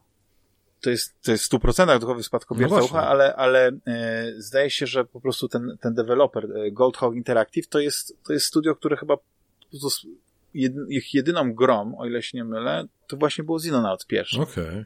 Ja nie wiem, co oni wcześniej robili, ale e, to, to była ich gra i, i oni się inspirowali po prostu w stu procentach. E, ona jest zbyt oczywiście złożona, żeby mogła być traktowana jako mod do, do oryginalnego XCOMu, nie? E, czy tam do UFO Unknown, ale wiesz, no oni po prostu stworzyli tą pierwszą grę i później wszystko, co oni zrobili w tej grze, wrzucili do dwójki, ale rozbudowali. Pewne rzeczy zmienili. Oczywiście zaczęli korzystać właśnie z, z silnika Unity, więc mogli wprowadzić tą właśnie w pełni 3D grafikę. Co jest zabawne, jakbyś wziął, porównał wziął zdjęcie, screenshot z Xenonauts 1 obok Xenonauts 2, to na pierwszy rzut oka myślisz, że to jest ta sama gra. Bo te, te różnice są w niuansach, nie? To, wiesz, bo pewne elementy na przykład zarządzania bazą się nie zmieniły, nie? I to, to jak e, zarządzasz powiedzmy tymi inżynierami, którzy cały czas gdzieś budują jakieś nowe zabawki, które im zlecasz, nie? Masz tych naukowców, którzy cały czas e, czy badają ty, ty, ty, UFO, czy przesłuchują. Czasami ja mam wrażenie, że e, bo ja już nie pamiętam jak, jak bardzo, czasami się wydaje, że w ogóle w tej w tym oryginalnym UFO na pewne rzeczy były bardziej rozbudowane, no nie, ale hmm. e, na przykład tutaj nie wiem, czy tego po prostu nie ma w tej wersji beta, ale nie, nie tworzyłem tutaj przynajmniej jeszcze na tym etapie e, na przykład pomieszczeń, gdzie przetrzymuje się żywych obcych, żeby ich przesłuchiwać. Tutaj generalnie jest tak, że e, jak już złapiesz e, żywego obcego, to, to masz opcję go przebadać, nie? Właśnie przesłać, ale jakoś tak, nie wiem, może to mm, inaczej, inaczej pamiętam. To są jakieś takie szczegóły, których, których nie, nie, teraz nie, nie, nie przywołam sobie do pamięci. Ale cała ta, ta zabawa w zarządzanie bazą, nie tylko zarządzanie bazą, ale później zarządzanie tym, tym stanem niepokoju na całym świecie, nie? bo kiedy masz jedną bazę i, i ten niepokój jeszcze nie jest jakiś taki yy, duży, nie? że ci ludzie jeszcze są spokojni, to i fundusze do ciebie lecą i tam wszystkie, wiesz, jeszcze w stanie powiedzmy spokojnie rozbudowywać się, mhm. ale w pewnym momencie widzisz, że, że ten poziom paniki w tych, tych in, na tych innych kontynentach rośnie i musisz zacząć tam stawiać bazy, żeby kontrolować, co tam się dzieje. No, a opcje nie próżnują. Te, oni są, coraz e, mają lepszą technologię, są coraz silniejsi przeciwnicy, no i też coraz e, trudniejsze do zestrzelenia są te obiekty latające, nie? I, i ja jestem na takim etapie teraz, e, że naprawdę muszę się napocić. I co jest ciekawe, no bo gra pozwala wam, kiedy wypuszczamy tych nasz, te, te nasze interceptory tych, tych, do, do przechwytywania tych obcych w powietrzu, to możemy automatycznie każdą tę, tą potyczkę rozwiązać, no ale to przeważnie jest tak, że z dużą stratą dla nas, albo możemy sami w bardzo ciekawy sposób ten, ten, ten dogfight, ten, ten, ten, ten walki powietrzne rozwinąć.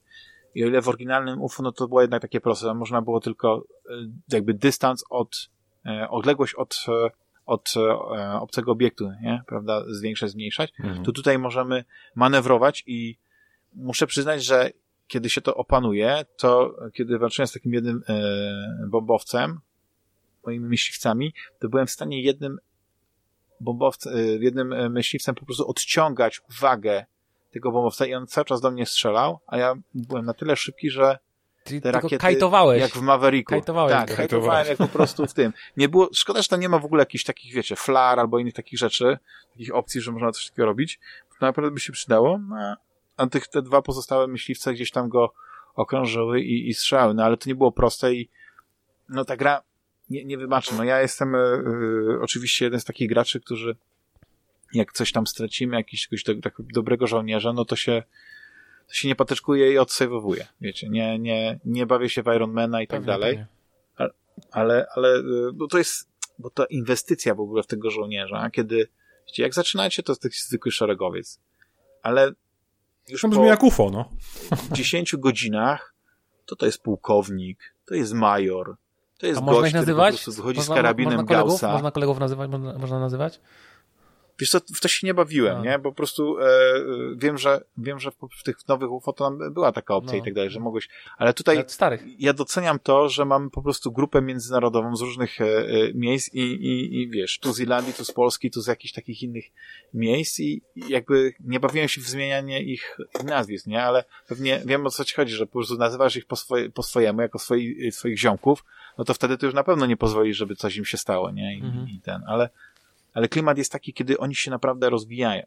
Te statystyki są takie wysokie, to, to, to są jak ci kozacy właśnie z Aliens, ci Marines, nie? Oni wychodzą, Aha. mają takie potężne, wspomagane pancerze, no bo to też jest piękne w tej grze, że zaczynasz po prostu w kombinezonie, jakby to był jakiś taki, wiesz, jakiś, jakiś dresik, nie? Zwykły. A, a kończysz i wyglądasz jak Master Chief. Jeszcze możesz sobie jakieś jetpacki yy, doczepić, i inne takie duperele i to jest niesamowite. To jest ten klimat, który płynie z tej gry.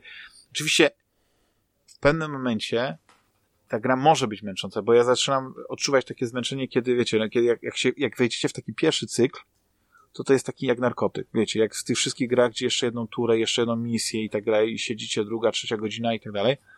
Ale jest tak, że w pewnym momencie e, wchodzi pewna powtarzalność. Jeszcze nie, e, nie nie jestem na 100% pewny, czy, czy pewne, czy lokacje, gdzie, się, gdzie idziemy, te, te miasteczka, czy jakieś te, czy one nie są jednak od szablonu, a nie tak jak było w, w starych tych UFO, czy na przykład, nie wiem, w innych grach tego, tego typu, że one były losowo generowane, nie? Wiecie, że, że ten, hmm. ten, ten układ się zmienia, nie?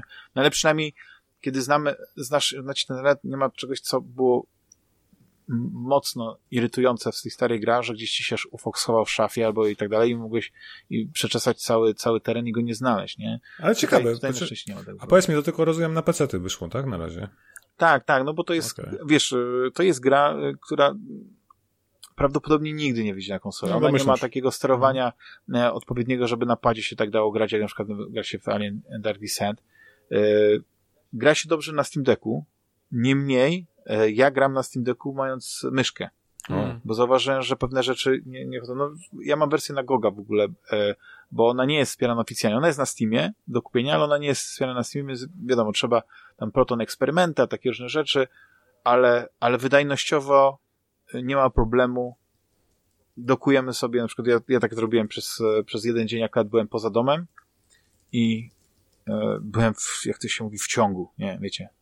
Śpię, myślę o Xenonauts 2, nie? Wow. I jem obiad, myślę o Xenonauts 2. No to więc jak byłem poza domem i miałem A ludzie myślą o Diablo 4, a ty o Xenonauts tak, 2. To wziąłem po prostu tą, podłączyłem sobie klawiaturę, bezprzewodową myszkę i na początku nawet na tym małym ekraniku grałem, ale tam po prostu są takie malutkie literki, te opisy pewnych rzeczy. No i też jakaś strategicznie się lepiej ogarnia, nie? Bo e, przy, przy tej pełnej swobodzie obracania tego terenu, możemy i oddalać i przybliżać e, kamerę, no nie? to może być maciupkie, nie?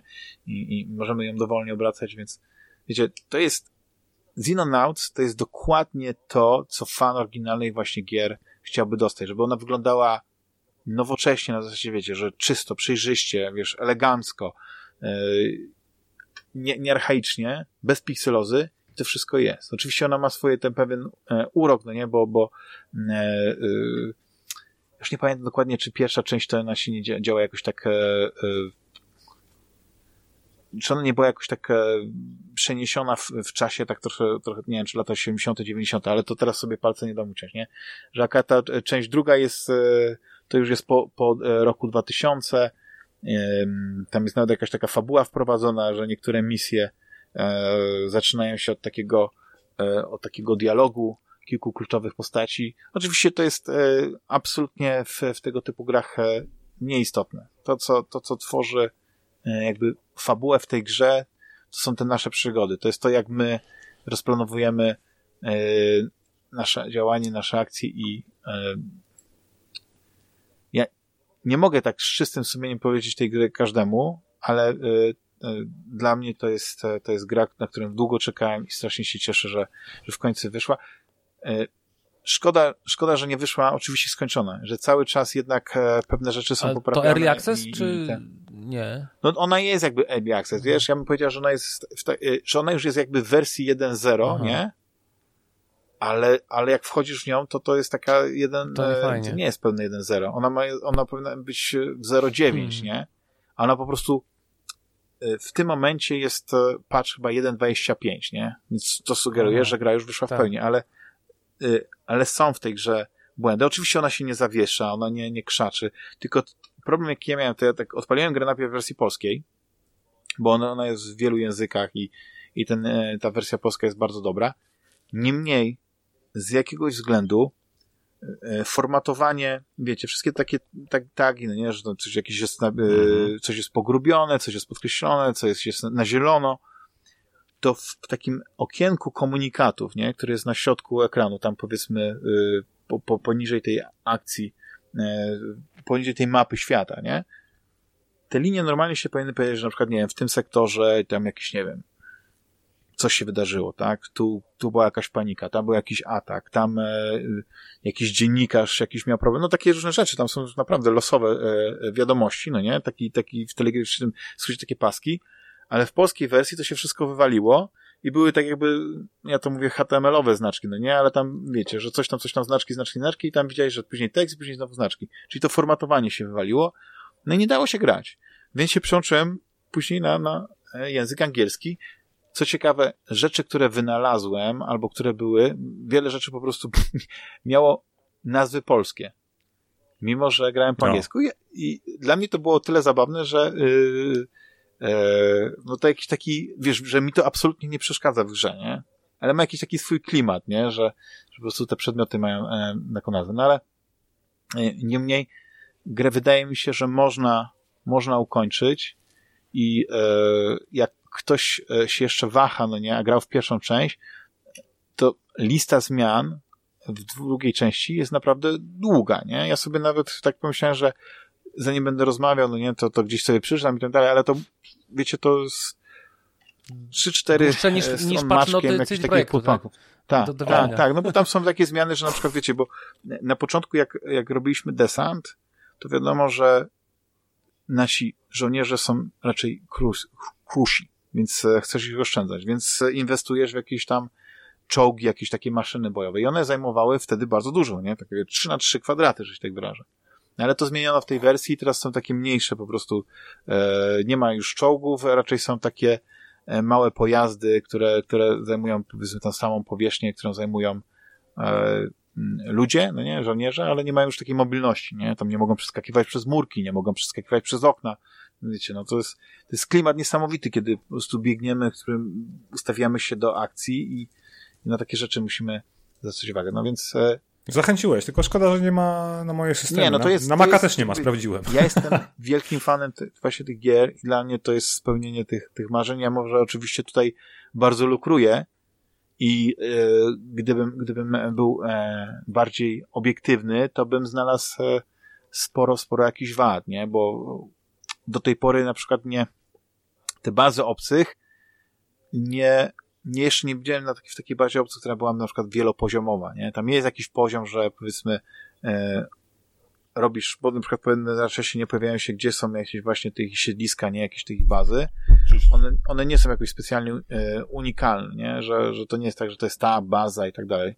Tylko po prostu jedna z, z wielu takich komórek, gdzie obcy mają swoje miejsca, e, z których powiedzmy później terroryzują e, glob ale tam idziesz i, i, i tam jest parę jakichś e, ciekawych miejsc e, i tak dalej, ale, ale nie ma wielu poziomów, nie, nie możesz się tam zgubić. Jakby to jest wszystko mniejsze. E, być może to jest, to jest coś, co było potrzebne, żeby w tej grze zmienić, nie? Że nie wszystko mogło być tak jak w oryginale, nie? Pewne rzeczy się starzeją, nie? No, no gra pozwala na przykład na większą ma więcej opcji zmian poziomów trudności, jakichś takich e, rzeczy, na przykład, e, e, które na przykład nie wpływają na poziom trudności per se, ale na przykład możemy sobie zwiększyć albo zmniejszyć poziom funduszy, które mamy na, na dzień dobry, kiedy zaczynamy grę, nie? I, i, i tak dalej. Więc dla mnie, dla mnie to jest gra, która no, jest e, tym, na co czekałem, aczkolwiek e, szkoda, że, że nie wszystko jest, że nie wyszła w wersji już pełnej, tak? Że to jest e, jeszcze, jeszcze parę rzeczy znaczy, do, do Szkoda, że gra jest niby w pełnej wersji, a nie jest, nie? Czyli to ta choroba, która tak, toczy tak, znaczy... rynek gier obecnie, nie? No. Tak, ale wydaje mi się, że oni to jakoś komunikują, że ona pojawia się jakoś, że to jest in development, bo nawet te, te teraz no dzisiaj kupiłem, ale to nawet nie zainstalowałem. Baldur's Gate 3, nie? No dobra, ona oficjalnie ma napisane... Jakby Baldur's Gate 3 dopiero wychodził, a to jest gra, która jest in development i dostępna w early accessie od wielu no, lat. tak, ale tylko pierwszy rozdział, to jest jakby ułamek gry, to jest, wiesz, to jest kawałek gry malutki, to, to, to jest nic. No i deweloperzy No tak, ale to ten mały malutki kawalątek zajmuje 70 giga, jak go chcesz no, ściągnąć. Dobrze, bo tam są pewnie asety, i... wiesz, całej gry. Rozumiesz, no. No być może, tak. Jest jakieś takie... Ale wiesz, ale tu jest komunikowane, że to jest early access, nie? Jasno, a tutaj nie jest. I to, uważam, że ta gra, to co dopisujesz, to ta gra powinna być nadal w early accessie, moim zdaniem. To, żeby było uczciwie, wiesz, o co mi chodzi? Mhm. No. no. tak, tak, bo to są, bo są pewne rzeczy, które, które moim zdaniem e, powinny mieć, e, no nie wiem, no właśnie, Polish. wiesz, jak patrzę teraz, to ona jest niby, niby e, na Gogu, jest skomunikowane, e, że to jest e, no nie, bo ja kupiłem jakieś promocji na Google, no. nie? Tam minus 20%, że teraz tak patrzę. Highly anticipated turn-based strategy with RPG elements Xenonauts 2 is now available on GOG in early access. Tak, no. to, to, ale to, to powiem ci, że I to jest... Pie, pierwszy raz widzę taką sytuację, to jest bez precedensu dla mnie, że ona na Gogu widnieje jakby była w early accessie, bo jest napisane this game is currently in development i jest to takie no, logo. tak samo na Gogu. Nie, no, no właśnie, na Gogu, tak, a na Steamie nie. I to jest przedziwne. To jest przedziwne. To jest bardzo dziwne. Tego się z czymś takim jeszcze nie spotkałem. No, także... Ale to jest na tyle na tyle dobrze, przecież to jest taki 99%, mm, okay, naprawdę, no że, że, że, jest, że ja jestem w stanie, powiedzmy, je wybaczyć tylko ze względu na to, że ja jestem po prostu no. wielkim no. fanem tego. Tak, mam, ja mam pytanko do Ciebie. Bo naprawdę, no, sama mechanika jest wyciągnięta po prostu z oryginalnego Oni po prostu dopracowali to, co trzeba dopracować. Bardziej, można powiedzieć, że wizualnie, niż, niż jakby y, dodawali Moncili z samą Czekaj, czekajcie, ja mam jeszcze pytanie do Dachmana. Dachman, ty kojarzysz takiego moda Long War? Był taki mod chyba do XCOMa Long War, czy, czy w ogóle to nic, nic ci nie mówi? E, kojarzę, kojarzę i on w ogóle tam e, wiele rzeczy, ale ja już... Ale wiesz dlaczego ja, ja pytam? Pytam? Bo twórcy tak. moda Long War wydali grę, która nazywa się Terra Invicta. I zgadnij o co chodzi w tej grze. Obcy tak. atakują Ziemię. Nie, Terra Invicta to jest w ogóle gra, w którą bardzo chcę zagrać, okay. ale ona w ogóle nie ma tego elementu taktycznego, Aha, który okay. ja bardzo Dobra. Bardziej ma taki ma Ale ona jest genialna, okay. z tego co wiem, no. bo, bo Long War jest modem do tego nowoczesnego tak, XCOMa, tak, tak. do tego, yy, nie wiem, czy to jest ten, ten, ta pierwsza część, czy... czy... Chyba do, do dwójki może, może możliwe, że do dwójki nawet.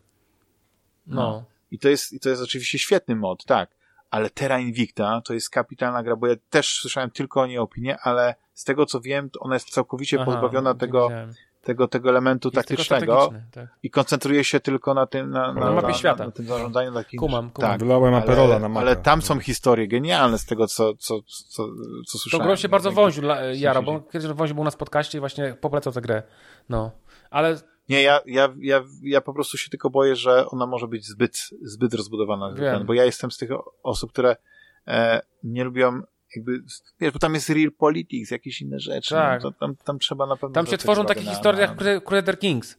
wiesz, tam Wązio opowiadał, że tam był Polską i ta Polska gdzieś tam zrobiła, jakieś kraje mu się zbuntowały i coś tam, coś tam, no. No, i jak słyszysz o takich historiach, tylko ile ktoś musiał czasu poświęcić, no. żeby dojść do takiego momentu, że takie zawirowania tam się tak. pojawiły, nie? Wiesz, i, i to jest, to jest piękne, ale zdecydowanie tak, że Terra Invicta to jest, to jest gra, w którą w pewnym momencie na pewno zagram, tylko, tylko ona po prostu musi mieć taki swój czas, że będę mógł jej poświęcić tak jak w sumie teraz XCOMowi, e, e, Xenonautom, mhm. nie? Dwójce. Cały, całą swoją uwagę, cały swój czas, ale też wiem, że nic nie będzie mnie odciągało, żeby ja mógł się nauczyć tej, tej gry, tego systemu, żeby, żeby ją ogarnąć. Mhm. Bo, bo jednak jest wiele takich gier, gdzie, no, choćby, nie wiem, seria Cywilizacja, nie? Mhm. No teoretycznie mógłbyś z marszu tak zagrać, ustawić sobie jakiś niski poziom trudności, ale wtedy nie ma żadnej satysfakcji e, mhm. z grania w tę grę kiedy nie masz wyzwania. I, i, i to też w tej grze chodzi. No więc ja tutaj na koniec jeszcze raz podkreślę Xenonauts 2, mimo że są pewne jeszcze elementy, które ta gra ma niedokończone i ma małe jakieś e, problemy, to jest na pewno to tytuł, który który, który warto. Fanom X-Koma, fanom UFO. Panowie, dziękuję za, za to, że. E, słucham? Fanom UFO polecasz najbardziej, tak? Nie, nie, fanom UFO to nie muszę polecać. Okay. Wiesz co ci, że to jest, e, to jest to i ja tylko po prostu polecam tę, tę grę komuś, kto ewentualnie na przykład mógłby dojść do wniosku, że grał z Xenonauts 1 i już się nagrał i nie potrzebuje nic więcej. To e, są pewne rzeczy małe, e, zmienione, które jakby e, mógłby docenić, nie? W drugiej części, nie? Bo, bo tak jak mówię, no, na zdjęciach naprawdę ta gra wygląda jak, jak jedna, pierwsza i druga część, więc to jest, to jest taki dziwny przypadek, wiecie, że, że po prostu ktoś robi kontynuację i nie boi się tego, że ktoś może dojść do wniosku, że przecież Jak Zelda. Grę, no. tak. I God of War. Jak Zelda, dokładnie. Tak.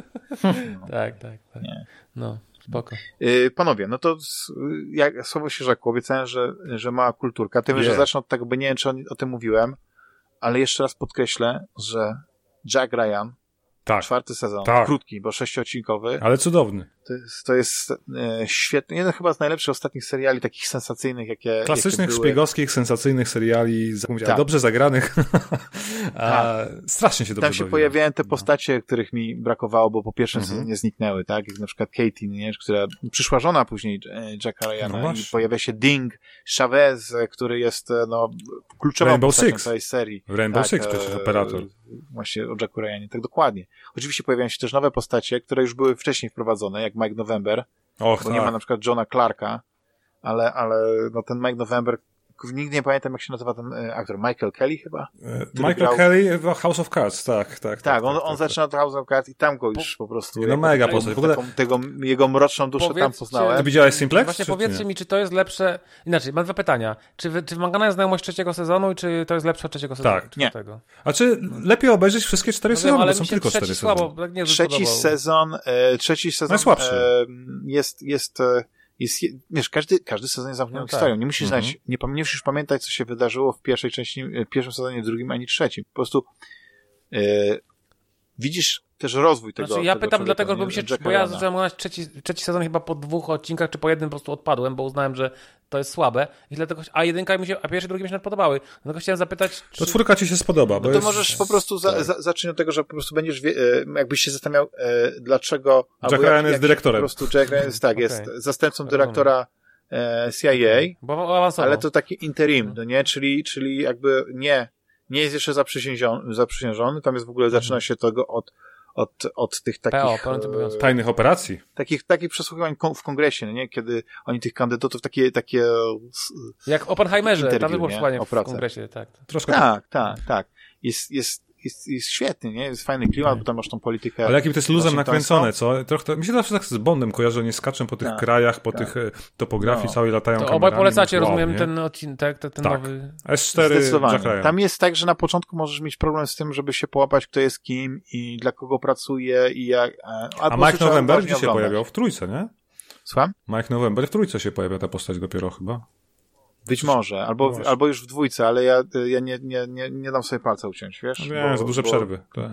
tak, tak, tak. No bo wiesz, trójka hmm. była nakręcona w covid e, po dłuższej przerwie, mhm. ale czwarty sezon to właściwie po półtora roku Rok. albo po tak, roku, tak, tak, tak, nawet mniej, po, po trzecim sezonie. No i niestety to jest ostatni sezon, no. ale on się bardzo fajnie kończy. Wiecie, on się, on się tak kończy, że... Jest otwarte zakończenie. Że masz taką satysfakcję, no nie? I, i e, przebąkuje się, ale niestety nic, e, nic nie zostało jeszcze wyryte w kamieniu, że ma być osobny serial e, właśnie z którym Michael Peña ma grać tego właśnie do, do, Domingo Chaveza. No, nie, no fantastyczny aktor, jak on się nazywa? Boże, zapomniałem. On grał Michael Peña. A, Michael Peña, on grał w Narkosach Meksyko, no tak.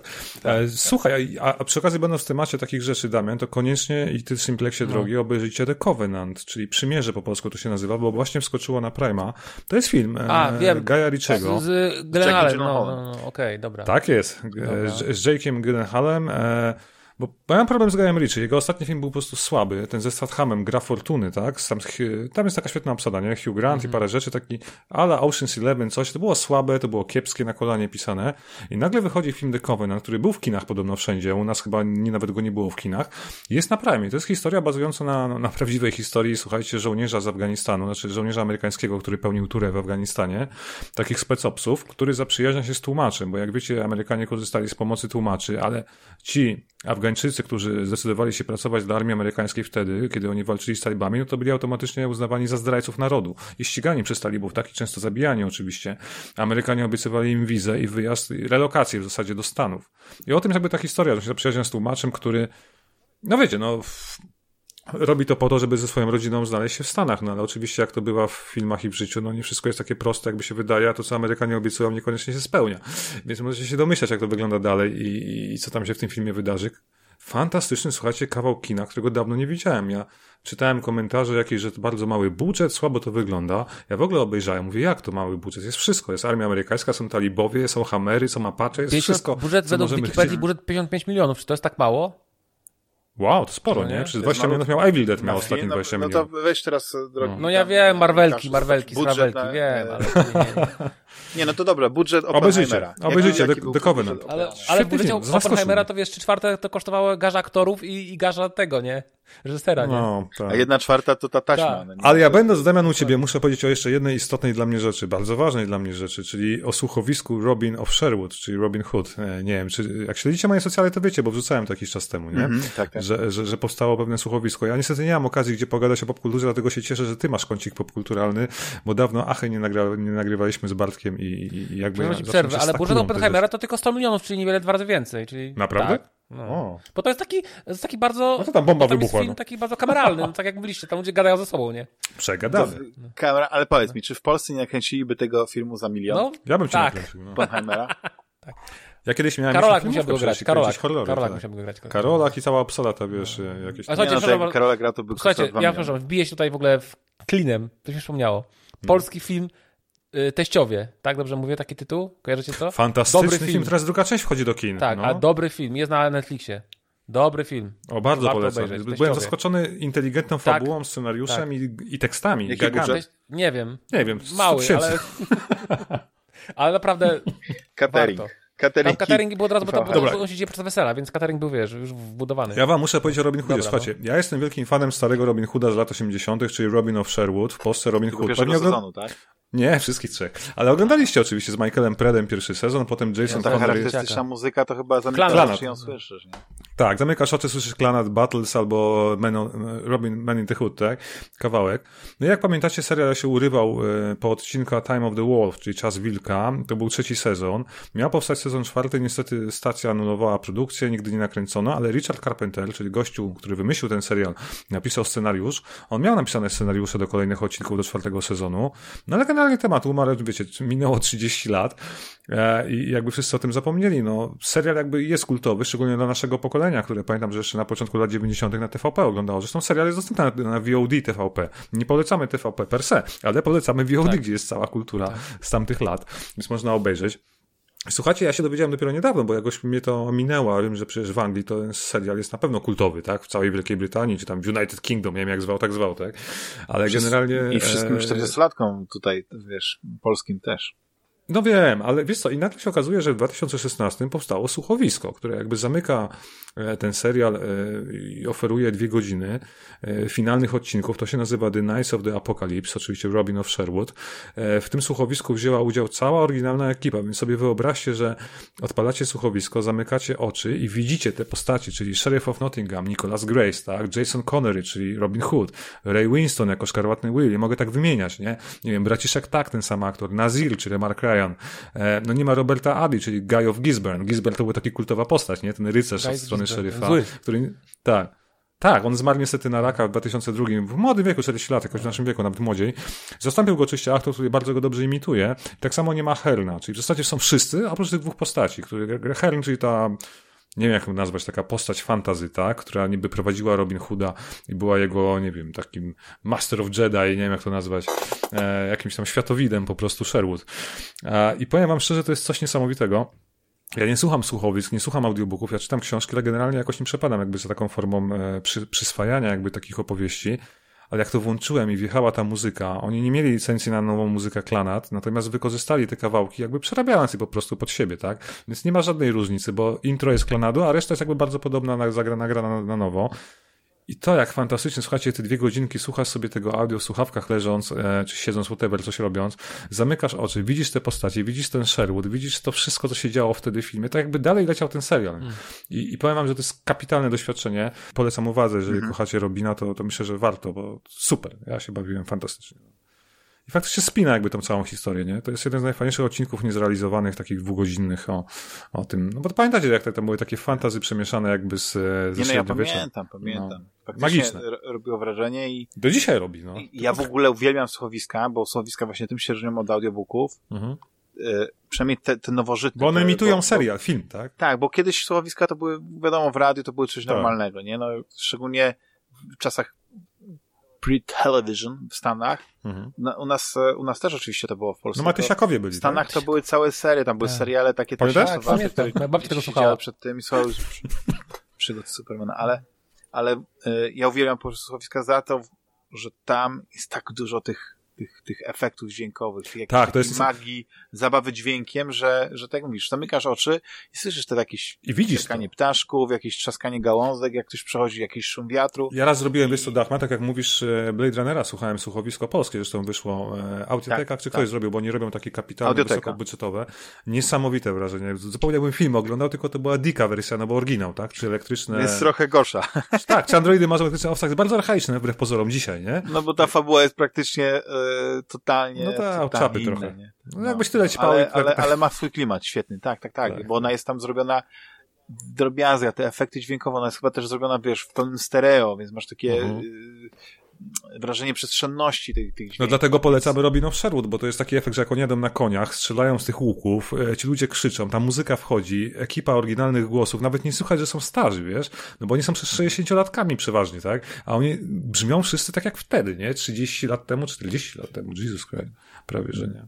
Super. To ja tak, no, to ja dwie małe polecajki no. filmowe na Prime. No. Bo y, jeden film to jest taki ciekawy, jakby ktoś po prostu jakiś taki thriller sobie obejrzy z, z Melem Gibsonem. Nie wiem, jaki jest polski tytuł, ale oryginalny jest On the Line. O. I zaczyna o się detektywie jakimś, tak? Nie, nie, nie, nie. Gościu jest radiowcem, ma taki, e, ma, ma swój taki radiowy program nocny, gdzie dzwonią do niego słuchacze, tam wiesz, z problemami, wiecie, to takie typowe, Jasne. takie Klasyka nocne taka. gadanie, no nie, z, ze słuchaczami, no nie, dzwonią.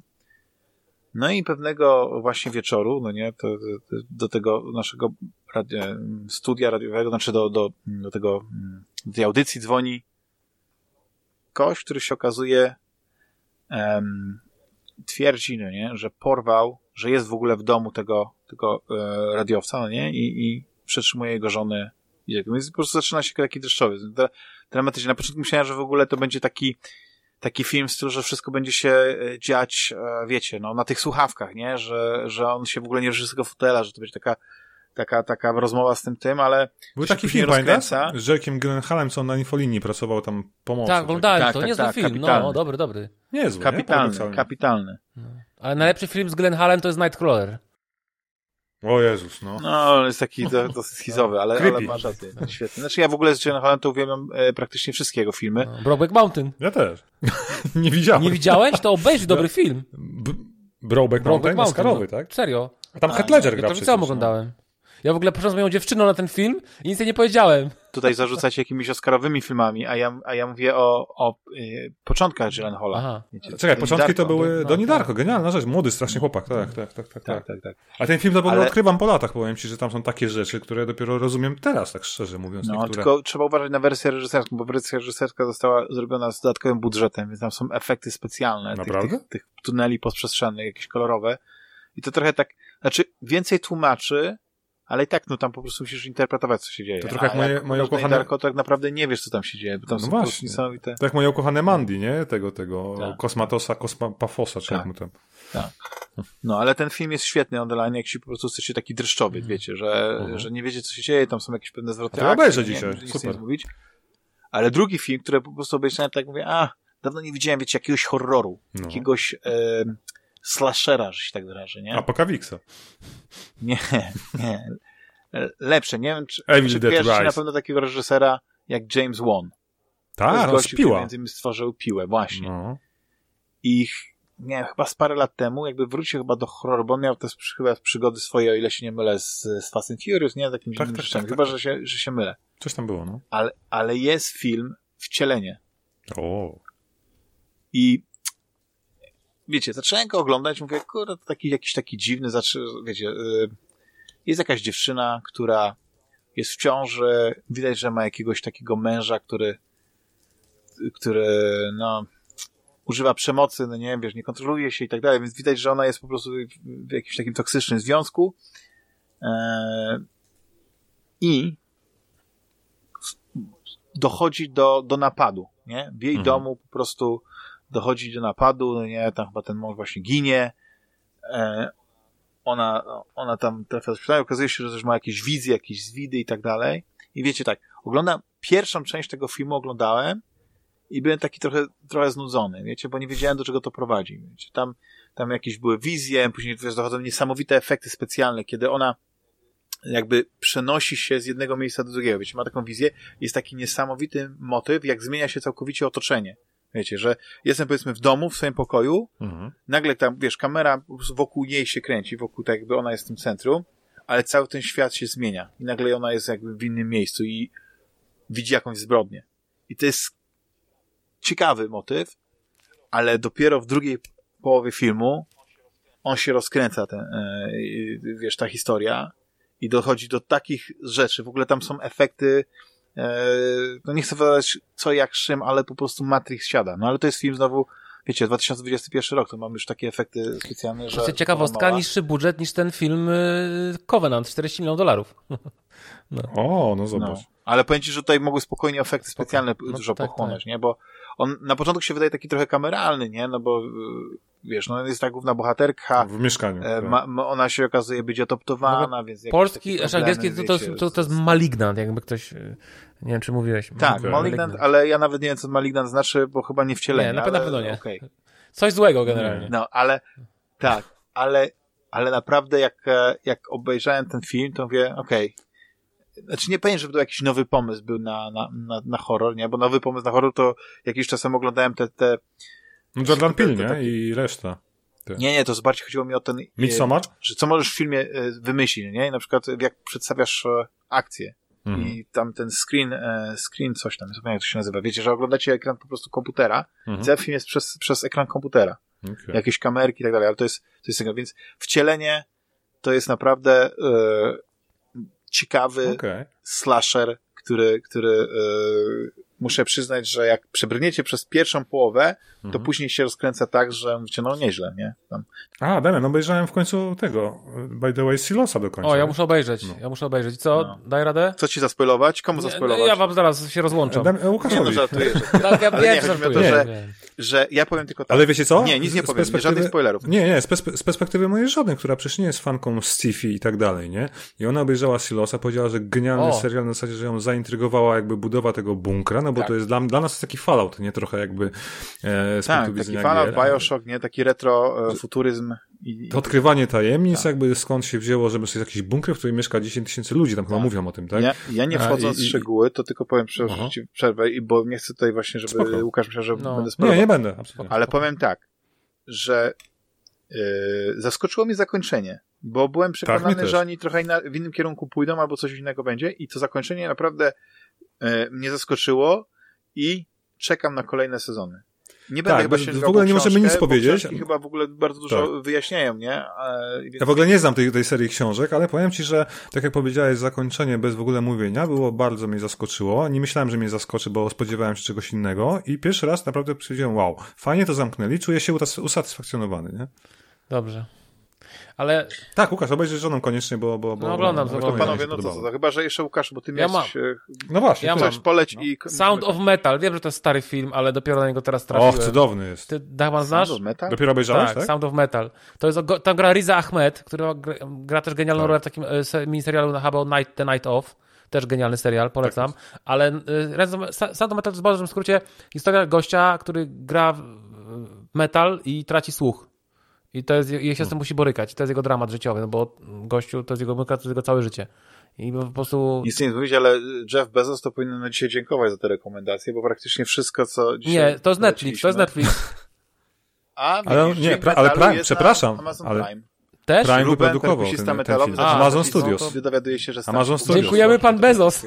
Pan Bemzos. Dziękujemy pan Bezos. Bardzo dobry no. film. A on dostał sporo nagród no, zresztą chyba na Sundance no, też i no, ja sobie go znałem, bo parę lat temu o nim Jakby gadałem. ktoś chciał w ogóle, bo też, żeby zaznaczyć wielkie koło do Muska, Ala Maska. To, to poczekaj, powiedziałeś wielkie koło, Powiedziałeś wielkie koło. Pełen krąg, Soderberg na HBO oglądam od wczoraj. Genialny serial. Jaki serial? Dennis Quaid. Dawno, Pełen krąg, Full Aha, Circle. Okay. HBO Max, Soderbergh, Aha, no to wiesz, kultowa, kultowy reżyser i Dennis Quaid i, parę, i Claire Dance i parę fajnych postaci. O, nie, chciałem tylko powiedzieć, że pierwszy odcinek Cudo. E, no. e, Silo, czyli no. Silosa, no. jest dostępny na e, koncie Apple'a twitterowym jako po prostu wideo tam, w tym w jednym z wpisów. Można sobie po prostu hmm. na Twitterze obejrzeć film. Znaczy pierwszy odcinek ja tylko e, Powiem jako ciekawostkę, że ta seria, książka nazywa się w ogóle Wool, czyli wełna. Tak, nie nazywa się tak. Silos. Ja jeszcze okay. tylko powiem, że oglądałem Black Mirror i uważam, że jest w miarę... Straszny nie, mi się jest. podoba. Mi się podobało kilka odcinków. Ja obejrzałem tylko, tylko ten odcinek. Tylko, tylko to nie jest Black Mirror. No właśnie chciałem tak. zadać pytanie. Jeżeli Black Mirror ostrzega nas przed technologią i pokazuje do tej pory, przynajmniej pokazywał, jakie nosi zagrożenie AI, nie wiem, rozwój technologii i tak się może obrócić przeciwko nam, to co ci wnosi nowy sezon? No nic, oprócz pierwszego odcinka, który jest o deepfake'ach, No słuchaj, AI spoko, tak ale, dalej, już, ale ja już się tego oglądałem w tych pięciu sezonach, jakby wiesz... już... No tak, ale no wiesz, no jakieś, nie chcę mówić kto, ale jakieś...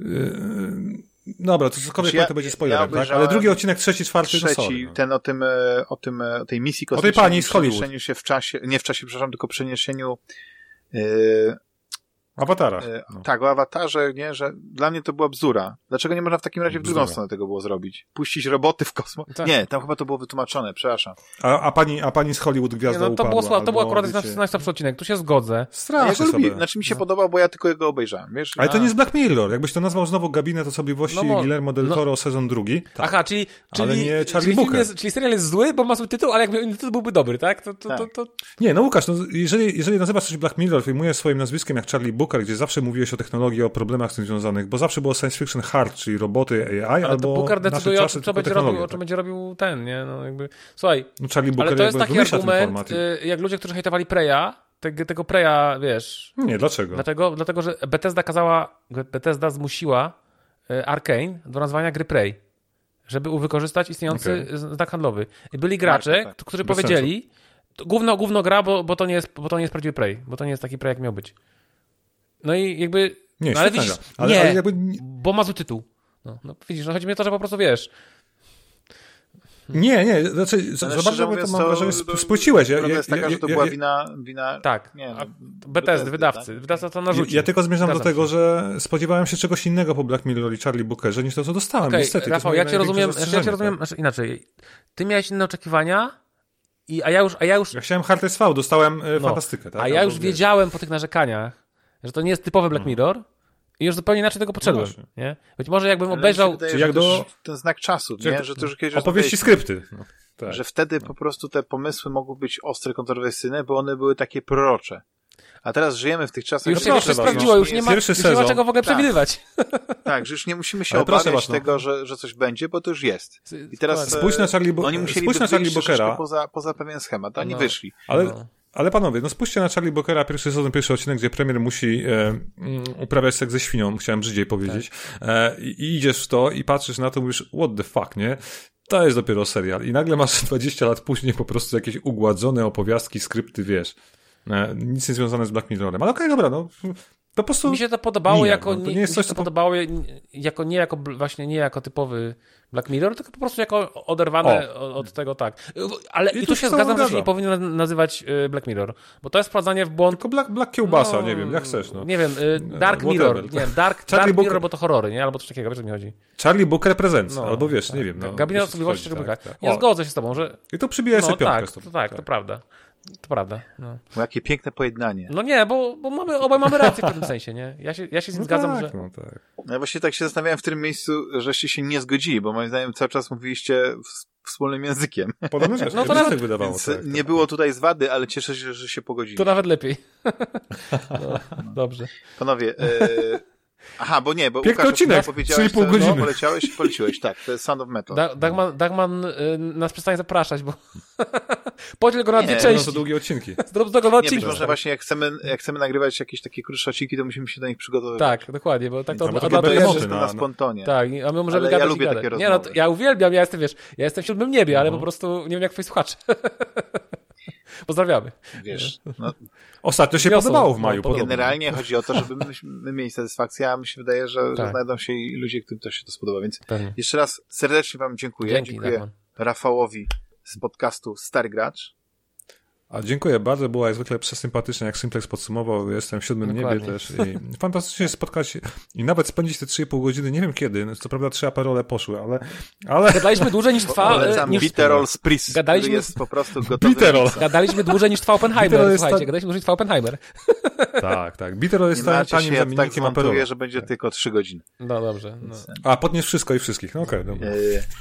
Nie, nie, nie, nie. Ja Dzięki. mi się wydaje, Dzięki. że wszystko będzie okej. Okay. I dziękuję Łukaszowi z podcastu M Kwadrat. Dziękuję również bardzo, też się cieszę, że zostałem zaproszony, wyróżniony i, i no i mam nadzieję, że, się, że jeszcze pogadamy. Myślę, że stworzyliśmy ta, ta, ta nasza trojka. Nowa jakość. Taka... To ja was zapraszam, to ja was od razu zapraszam do następnego odcinka starego pod koniec sierpnia. Nagramy o filmach interaktywnych, bo ja muszę to nagrać. Okay. Czyli wszystkie gry, okay. które wiecie, zapatrzyły się w filmy i chciały pójść robić te filmy interaktywne, gdzie Ta, mieliśmy ślepa uliczka. koszmarki, ślepa potwory. Tak, tak, ale było dużo dobrych okay. rzeczy też I, i, to będzie super odcinek, dobrze. więc umawiamy dobrze, się. Dobrze. No, dogadamy się. No, dzięki, no, dzięki. Trzymajcie się. Dzięki. I do usłyszenia za tydzień. Hej, Cześć. hej. Cześć, pa!